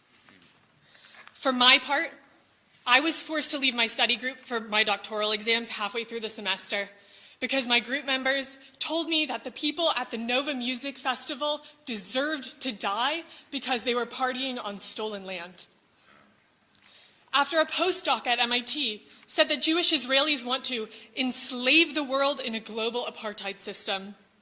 He falsely claimed that Israel harvests Palestinian organs and implied that the quote, average Israeli is a Nazi.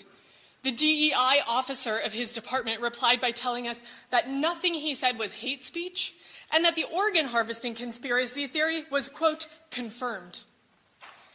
Day after day, the MIT administration has failed to enforce its own rules on anti Semitic actors, such as the interfaith chaplain intimidating Jewish students, DEI staff publicly declaring that Israel has no right to exist, faculty dismissing student concerns for their safety by telling them that if they are scared, they should just go back to Israel. CAA protesters blocking the hallways, storming the offices of the MIT Israel internship offices, and harassing the staff and faculty there, and inviting dangerous outsiders to campus to join them in yelling hateful and violent chants. This is the same climate of anti Semitism that has led to massacres of Jews throughout the centuries. This is not just harassment, this is our lives on the line. The MIT administration has punted disciplinary processes to a faculty committee on discipline, which has thus far not received a single one of our complaints. MIT admin has even failed to staff a new task force against hate, which will dually combat anti Semitism and Islamophobia. This atmosphere is intolerable. Jewish students do not believe that the MIT administration has done an adequate job to make students feel safe on campus. President Kornbluth, Please let me go back to being a scientist. Let me go back to being a student. I don't want to have to keep advocating for Jewish student safety on campus. It's not my job, it's your job. Please do your job and act now. And if you can't, I'm asking Congress to do it for you. Thank you. Thank you, Talia. It's outrageous what's happening at MIT. We're next going to hear from Bella Ingber, who will tell us what's happening at NYU. Thank you all for having me and for giving me the opportunity to share with you my story. My name is Bella Ingber. I am a junior at NYU, and I'm going to try to answer the following question for you from my personal experiences. What is it like to be a Jew at NYU? Being a Jew at NYU is walking to class and passing torn and defaced posters of innocent hostages with the words occupier and murderer written across their faces. It is going to Bobst Library to study and being interrupted by unauthorized protests where students and faculty call for a globalized intifada revolution, an incitement to violence against Jews everywhere, and a call for the annihilation of the Jewish state and my friends and family who live there. Being a Jew at NYU is being surrounded by students and faculty who support the murder and kidnapping of Jews because, after all, as they say, resistance is justified when people are occupied. It is being surrounded by social justice warriors and self proclaimed feminists whose calls for justice end abruptly when the rape victims are Jews. Being a Jew at NYU has meant being physically assaulted in NYU's library by a fellow student while I was wearing an American Israeli flag and having my attacker still roam freely throughout the campus. Being a Jew at NYU is experiencing how diversity, equity, and inclusion is not a value that NYU extends to its Jewish students. Since October 7th, the unmistakable anti Semitism that I've experienced on campus is reminiscent of the Jew hatred I've heard about from my grandparents, Holocaust survivors, who experienced firsthand the deafening silence of their neighbors in Poland and Germany when the Nazis first rose to power. As anti Semitic rhetoric and actions became more and more acceptable, their communities' shops were looted, their synagogues defaced, and finally, their families were taken away and perished in concentration camps. Today, in 2023, at NYU, I hear calls to gas the Jews, and I am told that Hitler was right. To the NYU administration, you are not free to selectively enforce your own rules. You are not free to refuse your Jewish students the same protections that you extend to others. NYU has adopted the International Holocaust Remembrance Association's definition of anti Semitism, which recognizes that calls to harm Jews in the name of radical ideology, calls to eradicate Israel, to deny the Jewish people their right to self determination in their ancestral homeland is anti Semitism that is punishable under NYU's Code of Conduct. I am a proud Jew and I am a proud Zionist. I am the granddaughter of Holocaust survivors. We are not going anywhere. Anti Semitism and the support for terror should have no home at NYU or any other college campus. We made the promise of never again, and never again is now. Thank you. So proud of these strong young ladies, and we stand with you absolutely. We'll hear next from University of Penn student Eyal Yakoby.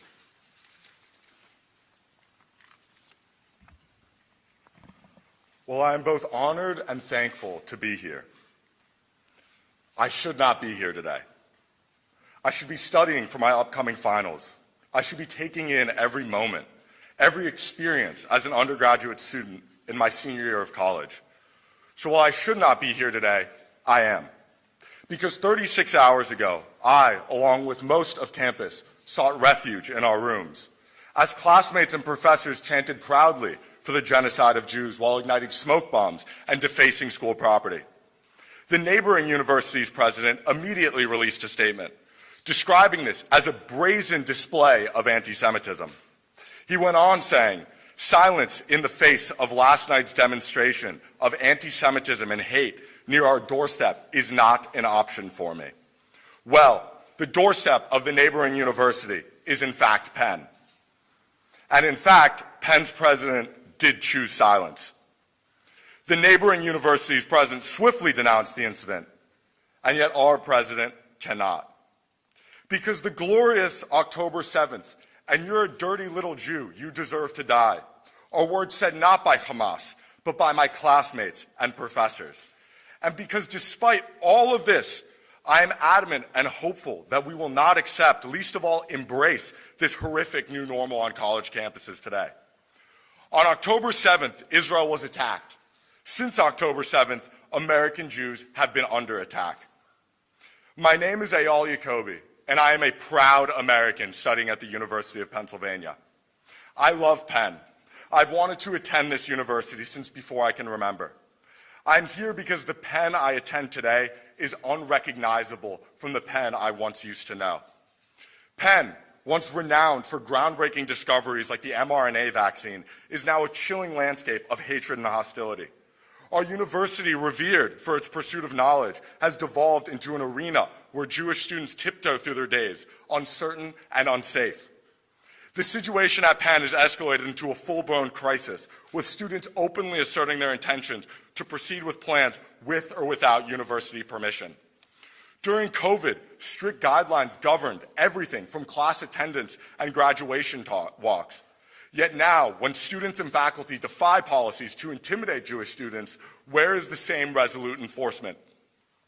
For the past three weeks inside Houston Hall, our student center, an anti Semitic headquarters has been erected with signs spreading Hamas propaganda.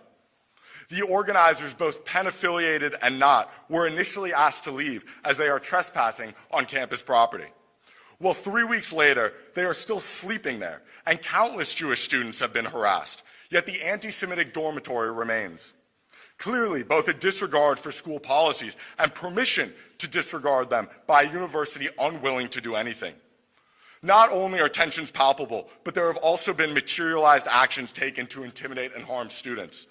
A bomb threat against Hillel, a swastika spray painted, the Hillel and Chabad houses vandalized, a professor posting the armed wing of Hamas's logo on Facebook, a Jewish student accosted, Jews are Nazis, etched adjacent to Penn's Jewish fraternity house. Why doesn't the university hold the perpetrators of such acts accountable?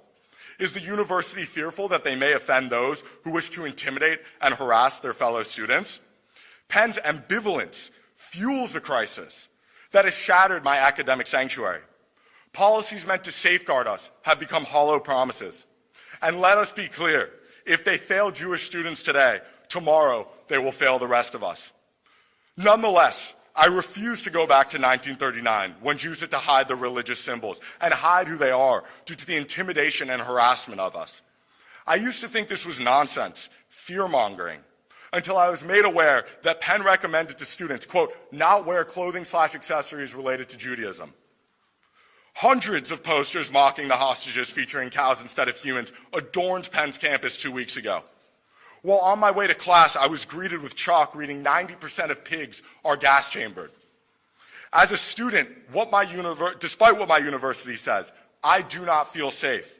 Let me be clear, I do not feel safe. Luckily, there are policies in place to protect students from the heinous acts I described. Unluckily, the university seems to have no interest in upholding those very policies. It's time for the soul of our university to reclaim its integrity. And it's time for me and my fellow classmates to stop worrying for our lives. Thank you. We'll hear from one more student. They're so uh, well spoken, and it sends a shudder down your spine to hear this is happening in America. It's absolutely outrageous. Jonathan Frieden from Harvard Law will speak next. Jonathan. Thank you for having me here. My name is Jonathan Frieden, and I'm currently a student at Harvard Law School. I would like to share with you what my experience has been like since October 7th at Harvard Law School, and after over 30 student clubs signed on to a statement explicitly blaming Israel for the murder and the rape of their own people. Multiple times a week, on my way to class, I walk by mobs of people chanting, From the river to the sea, which is a call for the destruction of the state of Israel. Most recently, we have you outnumbered and globalize the intifada. An intifada is an uprising, and the last two were marked by blowing up buses and restaurants. One day a few weeks ago, I was in a study room in the law school while classes were going on, and a mob of 200 people, many of whom not only were not law students, were not Harvard affiliates, got into our building, marched down the halls chanting these phrases. Jews took off their kippot, and I, I watched someone hide under a desk. Many of my friends ran up to the Dean of Students and DEI office, but they had locked their doors for their own safety. This was such a clear safety concern. It was also explicitly against school policy as it disrupted class. We heard nothing from Harvard. No email, nothing. I talk to my Jewish friends on campus every day. They tell me how afraid they are to go to class. They share hate messages they are receiving from other students on social media, including comparing Jews to Nazis.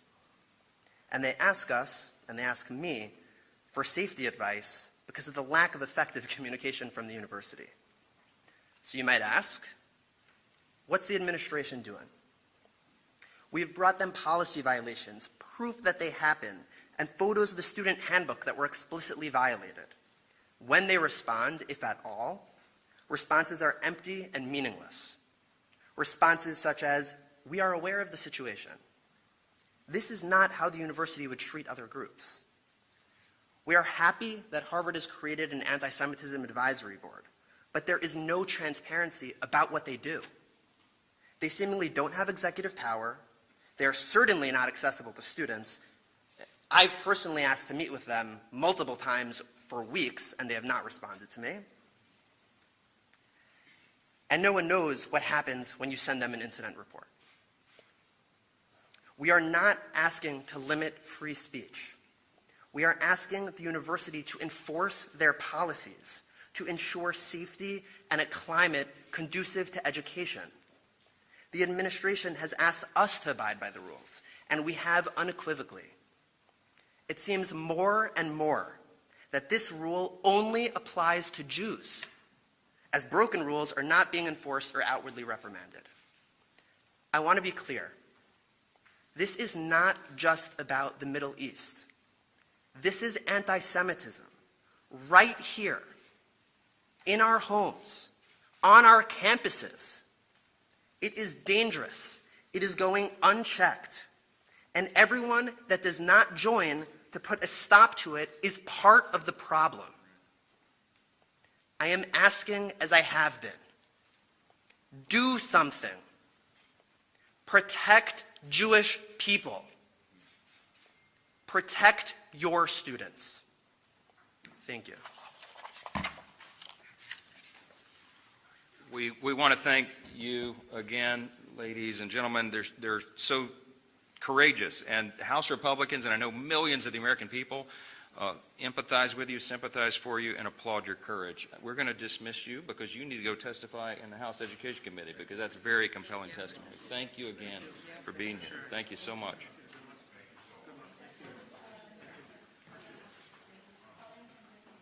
We have some very strong leaders in Congress on these issues, and I want you to hear from one of them right now, the gentleman from California, Mr. Kevin Kiley. Uh, thank you, Mr. Speaker. Just to echo uh, the Speaker's sentiments, uh, we just saw our truly profiles in courage. It is unfathomable what these young men and women are having to experience and so many of their peers. And for them to be here today sharing their story, what they're having to go through with the whole country, uh, takes tremendous courage. So I would just ask that you uh, please share their stories. I think it's very important that every American know what is happening on our college campuses. This is a time of reckoning for higher education in this country.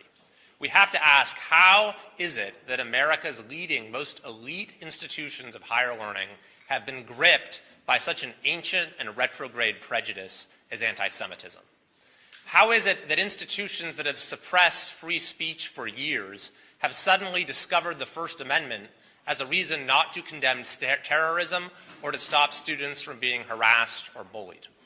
How is it that university leaders who have waded in to every political issue of the day were suddenly bound by institutional neutrality when it came to the murder of children? How is it that bureaucracies devoted to diversity, equity, and inclusion have turned a blind eye to the targeting of Jewish students on their campuses and, in some cases, have contributed to that hostile environment. Yes, this is a time of reckoning for higher education in this country. Our universities cost too much, their degrees deliver too little value, and they've become among the most intolerant places in the country. This is a time to rediscover the purpose of higher education so that our universities are once again leading lights in American life our national assets, our places of community and belonging, and where the free exchange of ideas flourishes. Nothing less than the future of our country depends on it. Thank you very much, and as part of the Education uh, Committee, I'm headed to the hearing now as well. Thank you. Thank you, Kevin. So well said. Uh, we'll now hear from our Majority Whip, Tom Emmer. This week will mark two months since Hamas murdered 1,200 people in cold blood, abducted over 200 innocent people, and brutally raped women, all because of their deep seated hatred for the Jewish people. Good versus evil could not be more clear in this situation. But sadly, there are people who have sided with evil and chosen hatred toward their Jewish peers, including on college campuses. Perhaps even more appalling, Many so called leaders on these campuses have turned their backs on Jewish students and allowed anti Semitism to run rampant. I commend the students who've joined us today to share their experiences. They've shown more courage, frankly, than the administrators who were supposed to protect them and support them. And I know we all look forward to hearing what these administrators have to say for themselves at Chairwoman Foxx's hearing today.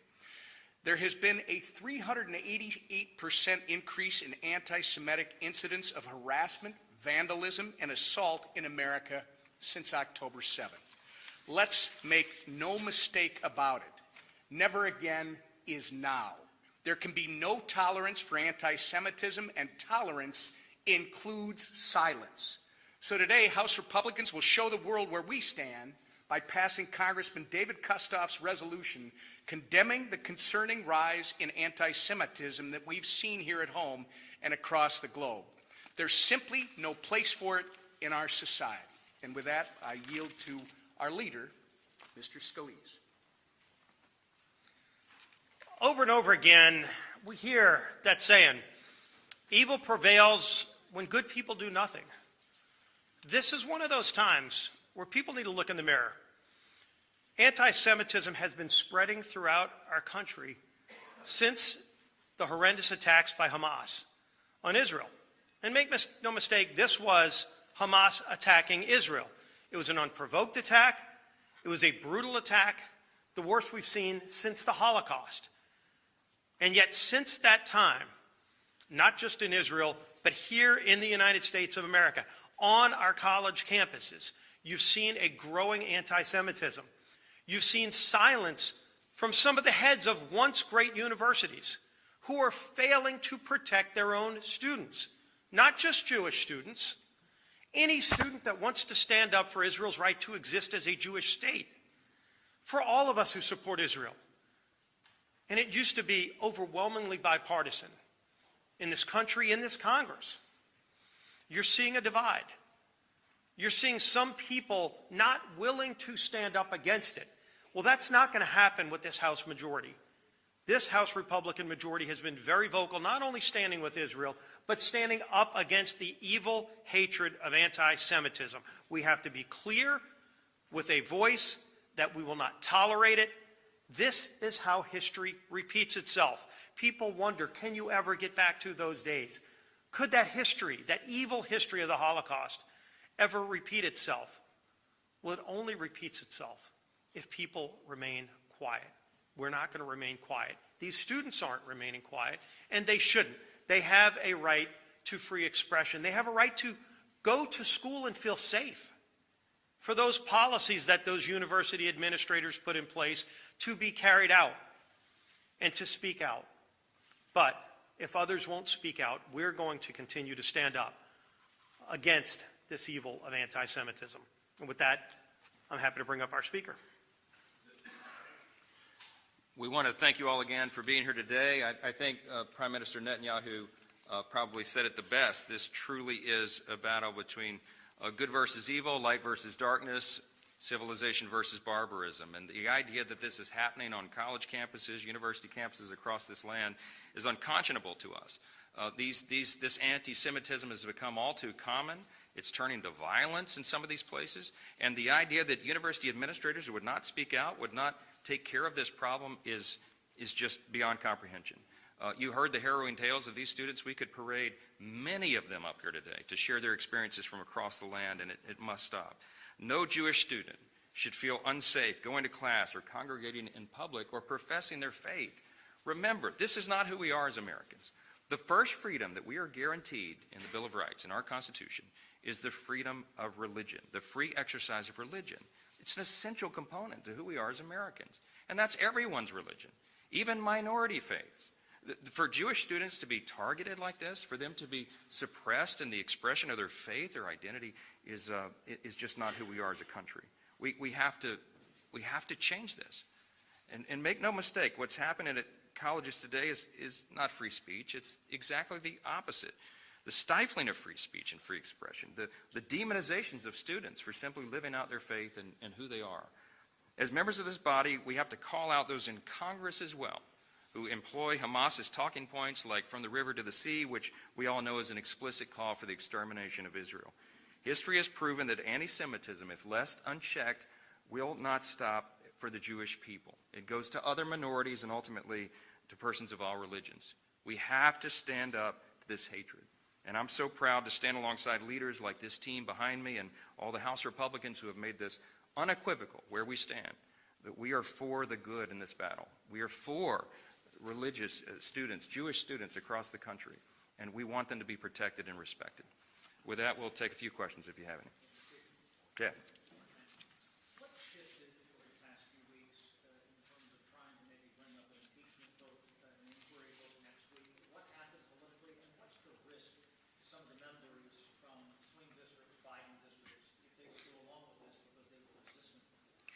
Well, look, the impeachment inquiry is necessary because, um, as you know, our, our, committees of jurisdiction, oversight, judiciary, ways and means, Chairman uh, Comer and Jordan and Smith have done an extraordinary job following the facts on this. Remember, remember, it's the, Article 1 of the Constitution gives the House the impeachment authority. And I've said at this podium before, next to a declaration of war, impeachment, arguably the heaviest power that the, the House has. Why? Because it's so serious, it's so important. In the previous couple of years, uh, the House Democrats cheapened impeachment. They, they used it for partisan political purposes. They went after Donald Trump twice. I served on the impeachment defense team twice. We called those sham impeachments, snap impeachments. They were. What you're seeing right now is exactly the opposite of that. You're seeing a very deliberate investigation following, uncovering and following the facts, following the truth where it leads. That's what the Constitution requires the House to do. And the House Republicans have done that very methodically. So we have come to this sort of inflection point. Because, Chad, right now, the White House is, um, is, is, putting, is stonewalling that investigation. They're refusing to turn over key witnesses to allow them to testify as they've been subpoenaed. They're re- refusing to turn over thousands of documents for the National Archives. And the House has no choice, if it's going to follow its constitutional responsibility, to formally adopt an impeachment inquiry on the floor so that when the subpoenas are challenged in court, we'll be at the apex of our constitutional authority. It will be a movement uh, of a, a, vote of the full House, and that will allow us to continue and, and continue on pace. This vote is not a vote to impeach President Biden. This is a vote to continue the inquiry of impeachment, and that's a necessary constitutional step, and I believe we'll get every vote that we can.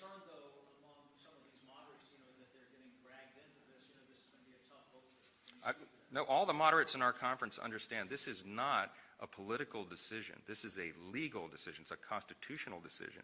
And whether someone is for or against impeachment is, is of no import right now. We have to continue our legal responsibility, and that is only, solely what this vote is about.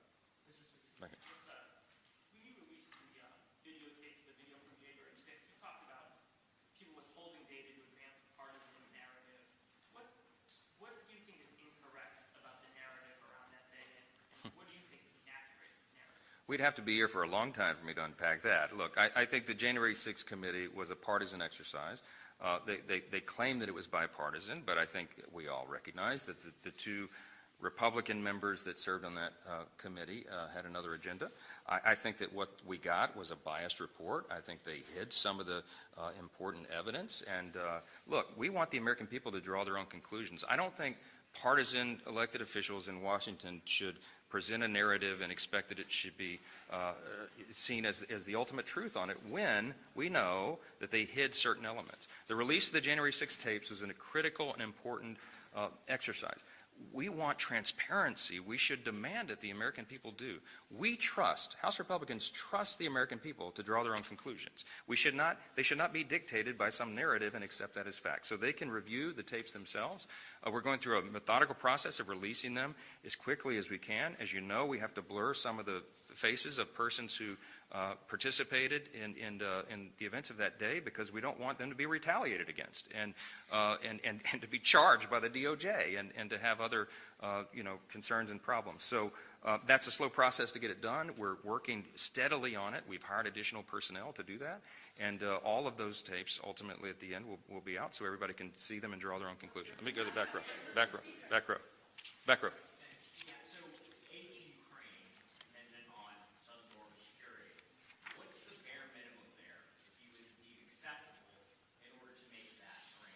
Well, we're, look, we're in, we're in negotiations on that right now.